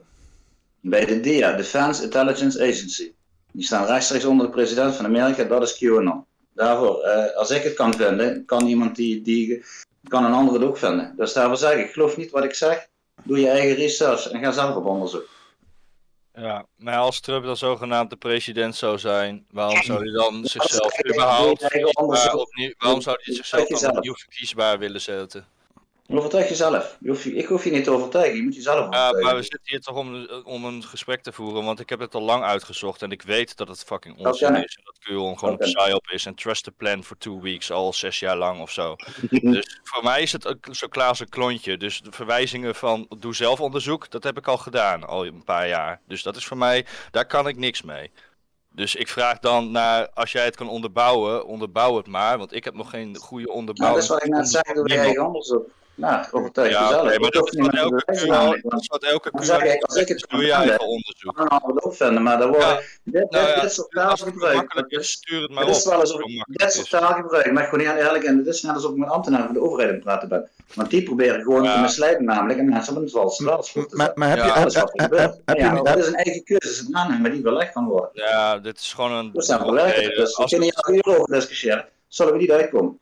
Maar wij, hoeven, wij hoeven een claim niet te weerleggen. Hè? Jij moet het in principe bewijzen als je het claimt. Ik hoef niks te bewijzen. Ik heb daar bewijzen neergelegd. Het is een aanname wat jullie zeggen, het is niet onderbouwd. Nou ja, goed, dan moet je zelf je eigen onderzoek doen. Ja, en dan, denk ik, dan ga je naar Jan of Jannex.com, kun je alles vinden. Als ik het kan vinden, kun jij het ook vinden. Ja, en ik heb het gevonden en toen heb ik vastgesteld dat het onzin was. dus ik heb nog geen bewijs gezien. En dan moet ik gewoon beter onderzoek doen en beter blijven onderzoeken.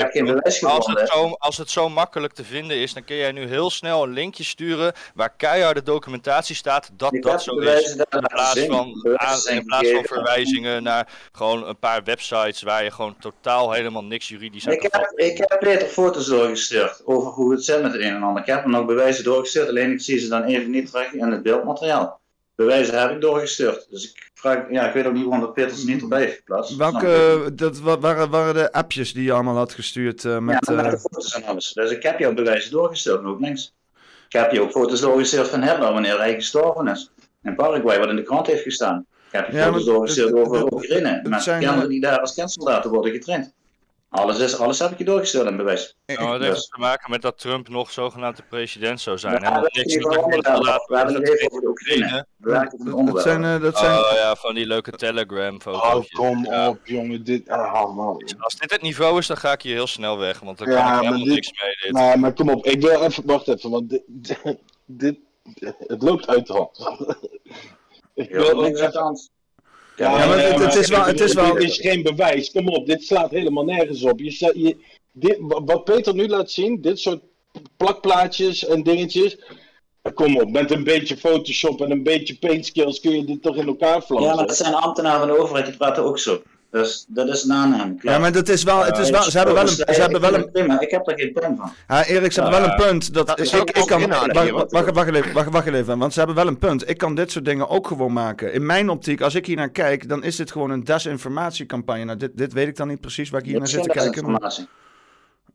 Ja, desinformatie. Het is gewoon memes. Het is gewoon, ik bedoel, dit is gewoon misschien wel gewoon. ja, dit is Trust the Plan, is dit. ik heb het ook de lijst van Staat van Nederland. De mensen kunnen in die lijst kijken, kunnen gewoon erop klikken, krijgen alle bedrijven boven water. Als dat desinformatie is, nou ja, dan denk ik toch dat jullie je huiswerk heel slecht gedaan hebben. Nee, maar nou, ja, nee, nee, sterker nog, nee, dat klopt. Ik heb mijn huiswerk helemaal niet gedaan. Sterker nog, ik ben nu net een half uur of twee uur geleden geïntroduceerd tot, tot jou. Ik heb jouw verhaal gehoord. En uit jouw verhaal dat jij hebt gevoerd, kan ik concluderen dat er geen touw aan vast te knopen is. Helemaal nog niet geen begin of er geen einde aan zit. Wat ook maar iets van bespreekbaar is. En als ik dan vervolgens vraag van zou je dat kunnen toelichten en je, en je zegt van er is bewijs, want ambtenaren praten ook zo en je komt met dit soort meme shit aanzetten. Sorry man, nee maar sorry. Mag even. Ja, want uh, uh, voordat het inderdaad heel erg persoonlijk wordt allemaal. Uh, want nogmaals, weet je wel. Ja, sorry, dus, nee, nee, nee, nee, maar het is, het is niet alleen, het ligt, ligt niet alleen aan jou hoor. Het is, het is gewoon een heel heet hangijzer. En heel veel, heel veel van dit soort onderwerpen, net zoals bijvoorbeeld de hele flat earth discussie en allerlei andere dingen die gewoon letterlijk onze realiteit op de proef stellen, um, um, uh, lopen inderdaad gewoon ook vaak op heel hoog in emoties. Maar ook omdat het, omdat het uh, we willen allemaal heel graag dat dit soort dingen ja. aan het licht komen. Als jij, we willen als heel jij graag... het lef hebt om te zeggen dat je tegen een, tegen een een, een deurwaarder een burgerarrest moet uit gaan voeren wanneer hij met een dagvaarding voor zijn deur staat. Je had het ook over zoiets van een dagvaarding in je brievenbus. Ja, dan wordt verstandig overgedragen. Dus dat is niet waar. Met deze commentaar te geven, dan stap ik gewoon uit deze podcast. Echt, iedereen die hier nou naar luistert, alsjeblieft, geen burgerarrest. En als er een deurwaarder voor je deur staat, betaal alsjeblieft. Hè? En als de, als de Belastingdienst geld van je wil, ja, betaal alsjeblieft. En ga niet op basis van dit verhaal nu in één keer zeggen dat jij in één keer een soeverein mens bent. En dat jij lang leven al, binnen hij de is al weg, Strijk. Ja, kom op, man. Hij Dit is kent niet... dit, dit al niet. Jongen, dit is gewoon... Sorry, maar dit is echt het niveau lager dan laag. Er is niet geen enkele juridische basis wat hij ook maar kan geven of niks niet. Ik ben nog niet eens begonnen. Dit is... Ja, echt even serieus. Als Ja, dit niet. niveau is van een van de... Ja, nou goed, met alle respect. Maar dit is... Ja, Maar waarom is hij nou weg dan? Ja omdat hij het niet kan hebben blijkbaar. Want je moet beter onderzoek doen, maat. Terwijl ik dat al jaren gedaan heb. En dan probeer je een discussie aan te gaan. Maar dat is altijd. Ik heb nog geen enkele juridische onderbouwing gehoord voor niks niet. En ja. Echt, ik kan hier nog drie uur over doorgaan wat er niet klopt. Maar het lijkt me vrij zinloos eh, als die mensen zelf niet eens in staat zijn om ook maar degelijk gesprek op niveau te gaan voeren. Want dan is het gewoon een kansloze bedoeling. En dat, wat ik nog wel even wil toevoegen is over Oekraïne. Ja, want er zijn kindersoldaten die worden opgeleid in Oekraïne. Met alle, ja, even serieus. Ik, ik ken mensen uit Oekraïne die al naartoe gevlucht zijn naar Nederland in 2012, ja. En het is al, voor mij dus, al meer dan tien jaar bekend dat daar kindersoldaten worden opgeleid. En dat is dus nog voor de Trump-tijd. Dus dat het iets dan gerelateerd zou moeten zijn aan Trump, die dan president nog steeds is van Amerika en opperbevelhebber of zo, wat het dan gerelateerd is aan eh, kindersoldaten in de Oekraïne die daar al als meer dan tien jaar worden opgeleid, is mij ook een raadsel. Ja, maar ja, gewoon bizar laag niveau. Naar mijn optiek. Ja, oké, maar ik vind het niet leuk dat hij nou weg is. Nee. Dat vind ik gewoon voor de show ook niet leuk. Ik bedoel, en hij, ik bedoel, ja, ik kan me niet anders voorstellen dat, nou ja, ja, nou ja. Misschien wilde hij wel weer terugkomen. Ja, alsjeblieft. Hey, als hij terug wil komen en ik, en ik moet het op een andere manier aanpakken, dan wil ik dat ook doen. hè. Ik vind dat Eh, prima, hè. ik, Want ik, ik, ik vind wel dat hij eh, behoorlijk aangevallen wordt, terecht of onterecht. Ja, het is wel misschien een beetje veel, dat snap ik ook wel. Ja, ik, ik wou ook wel, ja, ik wou iets, iets, iets rustiger. Ja, veel. Ik bedoel, we zijn met z'n tweeën. Ja, we zijn ja. om de beurt gewoon een verhaal, ons verhaal aan het doen. Ja. Ja, maar je merkt toch ook, het enige wat hij wil doen is onderbreken. Omdat hij niet kan Nou ja, luisteren. dat, dat viel mij wel op. En dan moet ik wel, Peter, dan moet ik je wel. Je mag af en toe wel een keer gewoon ook je kloot op tafel leggen. En zeggen van ja, wacht even, nee, je hebt net een claim gemaakt. Hè? Even, hier wil ik het even over hebben. Nu snap ik dat je overrompeld wordt en hè, dat je zoiets hebt van. Ja, kijk, hoe, hoe, die, hoe die podcast was gegaan, was ik zelf ook erg ontevreden over. Daarom doe ik het ook op deze manier uitzenden. Ik had ook veel kritischer willen zijn in het moment, maar ik had letterlijk gewoon geen idee waar het Ja. over ging. Nee, ik snap Dus- dat. En dat is ook mon- Monday, Monday morning quarterbacking, hè, wat wij nou doen. Hè. We hebben het net gezien. En als je in zo'n discussie zit en als je in zo'n gesprek zit, hè, je, hè, dat is altijd. Hè, als je thuis komt na een, eh, een, met bekvechten met iemand, dan denk je van, oh, nee, ik had dat moeten zeggen. Dan, had ik hem, hè, dan was die uit. Ja, maar het, het hele, het, he- mijn, mijn- de hele podcast is, niet te- is helemaal niet mijn bedoeling om, om inderdaad te backvechten of om... Nee, nee, Kijk, nee, dat het, is, Nee, ik, wil gewoon gesprek hebben met mensen, maar dit is de eerste keer dat ik een gesprek had en dat ik echt een beetje zure nasmaak had. Dat ik denk van ja, dit, ik, want ik sta er eigenlijk ook niet achter... ehm, om, eh, Ja. Kijk, kijk ik, ik, ik ben geen fan van de rechtsstraat. Hè? Gewoon sowieso niet. Of het legitiem is of niet, ik ben er geen fan van. Dus, eh, dus, dus daar, daar, daar zijn we het ook gewoon over eens. En ik vind de strijd van heel veel mensen vind ik hartstikke mooi. Dat ze iets willen doen aan dit verrotte kutsysteem. Maar ik heb het idee dat eh, sommige dingen gewoon inderdaad echt een afleiding zijn. Hè? Om, om inderdaad mensen maar in een dode hoek te sturen. En ik vind dat dit daar één van is. En ik, ik wil dit niet... ehm, Kijk, ik wil die gasten niet. Ik wil, ik wil Erik niet afvallen. Hè? Ik, wil, ik wil ook Jan en Peter niet afvallen. Uh, uh, maar uh, dit, dit heeft gewoon. ja, ik weet niet. Dit ja, heeft alle signalen van een, van een desinformatiecampagne. En daar ben ik juist op tegen, weet je wel. Ik wil juist. juist geen desinformatie uh, verder rond doen. Daarom blijf ik ook van sommige dingen in de buurt, zoals inderdaad zaken bewijzen en, en dat soort dingen. Weet je wel, ik wil gewoon een interessant gesprek hebben. Maar in die podcast ging het al heel snel gewoon allerlei, allerlei kanten op. En ik, ik was daar gewoon een beetje de controle in verloren. Maar desalniettemin, ondanks dat ik er, er ontevreden over was, vond ik wel dat het uitgezonden moest worden. Want het is wel iets wat leeft als een motherfucker. Heel veel mensen zijn hier mee bezig. Die, die, die, die, die, die, die, die, die, ja, die nemen die informatie tot zich op. En nogmaals, weet je, het is ook iets wat. Kijk, het is voor, voor 80% is het, is het ook zeker een vorm van waarheid. Maar er zitten tussendoor dan elke keer die conclusies op bepaalde zaken waar ik gewoon denk van ja, nee, dit is. Dit is ja, maar dat is de beste leugen, hè? Waarvan je voor, voor 25 tot 50 procent oh, zegt. Ik word even ja, gebeld, Maar in die laatste 50% ga je het schip in. En als jij tegen een, een deur. Ja, ik kan je zeggen, als jij tegen een deurwaarder zegt: ik pleeg nou een burgerarrest. En jij belt vervolgens de politie op, want hè, als jij een burgerarrest uitvoert, moet je iemand onverwijld overdragen naar een opsporingsambtenaar. En jij, belt de, uh, weet het, de meldcentrale, of de, de centrale, politiecentrale, dat jij een deurwaarder hebt aangehouden. Nou, ja, ik denk, ik denk dat je daar iemand aan de telefoon krijgt met een bek van tanden. Die, weet niet, die stuurt jou direct door naar de, naar de, naar de, naar de, uh, GGZ. En uiteindelijk, eh, uiteindelijk, je, uiteindelijk moet als, als, ja, dat, dat, ik denk dat, dat, dat mij dat vooral een beetje triggerde. Omdat dit, dit, soort, dit soort dingen kunnen mensen echt in de problemen, in de problemen helpen. En dat kan vanuit een heel erg hoog rechtvaardigheidsgevoel kan, dat, kan dat zijn. En daar heb ik alle respect voor, maar ik, ik zou het ontzettend um, um, rot vinden als mensen naar aanleiding van dit verhaal, wat verdedigd wordt met een simpele doe meer onderzoek bro, uh, ja, dat je daardoor in de, ja, in de problemen komt, zou ik, uh, en ik had er iets, een woordje tegen kunnen hebben, en ik zou dat niet hebben gedaan, dan zou ik dat heel jammer vinden. Dus bij deze heb ik dat dan wel gedaan. ik vind het jammer dat Erik dan. Ik, ik, ben heel even, heel even bezig om, om, om Jan erin te krijgen, jongens. Die, die ook op de achtergrond terug te komen. Of... Ja, nee, uh, doe jij even je zegje uh, frontline. Hm. ja, over het gesprek. Ja. Ja, ik vind wel dat, het een, dat hij veel wordt aangevallen, maar het is dan ook een 2 tegen 1 gesprek.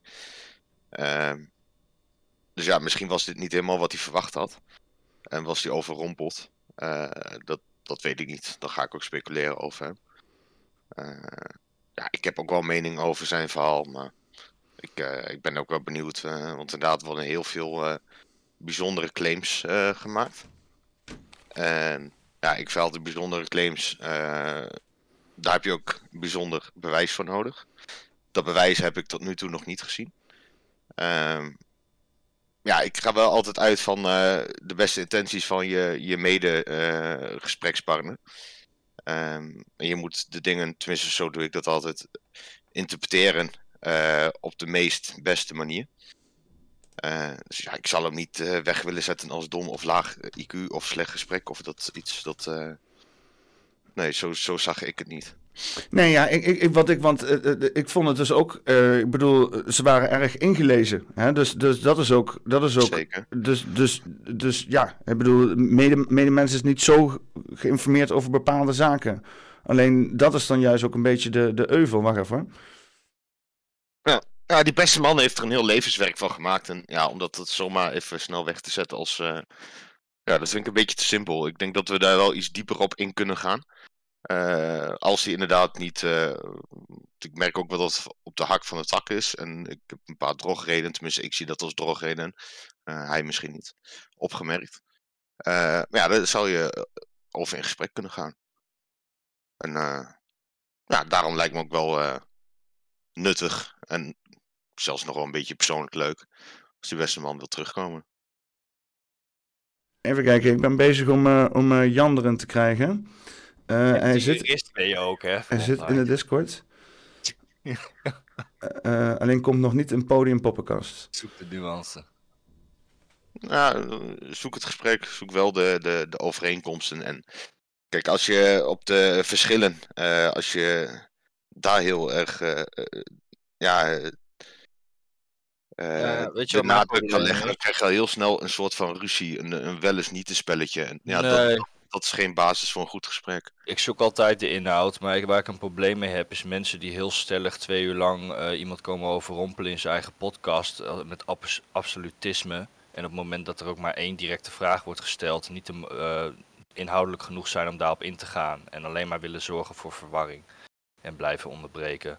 En daar kan ik gewoon niet zoveel mee. En daar geef ik inderdaad aanstoot aan. Daar heb ik gewoon niks mee. Dat soort nee, mensen zijn zonde van je tijd, in mijn, naar mijn mening. Maar goed, misschien ben ik daar dan weer zelf de absolutist in.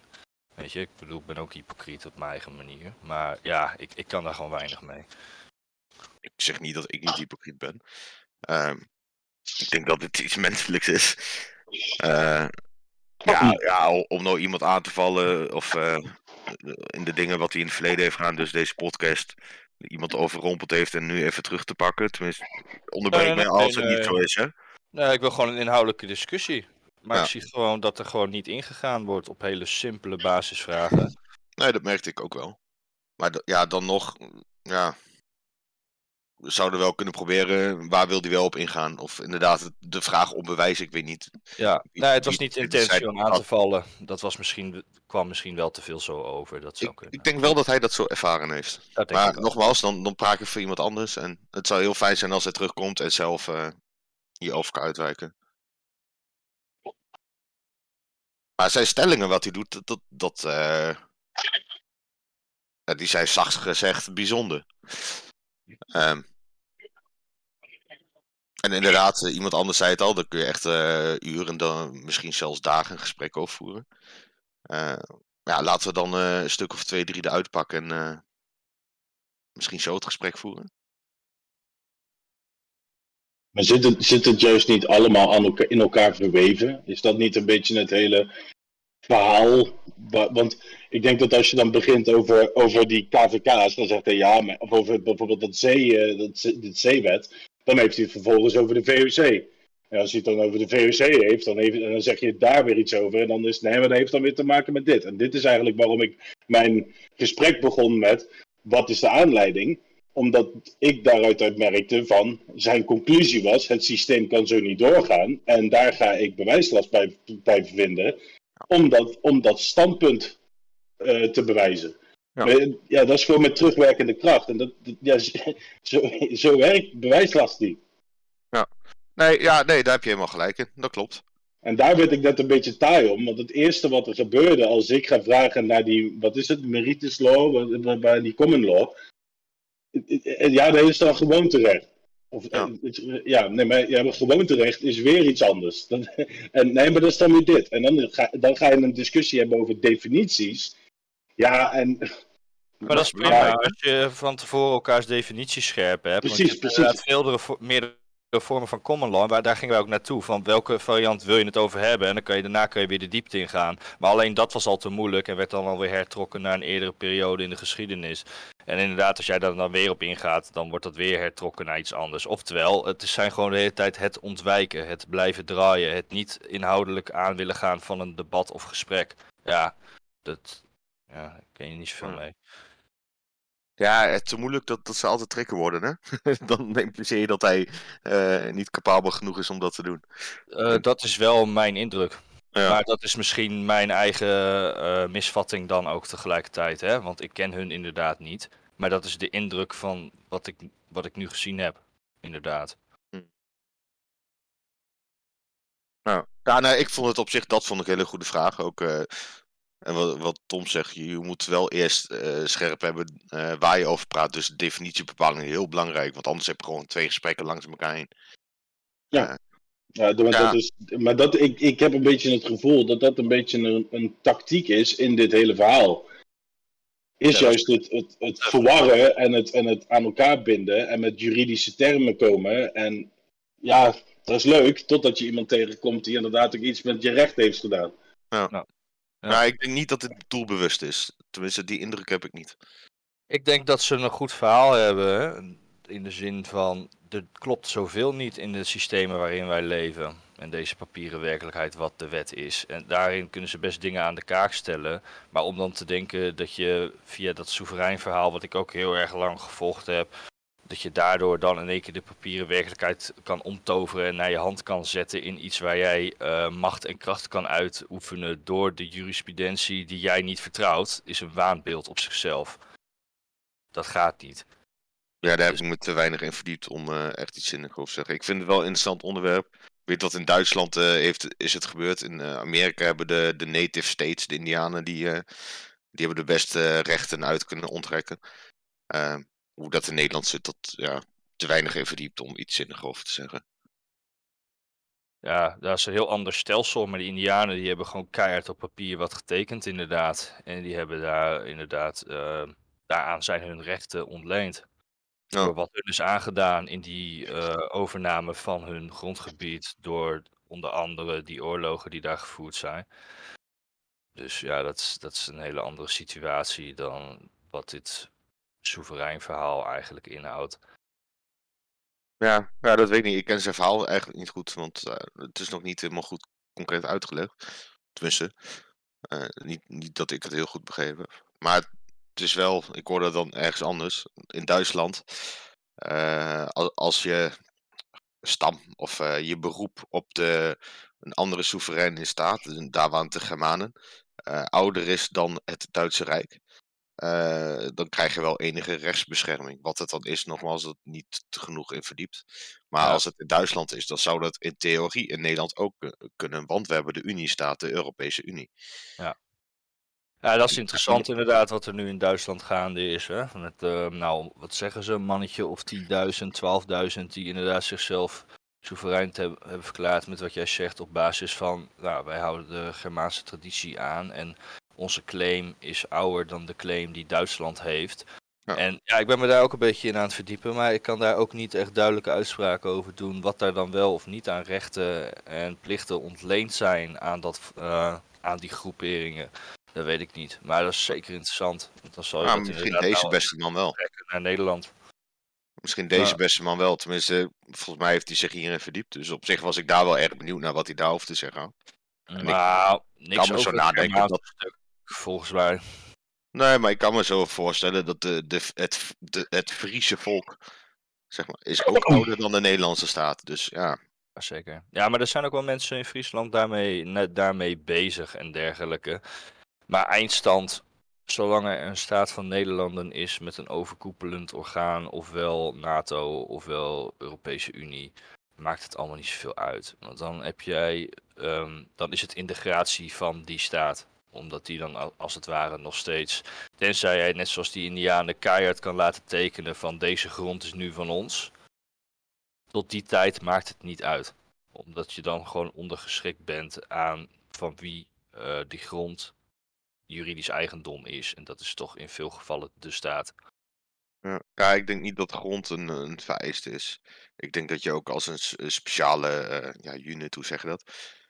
Uh, een speciale statushouder uh, zou kunnen voorbewegen op Nederlands grond. Ik denk niet dat dat echt het grote ding is. Het, het is meer wel, en dat wil eigenlijk volgens mij iedereen, uh, niet onderdanig zijn aan de staat. Volgens mij is dat een beetje het doel zoals ik het tot nu toe begrepen heb. Dus geen belastingen betalen, uh, niet verplicht zijn om opgeroepen te worden in het leger, dat soort dingen. Volgens ja. mij is dat een beetje het doel. Ja, maar dat, dat, dat op zich. Dat Daar heb je geen grond voor nodig. Ja, maar... Wel hele andere claims dan te zeggen dat de staat in Nederlanden niet, recht, nietig is. Ja. Er zijn wel hele andere claims. Maar dat kan. Kijk, je kan in nou, soevereiniteit jezelf ontdoen van bestuursrecht. Dat kan. Maar je bent altijd ondergeschikt aan het strafrecht. En daarin, als de staat van jou af wil als soeverein zijnde, dan ben jij als individu, als soeverein, dus als staand zijnde, als nog steeds op grondgebied van een staat. Dus als de staat in Nederlanden dan tegen jou als staat, als individu zegt je moet optieven, dan pleuren ze je gewoon het land uit. Dus zo werkt het. Dus je kan je wel losmaken van het bestuursrecht, Maar het is al vaker gebleken dat soevereine mensen die hun mond net te groot opentrekken, dat hun huizen worden ontnomen. Dat ze vast worden gezet. Ja, of uh, worden verbannen uit het land. Weet je, dus het is niet even zo 1, 2, 3, ik maak mezelf soeverein en lang leven de lol of zo. Nee. Nee, precies. Dan word je gewoon als lastig uh, weggestempeld. En dan uh, de gemeente die, die heeft een pik op je. En uh, dan, dan heb je de pop aan het dansen en een vrij moeilijk leven. Dat, dat snap ik ook wel. maar ja, je bent in ieder geval geen ondergedaan meer. En volgens mij is dat voor veel mensen is het ook een... in beginsel een... ja, hoe zeg je dat? Het gevoel, weet je wel. Het, het, het, hè? het, het echt los willen maken. Een, een, een, een, ja, gevoelige kwestie. Een. Ik kom niet op het goede woord, maar mensen begrijpen misschien wat ik bedoel. Maar zijn er mensen hier in de chat die wel, wel uh, uh, het eens zijn met, uh, met het verhaal? Of in ieder geval, hè, hoe zeg ik dat? die, die de andere kant beamen. Je bedoelt met Erik? Ja, precies. Misschien dat er nou mensen in de, in de, in de chat zijn die zeggen, denken van ja, maar ik ben het daar wel mee eens, want... Okay. Ja, heel ik, veel mensen staan mute. Ik, ik, ik, heb hier uh, aan de telefoon uh, Jan, die ook op de achtergrond hoorde. Uh, en even kijken of hij er nog, of nog wat kan toevoegen eventueel. Hij, komt niet, hij is Johannes in de Discord, dus je kan hem eventueel aanspreken. Alleen hij krijgt zijn geluid niet aan. Dus ik doe het heel even zo. Mag even hoor. Jan, als het goed is, ben je hoorbaar nou. Goedenavond heren, dames allemaal. Goedenavond. Goedenavond wat, wat allemaal aan de hand is, stond. Ik hoor je opmerkingen. Naar Erik en zit me gewoon uit. Ik hoor al je opmerkingen naar uh, Erik en mij kant ook. Klinkt, klinkt heel moeilijk. Was de eerste keer dat podcast deed. Maar los daarvan, ik heb minimaal 20 jaar ervaring met juridische zaken. Ik heb 30 jaar lang achtergrond in de politiek, zoals En ik kan alleen maar zeggen, we spreken uit eigen ervaring, eigen instellingen. Ik heb bijna 30 tot 40 deurwaarders aan de deur gehad, met allerlei rechtszaken. En ik ben er tot de conclusie gekomen, alles wat wij zeggen, wat wij doen, kunnen we allemaal juridisch onderbouwen. Dat wil zeggen, letterlijk uit eigen ervaring, pas geen rechters gevraagd, pas geleden uh, deurwaarders opgebeld en gewoon gezegd: jullie zijn niet meer welkom bij mensen aan de deur, omdat jullie 30 jaar de gevangenis in kunnen. met andere woorden, het werkt zoals wij het aangeven. Kijk, en ja, wij zeggen altijd: jullie hoeven ons niet te geloven. We zeggen alleen: doe je eigen onderzoek. Dan kom je gewoon heel diep. Maar oké, maar het werkt het, het werkte tot het niet meer werkte. Hè? Want Burgerfront vecht het ook al jaren aan. En die krijgen op een gegeven moment ook gewoon invallen van politie en de staat. En je hebt een uh, Gerda, uh, Gertrude of zo. Dat was een soeverein persoon. Haar huis werd gewoon geveld. Die werd gewoon op een veiling gegooid. Dus het nou, werkt zolang het werkt. En totdat het systeem begrijpt hoe jullie opereren. En daarna werkt het niet meer. Dat is nou, hoe het wij, werkt. Wij, wij grijpen gewoon in in het systeem. Wij gebruiken hun eigen middelen.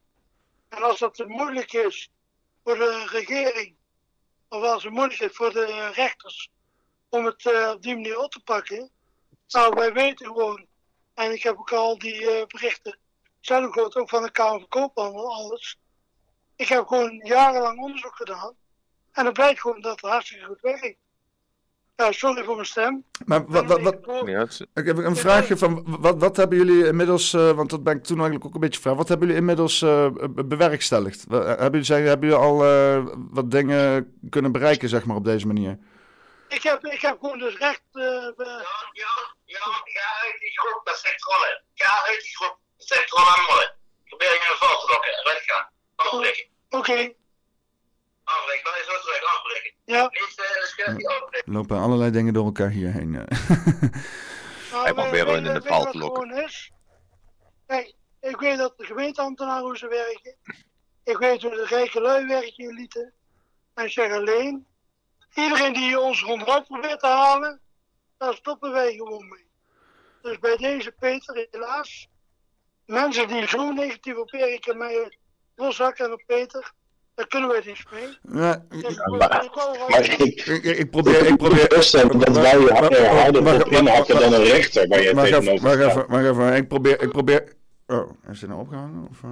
Oh nee. Ja, maar ja, dit bedoel ik dus weer. Hè. Ze kunnen ja, maar sorry, hoor, geen inhoudelijk gesprek voeren. Ja, het is gelijk een aanval. We proberen je erin te lokken. Nee, als er een groep hier is die je er niet in probeert te lokken, dan is het de poppenkast wel. hallo.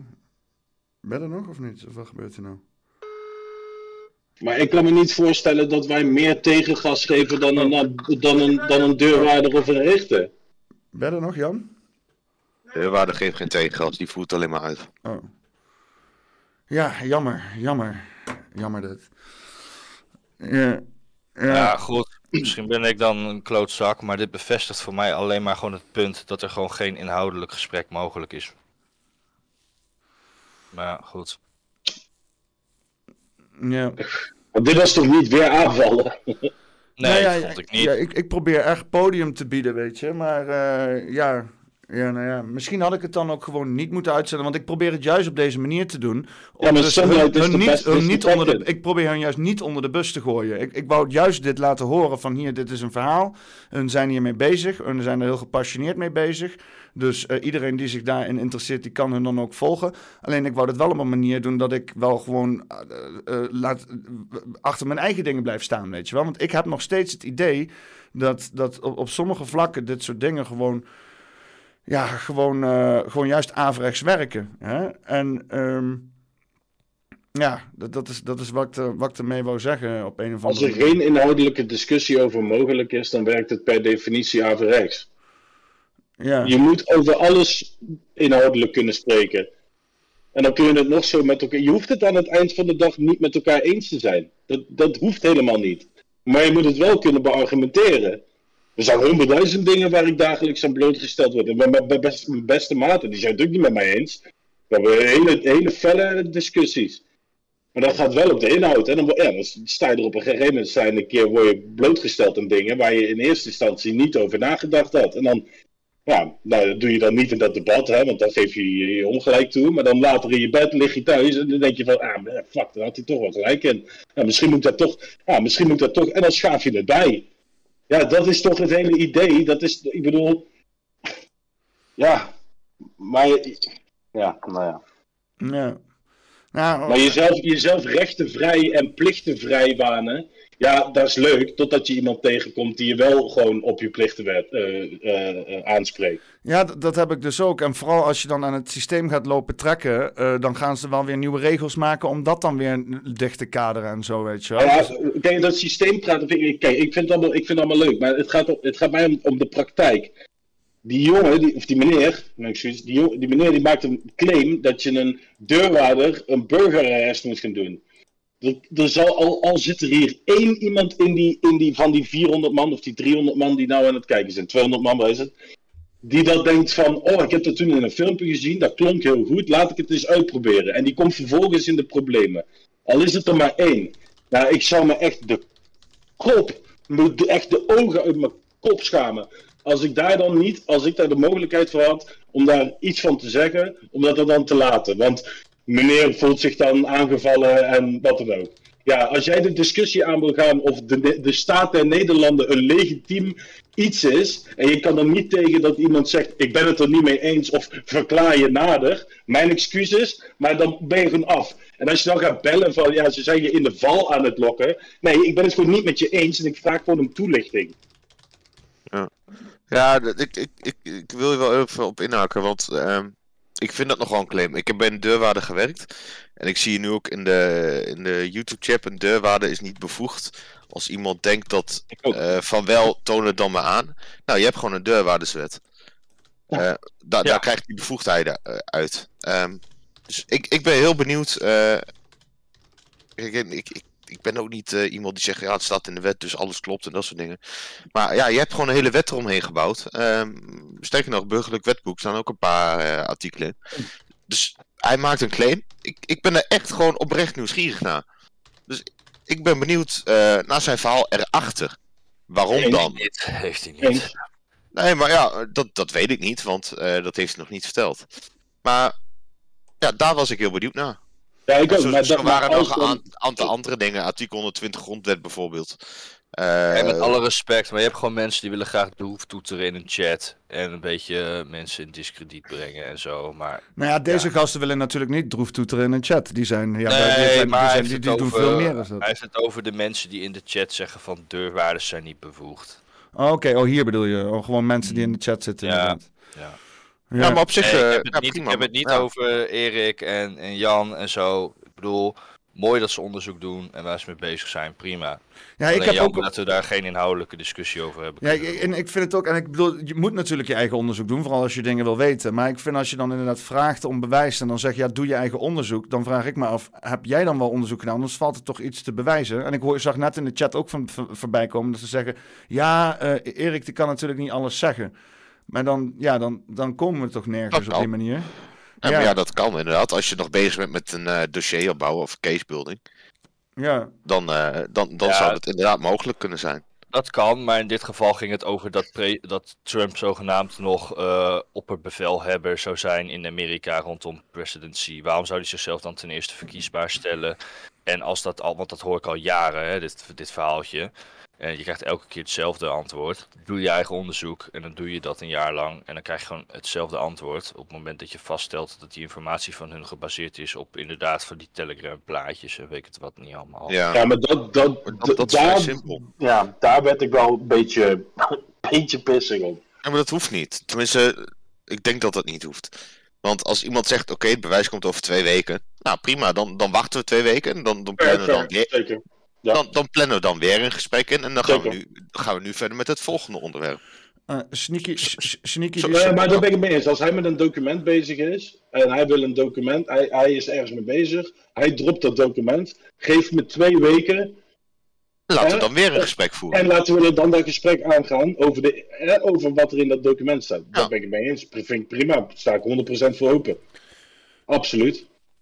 Ja, maar dat, dat nou, moet, dat moet ook. Dit, dit, dit soort... andere duizend onderwerpen nu een gesprek verder gaan voeren. Ja, dit soort dingen moeten ook eigenlijk echt document voor document opgepakt worden, zeg maar. Om gewoon echt een hele bak met documenten op tafel te gooien. Uh, dat, dat, is, dat is gewoon veel te veel. Ja, maar je hebt nog wel wat documentatie nodig als je de claim. De staat der Nederlanden is niet rechtsgeldig of nietig.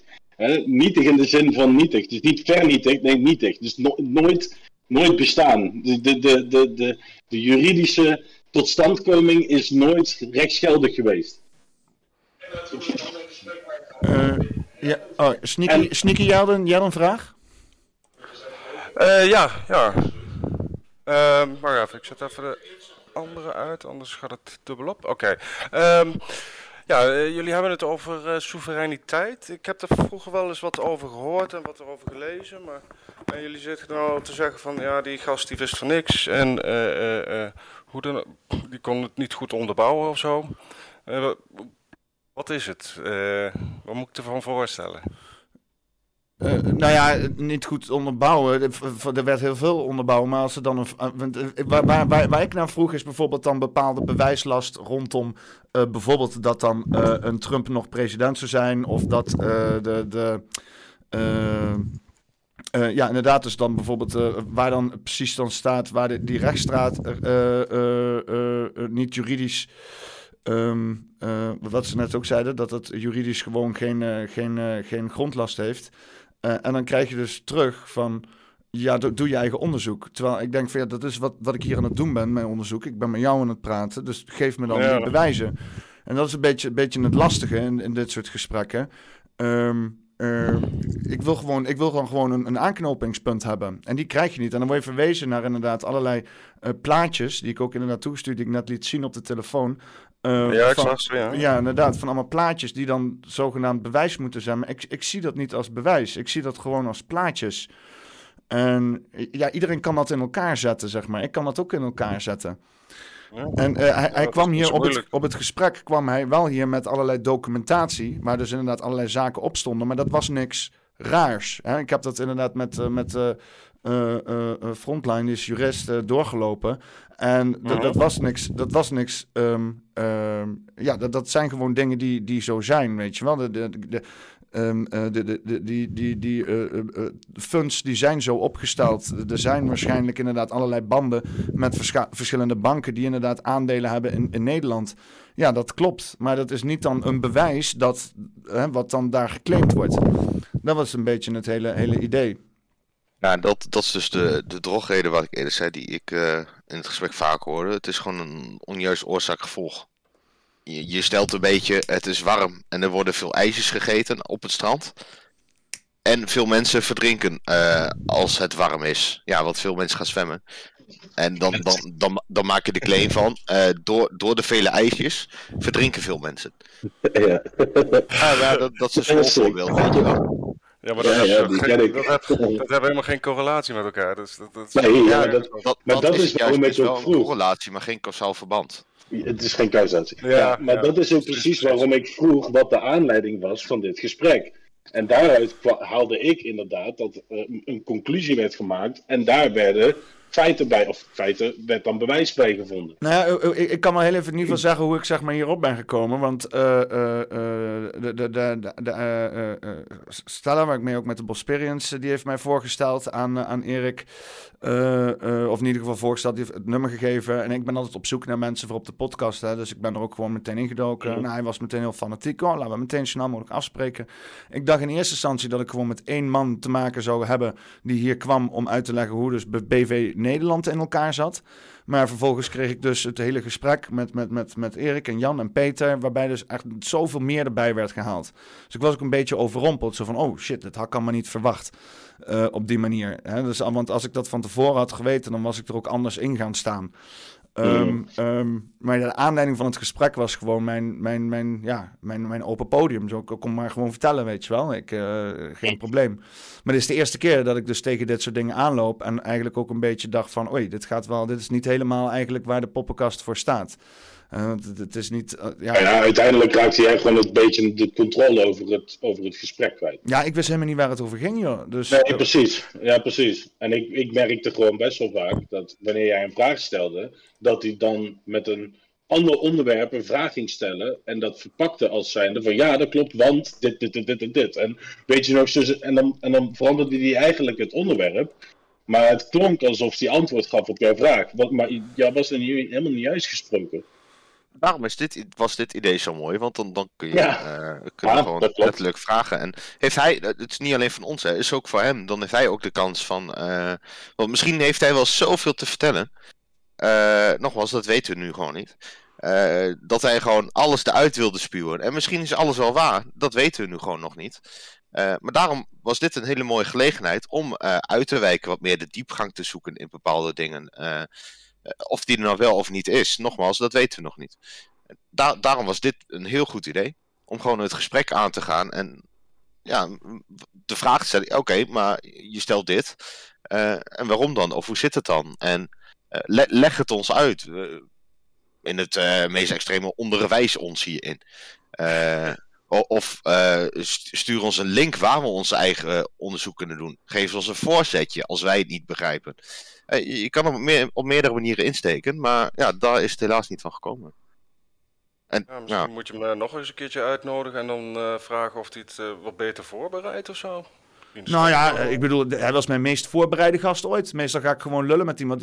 Ze kwamen binnen met aktentassen en de hele bende, allemaal papiertjes en zo. Dus het was super voorbereid.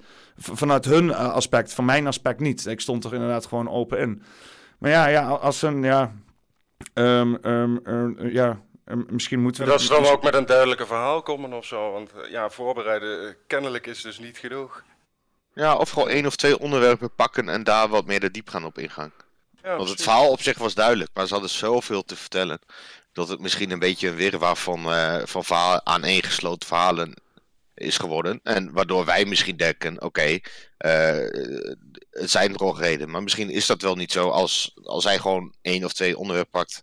En daar, uh, maar dat, dat hebben we toch net gedaan? We, we, hebben het toch net, ik vroeg toen... We, we hebben een poging net... gedaan, laat ik het zo zeggen. Het is er niet van gekomen. Nou ja, wij, wij vroegen naar wat, wat hij bedoelde dan met dat common law of met dat meritus law.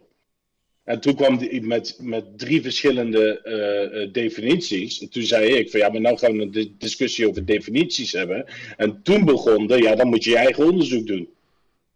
Ja. ja maar, en als dat, kijk, ik, ik, ik geloof dat best hoor, dat hij iets inhoudelijks te vertellen heeft. Als je al drie uur aan het discussiëren bent.